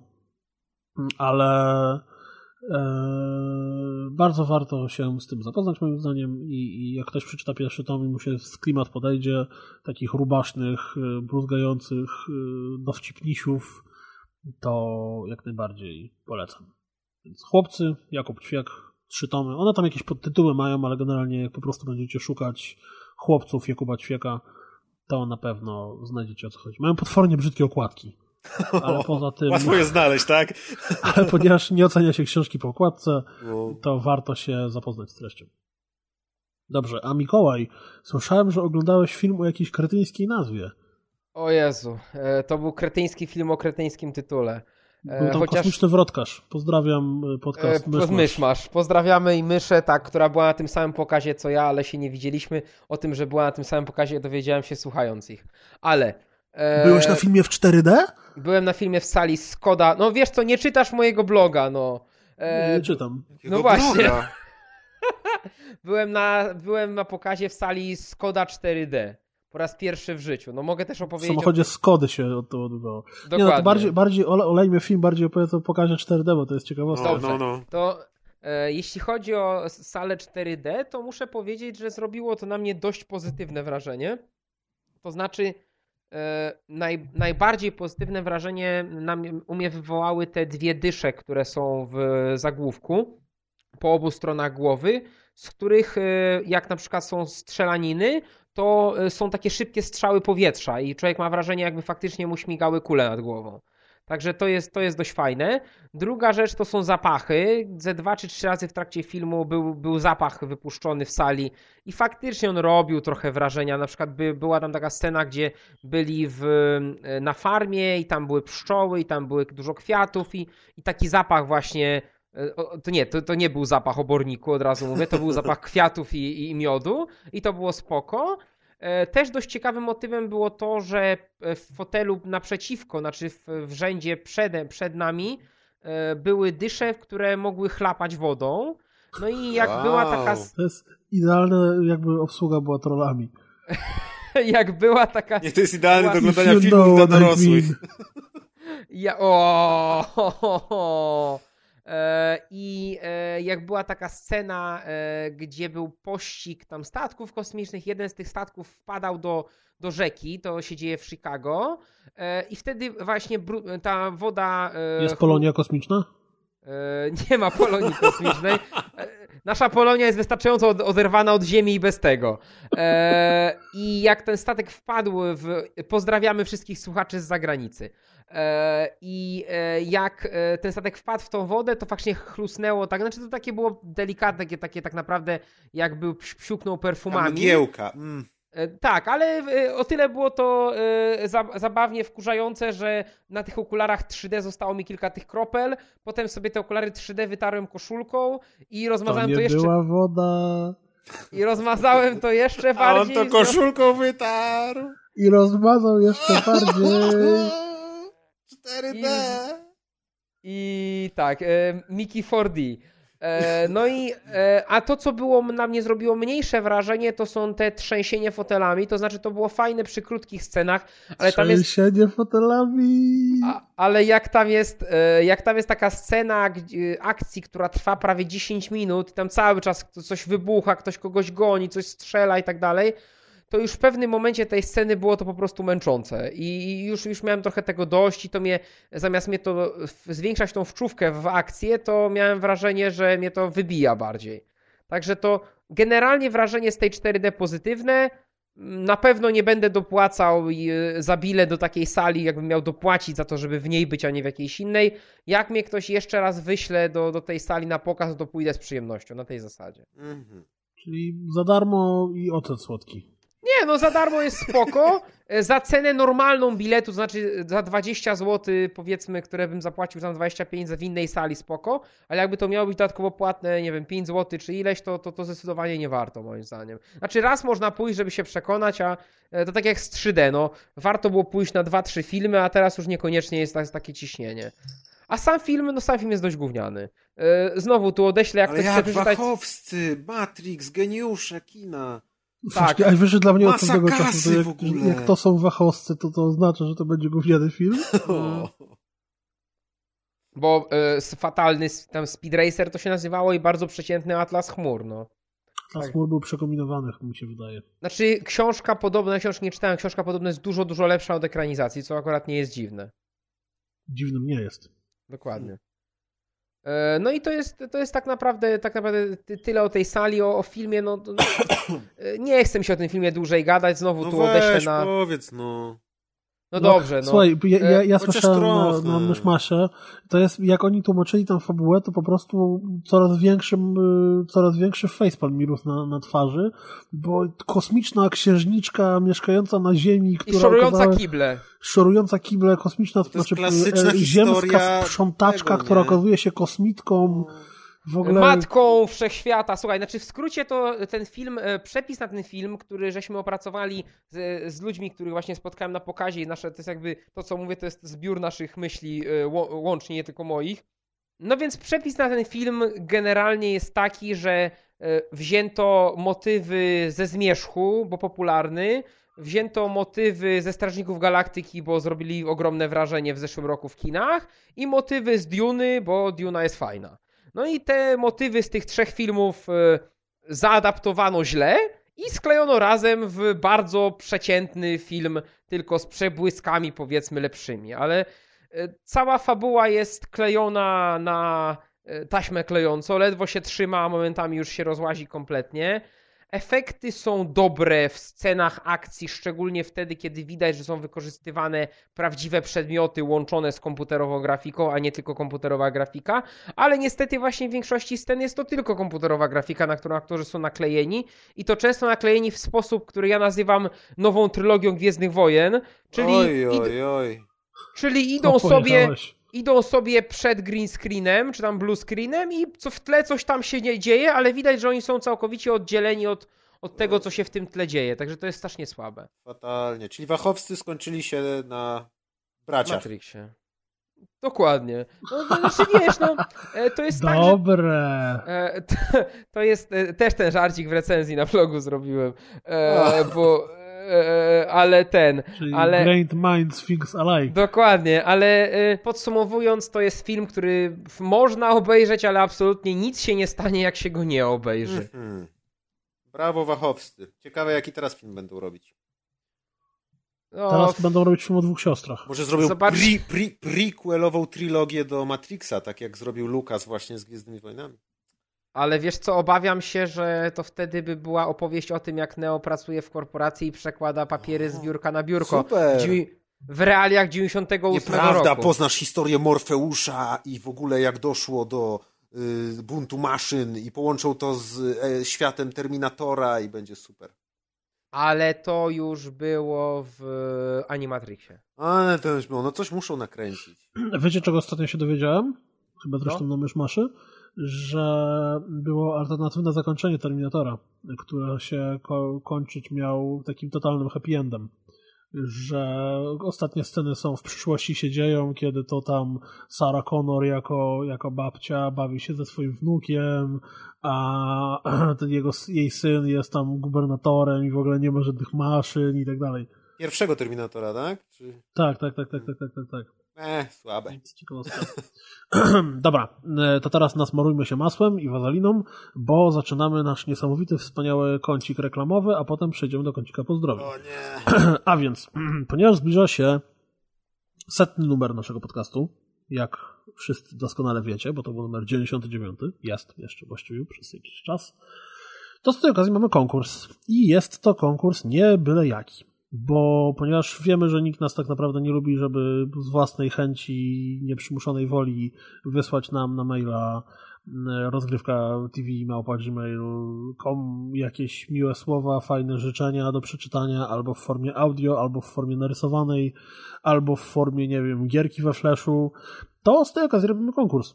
Konkurs ma bardzo proste zasady, czyli po prostu przesyłajcie nam na maila jakieś rzeczy, które mają nam się spodobać. Mogą to być dowolne rzeczy, tutaj pozostawiamy wam to absolutnie, absolutnie całkowicie do waszej własnej dyspozycji. Najfajniej, gdyby to było coś, co byłoby związane z tym, że rozgrywka ma setny numer. Co jest jeszcze ciekawsze, to nagrody są nie byle jakie bowiem jest to szeroka pula nagród, która między innymi składa się z e, wersji PC-owej gry Dying Light, oryginalnego pudełeczka z polskiej dystrybucji, piękny, zafoliowany. To świetna gra, którą dzisiaj hejtowali wszyscy. Tak jest, ta gra 7 na 10. E, prosto od Techlandu. E, w skład puli konkursowych nagród jest komiks Plant vs. Zombies. Nie do dostania nigdzie. Oryginalny, wspaniały, niesamowity. Takie zombiakowe te nagrody jest... trochę. tak, jest medalion wiedźmiński, który będzie się znajdował w kolekcjonerce, a u nas możecie go dostać w konkursie będzie się znajdowała jakaś planszóweczka od Kuldana, więc generalnie będą się znajdowały jakieś jeszcze inne pierdoły, już większe pierdoły. To, ale myślę, że komiks, medalie wiedźmińskie, ale planszówka taka, czy... taka planszówka od Kuldana, taka używana, gdzie na przykład jest podarta instrukcja tak, zalana herbatą moim. i nie ma połowy pionków, a część jest pogryziona na przykład. Autograf, nie, nie, nie, ja jestem y, y, zbyt dużym estetą i y, hmm. mam, jak widziałeś, wszystko, wszystko elegancko. Tak, u Kuldana wszystko jest w folii. On jak się gra w Eurobiznes, to te pieniążki każdy jest w woreczku foliowym. Zalaminowane są takie, żeby się nie starły w ogóle. Jak ktoś będzie chciał, to będę mógł się tam nawet podpisać z tyłu pudełka albo na instrukcji. Takim wielkim markerem zamarzę do fany. Zasady zamarzysz.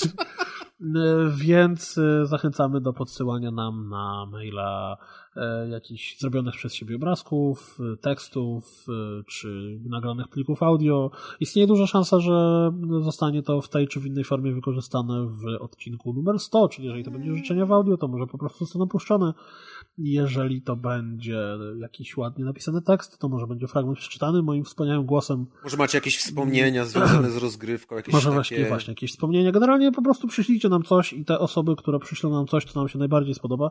Więc niestety od razu mówię, ze względu na e, przesyt cycków z naszej tajnej grupy, który zresztą teraz już jest usuwany w większości przeze mnie, e, to przesyłanie zdjęć cycków e, po prostu znalezionej w internecie niestety Ale właśnie o tym nie da wam jest śmieszne, bo o tym pomyślałem, jak powiedziałeś, cycki, żeby przysłać rzeczy, które się to... mogą nam spodobać jeżeli to będą własne cycki, no to myślę, że komisja y, do tego podejdzie z wyjątkowo... Kontroli gier Chcesz oglądać maile z męskimi cyckami, naprawdę?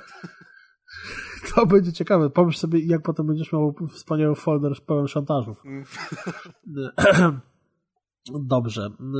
E, kontynuując kącik reklamowy, więc podsyłajcie nam jakieś fajne rzeczy. Te osoby, które podeślą rzeczy, które nam się najbardziej spodobają, e, zostaną przez nas wynagrodzone na najróżniejszy sposób. E, kontynuując kącik reklamowy, to jak wiecie, mamy bloga. E, no i na tym blogu pojawia się dużo różnych tekstów.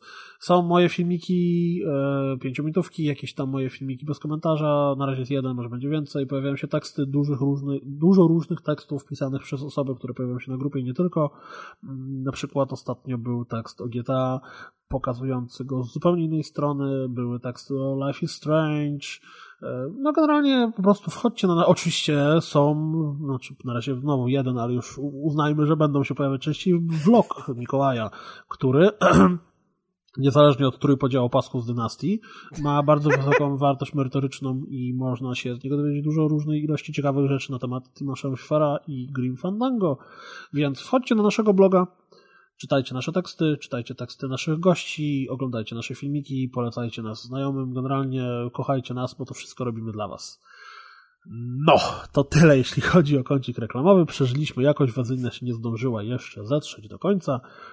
Więc teraz przechodzimy do lubianego przez wszystkich kącika pozdrowień.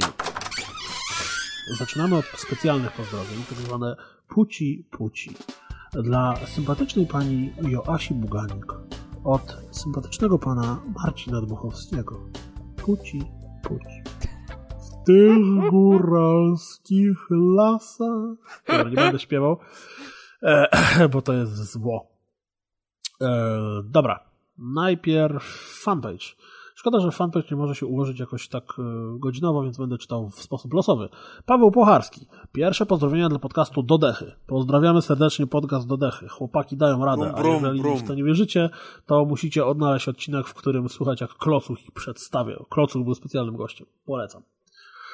Yy, Fankorama chciał pozdrowić chłopaków z bezimiennego podcastu, który już niedługo przejmie grupę oraz podcast. Niedoczekanie fanku, bo wiem, y, u nas tylko dobre grupy mają, dobre podcasty mają szansę y, coś osiągnąć. Te takie słabe, które nic nie słucha, my tolerujemy po prostu jako, jako taki, wiesz, tak jak, tak jak jałmużnę dajesz bezdomnym, to pozwalamy tam wam się reklamować, więc spoko. Jedyny podcast, który mógłby coś zarządzić, to jest Indeusz Wikasta, ponieważ wy zrobiliście tylko jeden odcinek, to wiesz. Mm, A poza tym Indeusz Wikast bez Deusza to tak jakby nie to, co powinno być. Oprócz tego Funky pozdrawia również Adriana i Paulinę, którzy na pewno nas słuchają, bo mają w weekend rocznicę. Na pewno będą nas słuchać przy kolacji przy świecach. O, smacznego. I on pozdrawia ich, dlatego że oni mają rocznicę walentynkową. Swoją drogą, w weekend mają rocznicę, są walentynki, czyli co? Na pewno są ze sobą od walentynek. Koleś wyrwał ją na jakąś imprezę albo coś w tym stylu. Ej, Piotrze, Impreza walentynkowa dla Piotrze. singli. Dobra, y, pozdrawiam również Halo Master Chief Collection, które ma się przejść na Legendary samo się nie przejdzie, więc Funkiorama będzie grał w nie same, bo Adrian będzie z Pauliną robił inne rzeczy, też będzie coś przychodził na pewno, będzie achievki zdobywał, czy tam inne trofea. Mm, Pozdrawiam również Psa, który wygrał iPada. No. Hał, hał. Eee, hał, hał, tak jest. Tomasz Daniel. Dam, dam, dam. Jeden z swoich ulubionych chyba. tak jest. To jest dłu- ma łączy was długa historia. Tomasz ma specjalne, no pra- prawie tak jak z Rafałem. Tak. E, Tomasz ma specjalne pozdrowienia, a on chciałby pozdrowić wszystkich, którzy nie słuchają tego podcastu, bo z każdą sekundą, minutą, godziną, dniem, rokiem jest was coraz mniej. Mateusz Andryszak, który zmienił awatara i go nie poznałem w pierwszej chwili, a na miniaturce wygląda jakby rozpinał spodnie, a tak naprawdę tylko trzyma jakąś Your figurkę. body is ready. Bez My kitu. Eee, a on trzyma flaszkę. To się wszystko zgadza. Rozpinanie flaszki, trzymanie spodni, te sprawy. Eee, ha! I patrzcie, nawet jego pozdrowienia się wpisują w trzymanie flaszki i rozpinanie spodni, bowiem dla skacowanych i zmęczonych życiem oraz tych, którzy przez najbliższy weekend nie będą mieli wolnego czasu, bo zbliża się event. Nie wiemy co dla skacowanych i zmęczonych życiem. Zakładam, że siekiera w plecy. Albo coś w tym stylu. Dobra, Marcin Tomkowiak. Pozdrowienia dla wszystkich, którzy tego podcastu nie słuchają, nie macie pojęcia ile tracicie. Sakora. Czyli Marcin mógłby się z Tomaszem tam smyrać pozdrowienia. Połączyć. Strumienie. Połączyć Inicjatywą albo intencją. O, intencje w kościele są intencje. To intencją. Zdrowaś. Paweł Rumiński. Pozdrawia wszystkich grających ojców, fanów tego, co kiedyś było w kanonie Star Wars, niekumatych, bo kumaci to ostatnio często są pozdrawiani. Na koniec serdecznie pozdrawiam nagrywającą dziś ekipę. I teraz tu jest pytanie, czy Paweł ma na myśli mnie, ciebie Maćku i ciebie Mikołaju, czy również Kaza, który tak wpadł niczym kometa Haleja y, i również Arkadiusza, który był, ale się zmył. Załóżmy, że wszystkich i Deusza również Nie no, e, De Akonto. Deusza to już w ogóle na pewno nie. Nie, Deusza Akonto na przyszłe odcinki. A, konto. Ale gdzie, w GNG, czy? Tak, w IGN-ie. Konto w IGN. Bankowe, ten dzwonisz do IGN, przepraszam, chciałbym konto założyć. Takie e, z lokatą. Mm, Kasztaniak z Pocześla pozdrawia zakorkowaną Warszawę i ma nadzieję, że do piątku traktory wrócą na pola. Kiedy Jak- tego słuchacie, już pewnie wróciły. Osiem razy. No nie wiadomo. No albo i nie, bo ci, co przyjechali, to też ich popili i nie mogą teraz Oni już wrócić. nie mają więc- benzyny i nie mają za co kupić, żeby wrócić. Marcin Januszczyk chce pozdrowić pewną firmę za pewną grę. E, I chodzi o taką firmę, to ta gra to jest taka typowa 7 na 10. A, E, Marcin Dmochowski pisze, że kto rano wstaje, ten leje jak z cebra. hmm. On nie zrozumiał idei pozdrowień, ale to... Wyciągnijmy coś z tego. Czy to znaczy on pozdrawia tych, co leją, czy pozdrawia tego... Ce- cebra. cebra pozdrawia. Cebra Pozdrawiamy pozdrawia. Cebra. Ceber, ziom z ciebie. Tak trzymaj. Nie zmienia się. Jakub Antoniuk. Chciałby serdecznie pozdrowić wszystkich uczestników lubelskiego Global Game Jamu, którzy dzielnie przez 48 godzin mi już dżyli gry. Zresztą a propos, y, Jakub wrzucał na grupę Wrzucał. grę, którą zrobili na tymże Game Jamie. Było to takie e, połączenie, jakby, jakby SimCity spotkało Telltale Games. takie. Tak, tam ciężkie wybory moralne. Czy przywrócić porno do internetu na przykład. Mhm. Dobra rzecz, polecamy. Znajdźcie na grupie w wyszukiwarce. Haha, E, jaki joke! poproście Jakuba, Jakub na pewno udostępni jeszcze raz. Mm, Chciałbym również pozdrowić pana ochroniarza z tego właśnie Game Jamu, który dbał o bezpieczeństwo i zjadał ich paluszki. No bo paluszki są groźne. Jak się Ale paluszki paluszka, są można się zakrztusić. Ale potrzebne są programistom paluszki i grafikom, bo bez nich się nie da robić gier. W sensie, chodzi ci o paluszki w myszce, czy chodzi ci o palec w myszce? paluszki Dum, dum, dum. No paluszki, no. A to, jak, to był chyba, słyszę, że to był koedukacyjny game jam. O nie! Kuldan, To, ale, zmień ale temat. teraz najgorzej, najgorzej, że ochroniarz je wyjadał. Kojarzycie, kiedyś była taka reklama m, jakichś Doritosów, gdzie mieli w jakimś biurze, czy tam, nie, to nie było biuro, to było warsztat samochodowy, gdzie wszyscy wpieprzali Doritosy, mieli tak na maksu ubrudzone paluchy tymi chipsami i była taka dziura w ścianie, gdzie był napis, że to jest czyściciel palców. I oni wkładali ten e, paluch, paluszek przez dziurkę, po czym wyjmowali go czy- czystego. I wszyscy no, ale to dziwne, zaskakujące. Po czym była pokazana taka scena, jak taki gruby koleś siedzi w biurze, pracuje przy komputerze, po czym nagle pojawia się palec y, pełen Doritosów przez ścianę i on, uuu, co ty oglądasz, człowieku? dobra reklama. E, Wiesz, live in the dream. E, Jakub pozdrawia również wszystkich z tych uczestników Pogradajmy w lubelskim Padbarze. E, Patrzcie, a w Lublinie jest Padbar bez Kickstartera. Aha, aha. Hmm? Człowiek niewidzialny człowiek pozdrawia całe forum rozgrywki, bo nas nigdy nigdzie nie pozdrawia. Maćku, jakiś komentarz? Człowiek niewidzialny, człowiek, to nie wiem. Człowiek niewidzialny człowiek, czyli chyba Bjun, czy też by u- u- u- umlaut nas y, Hmm. z forum, jeśli dobrze No pamiętam. super. Dobrze. E, Adaśko, zwany również jako Adaś Ko. Hmm. Pozdrawia wszystkie piękne damy. Dam, dam, dam. Jakub Kaleta, człowiek zwany ziemniakiem. E... Nie wiesz o co chodzi? On ma na awatarku p- kawałek mema, gdzie tam właśnie był jakiś tekst, że e, chce zostać pięknym ziemniakiem. Aha, dobra. Beautiful Tomato. E, e, pozdrawia i poleca wszystkich z ekipy rozgrywki. Poza Mikiem D, Mikiego D, ekipę niezatapialnych, Pad TV, Pad Portal, Psychokastu, Grupy DS, DKS, DKS2, BB, Grające Kobiety, Grających Mężczyzn, Nintendo Poland, Blender of Gender i na koniec Suchar. Jaki jest magik, który straci magię? rozczarowany. A ja jestem rozczarowany poziomem tego suchara. E, Łukasz Śmiachowski chciał pozdrowić wszystkie matki, które kochają Kuldona. A ciekawe ile Ha. ich jest, ja w ogóle nie wiem. Te matki, to już się robi Pytanie, ja, niebezpieczne. z świadkiem podcastowym najistotniejsza jest tylko i wyłącznie jedna matka. E, mama Sermajka. Ale obawiam się, że ona mnie nie kocha. Więc niestety. O, Ale nie. Ale nie... pozdrawiamy ją. tak, zawsze, zawsze i serdecznie. Pozdrawiamy mamę Sermajka, zawsze. E, Maciek Krakowski się pomylił, bo... pisał dziewięć pozdrowienia dla temu- formogatki. A to nie ten fanpage. I dupa. I nie będzie Lighta, lipa. No chyba, że zrobi wieżę z ziemniaków, czy tam chłopaki wymyślili u siebie, no. No, mega konkurs. Po, po, po, polecamy i pozdrawiamy. Z przyjemnością zobaczę, kto wygrał. E, w każdym razie Maciek e, myślał, że oszuka system, bo 4 e, godziny temu napisał, że 5 godzin temu wrzuciłem post, czyli myśli, że już nagrywamy, a wcale nie nagrywam, bo nagrywam dopiero teraz. Ha, ha, ha. Fail. Maciek Coach po prostu pozdrawia, a Mateusz Kaczor, który ma nieprzeciętnego awatara, bo ma awatara zrobionego w stylu Kentucky Fried Chicken MGS ze Snake'iem, który wygląda niczym Colonel, prosi o życzenia urodzinowe. I to jego mama kocha Kuldana. Mateusz, specjalnie dla ciebie.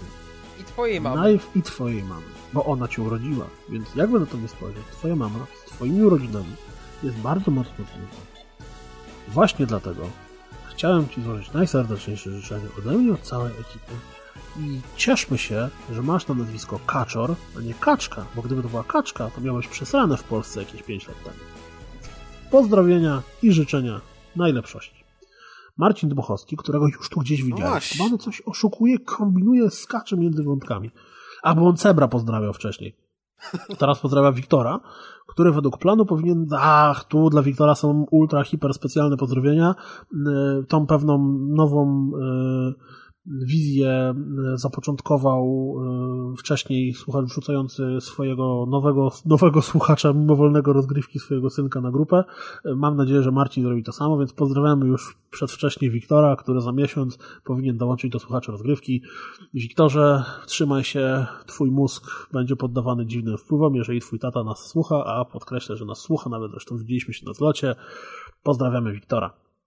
Jurka Gajewskiego też pozdrawia, e, łącznie, też pozdrawiamy, łącznie z tym, że on pozdrawia tych, którzy opuścili zamkniętą grupę z powodu jej transformacji w RedTube'u dla gimbusów.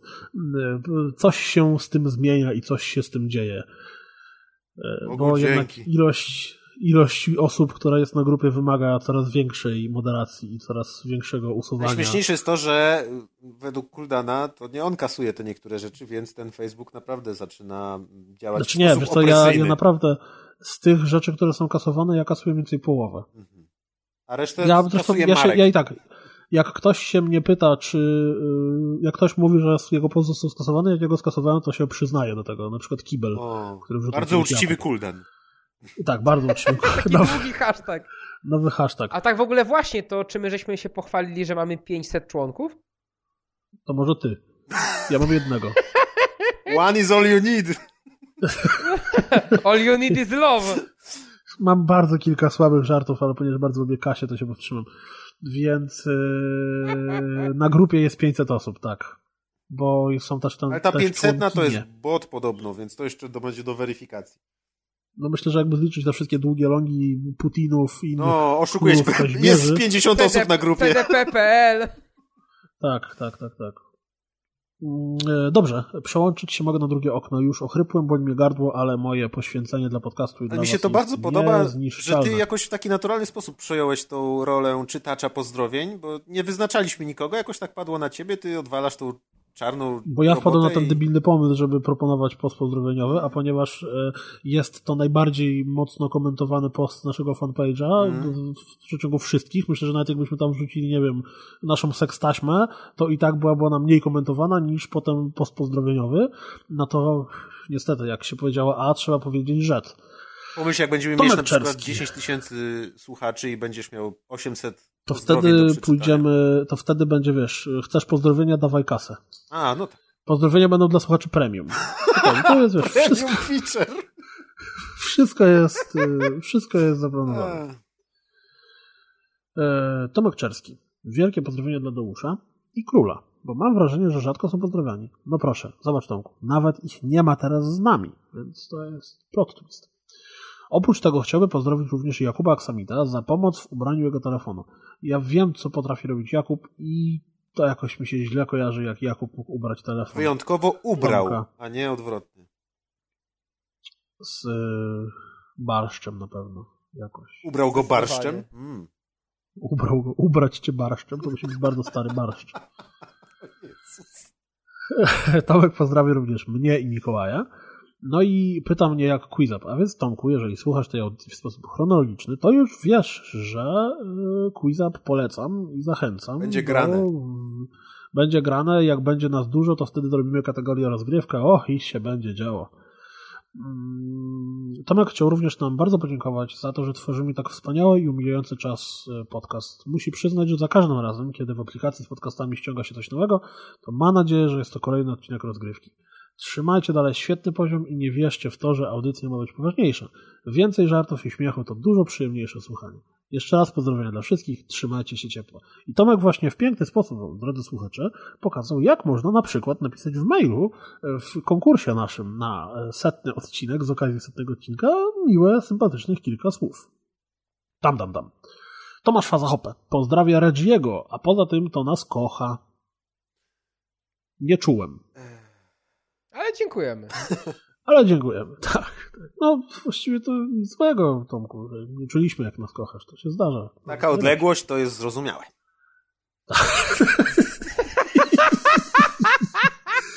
Może to był seks przez ucho. Nie, to my robimy właściwie gwałt. A, dobra, nieważne. My robimy tylko penetrację na odległość. Powiedział Tak. Mikołaj o sobie w liczbie mnogiej. Tak, tak. Stefańczyk Przemysław, sensei, pozdrawiamy serdecznie. Y, Pozdrawia również wszystkich konsolowych, przepraszam, pozdrawiam wszystkich konsulów honorowych krainy Nintendo, których jest, czy może być konsolów, tych konsulów może być około 30? Kto zna protokół dyplomatyczny? Nikt, Jakaś, nikt, no, nikt nie zna. To, no nie, to jesteś murgrabowie. Mur grabowy. Grabiłeś kiedyś mur? No to do fug, do grabienia fug. Fug To jest grzebień, nie, to jest y, grzebień, grzebieniu grabowie. No Dobra, whatever. E, Marek Kajsutra. Kajstura! Jezu, co ja mam z tym... Co ja mam z tym przedstawianiem nazwisk? Ja pierdolę. Przepraszam cię, Marku. Będziesz kolejnym Tomaszem Danielem. E, Radomskim. Pozdrawiam całą ekipę i wszystkich słuchaczy. Ja mam taką specjalną, mam taką tą hate listę ludzi, którzy mnie nienawidzą. I specjalnie piszę pod podcastem pozdrowienia, liczę, że tak, On tym razem Kuldan na pewno się nie, Nie, pomyli. oni będą I mówić, chuj. ten kurwa baranek znowu moje nazwisko przekręcił. Dokładnie. E, Stanisław Dyrman zasadniczo pozdrawia wszystkich tych, którzy umarli światło. O, patrzcie, ale numer. Ja tego nie widziałem przed nagraniem, a tutaj Stanisław y, w jakiś sposób połączenia mózgów dotarł do tego, że będziemy w tym odcinku czytać tytuły gier po polsku. A, fakt. Dam. To jest plot twist dopiero.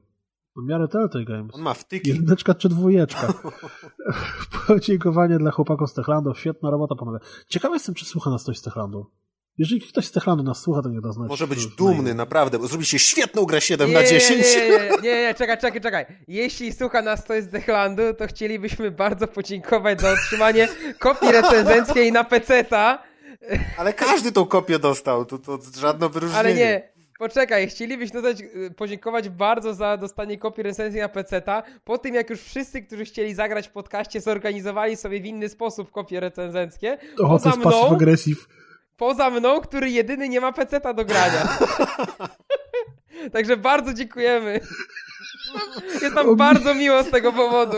Ja widzę, że Mikołaj po pewnej godzinie nocnej przechodzi w tryb passive aggressive. Budzi się Miki się. D, może dzisiaj spełnia. Każde marzenie się spełnia. Jakub Aksamit. O, E, To wiesz, to są te rytmy z lat 90., których nigdy nie zapomnisz. Tak jak, jak usłyszysz kiedyś zakręcone, to od razu ci się w głowie to uruchomi. albo Coco Jumbo. I do przodu. Dokładnie. Jakub Aksamit pozdrawia Mikiego za to, że zgodził się, żebym coś zrobił w przyszłości i za to, że obiecał mi coś darmowego. Nikt mi tyle nie dał, ile Miki mi obiecał. Spoko, Jakub, no No, problem. widać, że się wybory zbliżają. Miki D na prezydenta. E, Rafał Radomyski, Dobrze, brawo, Achievement Kuldan. Unlocked, e, zrobił zajebistą krzyżówkę, No, która jest tak zajebista, że ja nie odgadłem niektórych haseł. Mhm. Ja nie zgadłem jednego tylko, ale, ale też się... Którego? Czekaj, y, wiesz co, nie mam teraz jej przed oczami, ale było takie... Było tak, pierwsze to jest jebać forum, No tak. potem jest stolica królestwa. O, i tutaj nie wiedziałem co.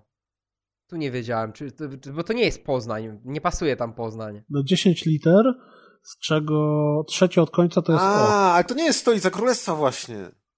A co to jest? Kuldankowo! No tak, ale to nie jest stolica królestwa.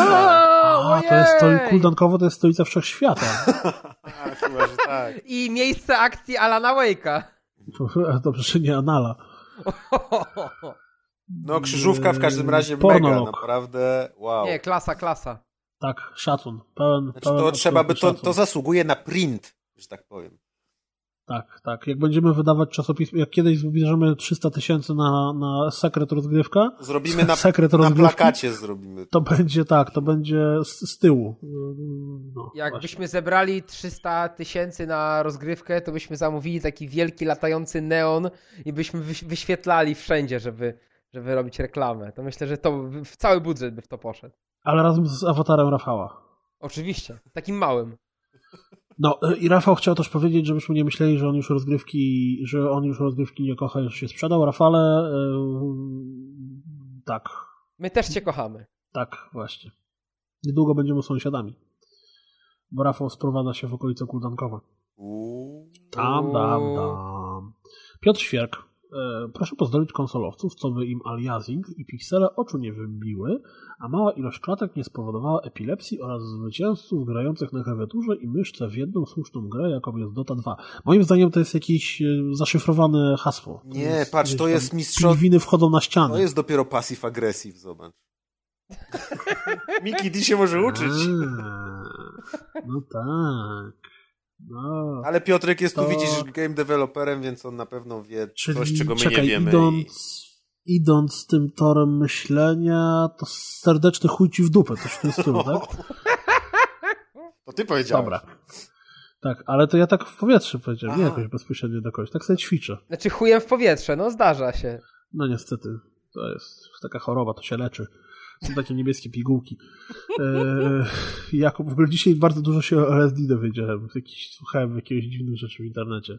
Nie wiem, czy wiecie, LSD w założeniach miało powstać jako lek, który miał e, bóle porodowe e, zmniejszać. Więc Myślę, że jeżeli byłby tak Znaczy to chyba założenie to zostało spełnione, bo Myślę, że, że w 200% pewnie nawet. trip, trip przy porodzie to jest jednak sroga akcja. Swoją drogą wiecie skąd się wzięła właśnie kwestia tripu alkoholowego?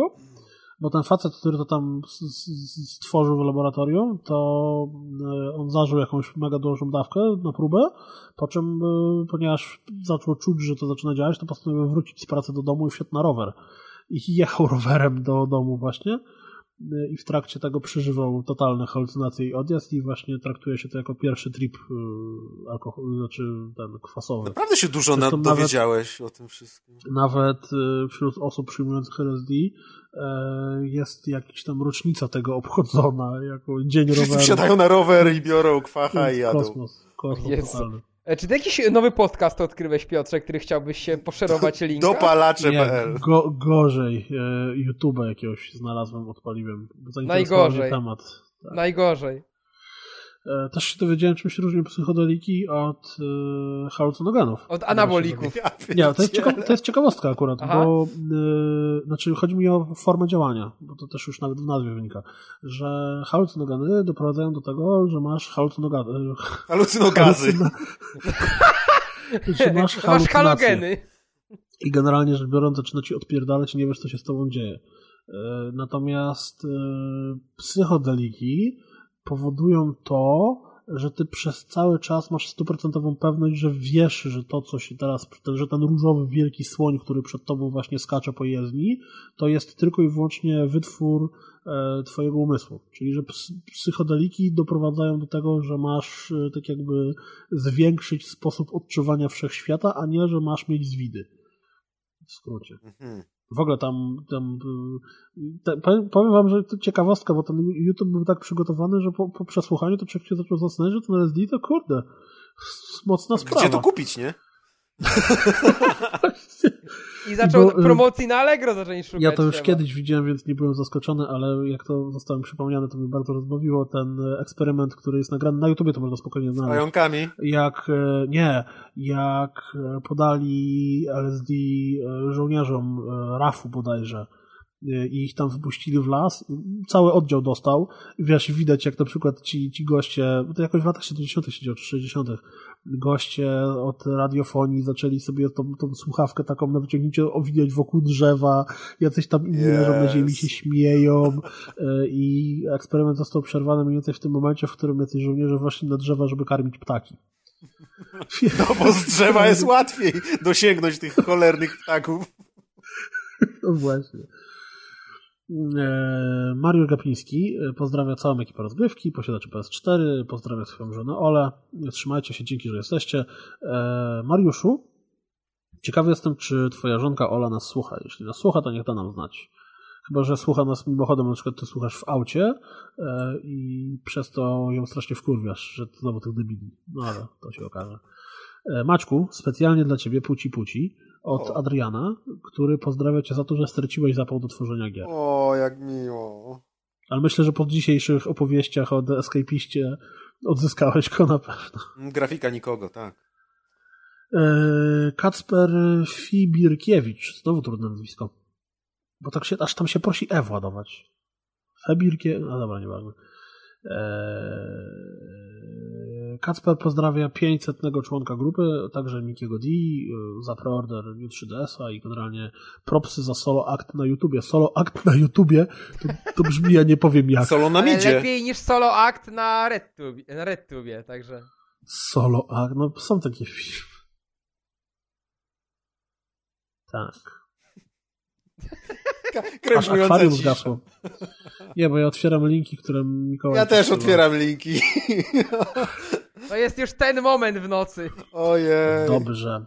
E, ja chciałem również e, pozdrowić Preza, który oprócz tego, że grałem z nim w tego w to on kazał powiedzieć, że go pozdrawiamy e, i że on, cytuję teraz, cytuję, absolutnie cytuję, miłego nagrywania, ja idę do wanny z Wiedźminem możesz o tym powiedzieć na podcaście, że Press lubi chodzić do wanny z O, jak słodko. A to, a to całkiem dobre, bo akurat y, dobrze nawiązuje do jednej sceny z prologu trójki, Może ju, która już, tam była. Już się bałem, że Mikołaj też powiesz, że byłeś w wannie z Wiedźminem. A to się dobrze składa, też byłem w wannie z Wiedźminem. Wiedźmin z każdym do wanny chodzi, co to ma być? No, moja zbyt, moja wyobraźnia e, zbyt szybko działa, więc zmieńmy temat. Dobrze. Reasumując. Właśnie, Maciek, ja muszę sobie zapisać ten obrazek z nasze polnice nowe dawaj kasę. Tyle razy go szukałem. Mm. W każdym razie, bardzo serdecznie dziękujemy za przesłuchanie e, i dotrwanie przez e, Infamous e, dział pozdrowień naszego podcastu. Bardzo nam miło, że jesteście. Polecamy naszego bloga. Komentujcie. I jeszcze raz tam. sekcja reklamowa. Nie, błagam, jeszcze, błagam. Jeszcze Na pewno nikt polecić... nie wie, że mamy bloga i Facebooka i Jeśli grupę ktoś z was jeszcze... Aska. Jeśli ktoś was jeszcze nie pobrał magazynu Gamer, to pobierajcie magazyn Gamer na iOS-a i na, i na Androida. Właśnie, Maciek, bo ty ostatnio na Facebooku mało bywasz, to ciebie to mogło ominąć. Ehm, wrzucali chłopaki, to było na publicznej ścianie, więc to nie jest żadna tajemnica. Ale była mowa o tym, że właśnie magazyn Gamer ostatnio coraz lepiej się A, widziałem. E, ściąga. Mhm. I to nasza zasługa jest. Screen, oczywiście, że tak, no bo my polecamy dobre rzeczy, a magazyn Gamer jest bardzo dobrą rzeczą i był właśnie wrzucony screen z tam ostatnich kilkuś tam komentarzy i jeden z użytkowników dający na Androidzie 5 gwiazdek napisał, że chłopaki czy tam na rozgrywce polecali, to ściągnąłem. No i Więc bardzo dobrze, tak jest. Pozdrawiamy tego słuchacza bardzo serdecznie, innych słuchaczy również namawiamy do ściągania e, magazynu Gamer i czytania fajnych tekstów, które tam się pojawiają. Chłopaki robią dobrą robotę za darmo, bez reklam. Tak, prawie tak jak my. I, klika, I jeszcze byście klikali w naszą reklamę w magazynie. Tak, ku naszej radości, bo i tak mamy zjebane algorytm turnieju, czy tych mieć. ale co z tego? ale cicho, ale nieważne, ale nieważne. E, dobrze. E, będzie się dużo działo na blogu, jak zawsze. Stań, dobra, trzeci raz nie będę się powtarzał. Whatever. E, peace out. Trzymajcie się. Pozdrowienia. Buziaczki, cukiereczki, ciasteczka, kutasiki, cipaczki. Pusty czwartek Cześć, jutro. Wczoraj, albo przedwczoraj był. Papa. A, patrzcie jaki Mikołaj jest sprytny. Zamiast Wii to Wii U. Wii U. Nie, to tak Wii U, Wii U, Wii U. Jadą po niego Nie, już. To jak właśnie, jak te jailbajty za... zaatakują. Dobra, koń, kończ was wstydu, znaczy kończcie flaszkę do domu.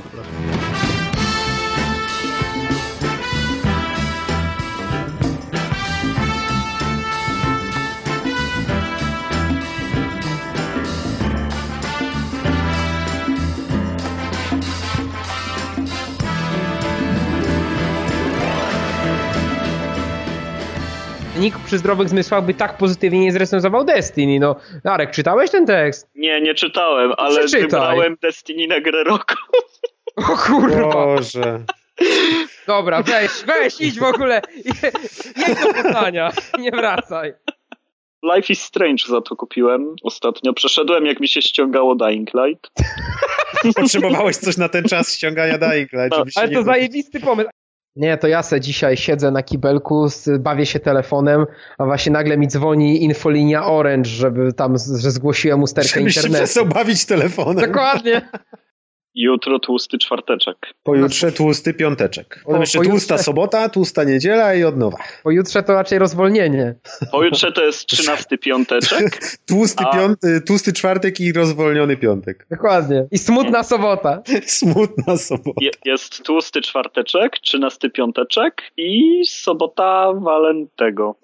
A rzeczywiście. Ale kogo walisz? Kogo? Ahaha.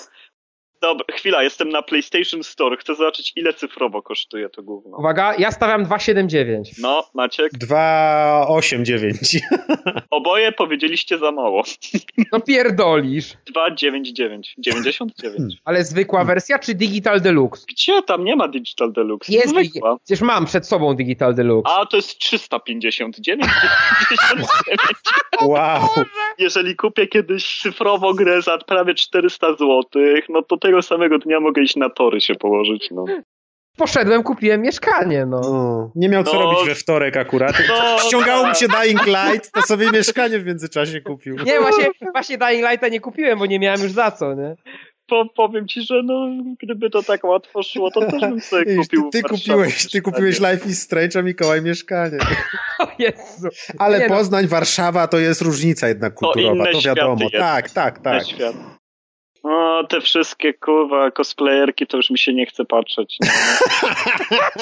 Naprawdę, to ślinienie się do licealistek mnie nie przeraża, nie. No się przebierają za postaci z League of Legends, no nic mniej seksownego nie ma dla mnie. No, tu się, tu się zgadzam z Arkiem. Kurwa, no to jest żal, nie. Jakieś pizdowate koty w dupę, coś tak.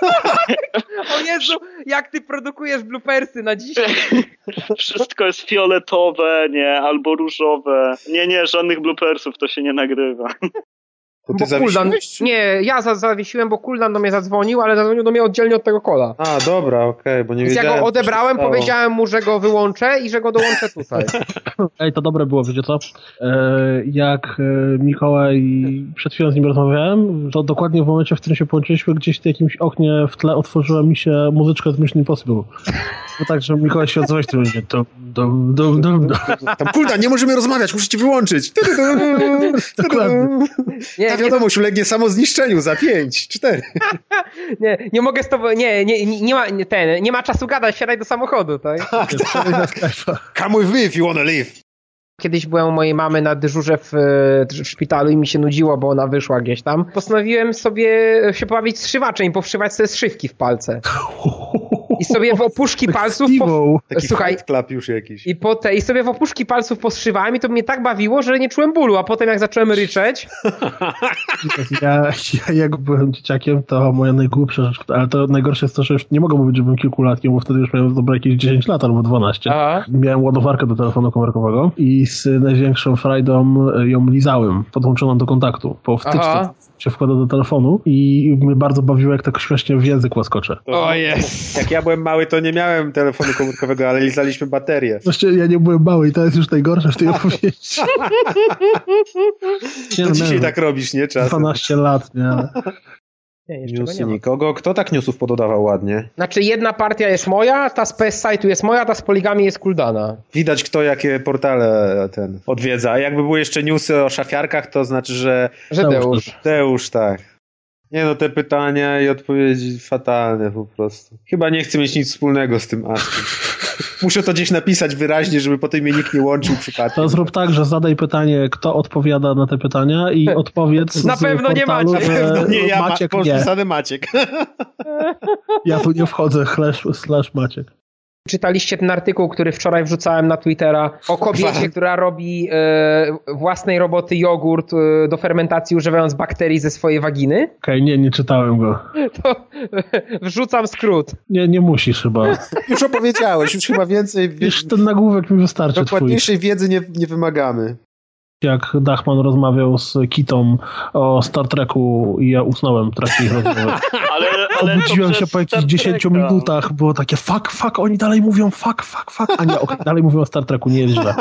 Ale to przez Star Treka, wiesz, a nie. Zastanawiałem się, czy było słychać moje chrapanie w trakcie ten, ale potem jak sprawdzałem ścieżkę, to nie, to tak musiałem się do Dawałeś tyłu Klingona sapiącego. Ogólnie No, więc czy potem jakąś się... planszówkę, to jest wszystko to samo. Używaną jakąś przez ciebie. Mikołaj, ty tam coś e, sprawdziłeś jeszcze od tych szmatek z Wiedźminem, czy tam coś? Ja mam medalion i, i, i konkretną grę. Myślę, że wystarczy. Czekaj, to dopiszemy I Wolf. medalion. I wol!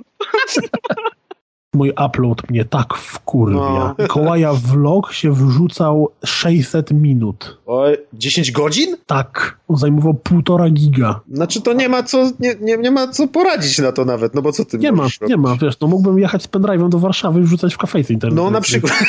O. A kto tam, czekaj, kto tam koło ciebie mieszka? Szaranowicz? tak. To do niego może pójść, może odpalę przy internet.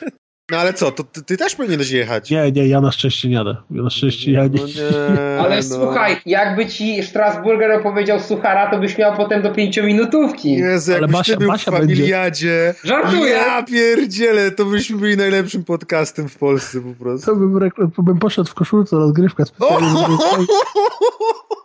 Ej, ale chłopaki, to jest pomysł na przyszłość. Jest nas pięciu, bierzemy i się zgłaszamy. O Jezu, nie. Ale Teraz to, to jest wstyd. logistyczny problem, bo by musieli chłopaki dojechać do Warszawy, bo to na Pradze są te castingi. No ja wiem. Ale to w ogóle, przecież oni mają dwuetapowy casting. Najpierw wysyła się zdjęcie ze zgłoszeniem, które przechodzi wstępną selekcję, pewnie patrzą, czy jakieś żule, czy ludzie wyglądający do telewizji i dopiero po tym zapraszają na... Oj, to kas by odpadł. Kaza to by wzięli do jakiegoś programu interwencja albo coś. Wybacz mi. Trudne sprawy. Dlaczego ja? Planujecie gościć u ludzi z podcastu Insi Million. Pewnie o gejach jakiś, albo coś w tym stylu. Jakiś. Jezu, A- podcast geja? A już chciałem powiedzieć, że chociaż jakieś jedno mądre pytanie. Nie, czekaj, zaraz zobaczę. Insi Million, twierdza RPG. Podcast na temat ogólnie pojmowanego zagrajerstwa jako prowadzący Wilku i jego ofiary Ragnarok. Tle sentymentalne dla milioni odbiór Baldur w wydaniu EE. Tu jest co? Top 10 naszych ulubionych złych postaci? Defa, co to w ogóle jest? To ja, to ja od razu powiem, że nie planuję gościć u ludzi z podcastu. To jest aplikacja, która generuje w ten sposób, że ona bierze jedno zdanie z e, tweeta i je miesza ze sobą. I teraz sobie u mnie powstało coś takiego. Atrakcyjnej cenie by cooldown. Jedno słowo. Będą. Pięć kapsułek od pewnego pana. Ramię. Krzykiem obudziłem cały dom. To znaczy, że impreza była udana. Smile. Ja staram się tam nie patrzeć. Smile. Przez pierwszy tydzień, potem 19,99. Bo ja dalej w biurze. Set konwersacje, kąpy pod agregatem. Włączyłeś, żeby gadał spada? Dużo lepsze, zwłaszcza w koopie. O, w anarchii też bym się nadał. Chyba już tak, White X Live ma tylko jedną ofi- mam tylko jedną oficjalną nutę. SingStar Kraina Lodu Live. E, Znaczy to brzmi jak takie wieczorki poetyckie, gdzie jakieś emo hipstery zasiadają w jakiejś takiej hipsterskiej knajpie i jeden wychodzi i czyta swój wiersz właśnie składający się z jakichś samych tylko rzeczowników i czasownik, przy, przymiotników. Ale wszyscy są już po kraku. Tak. Po kwasie. Po LSD, po LSD, po LSD. Jezus, Jakub do mnie napisał na fejsie, podaj numer konta.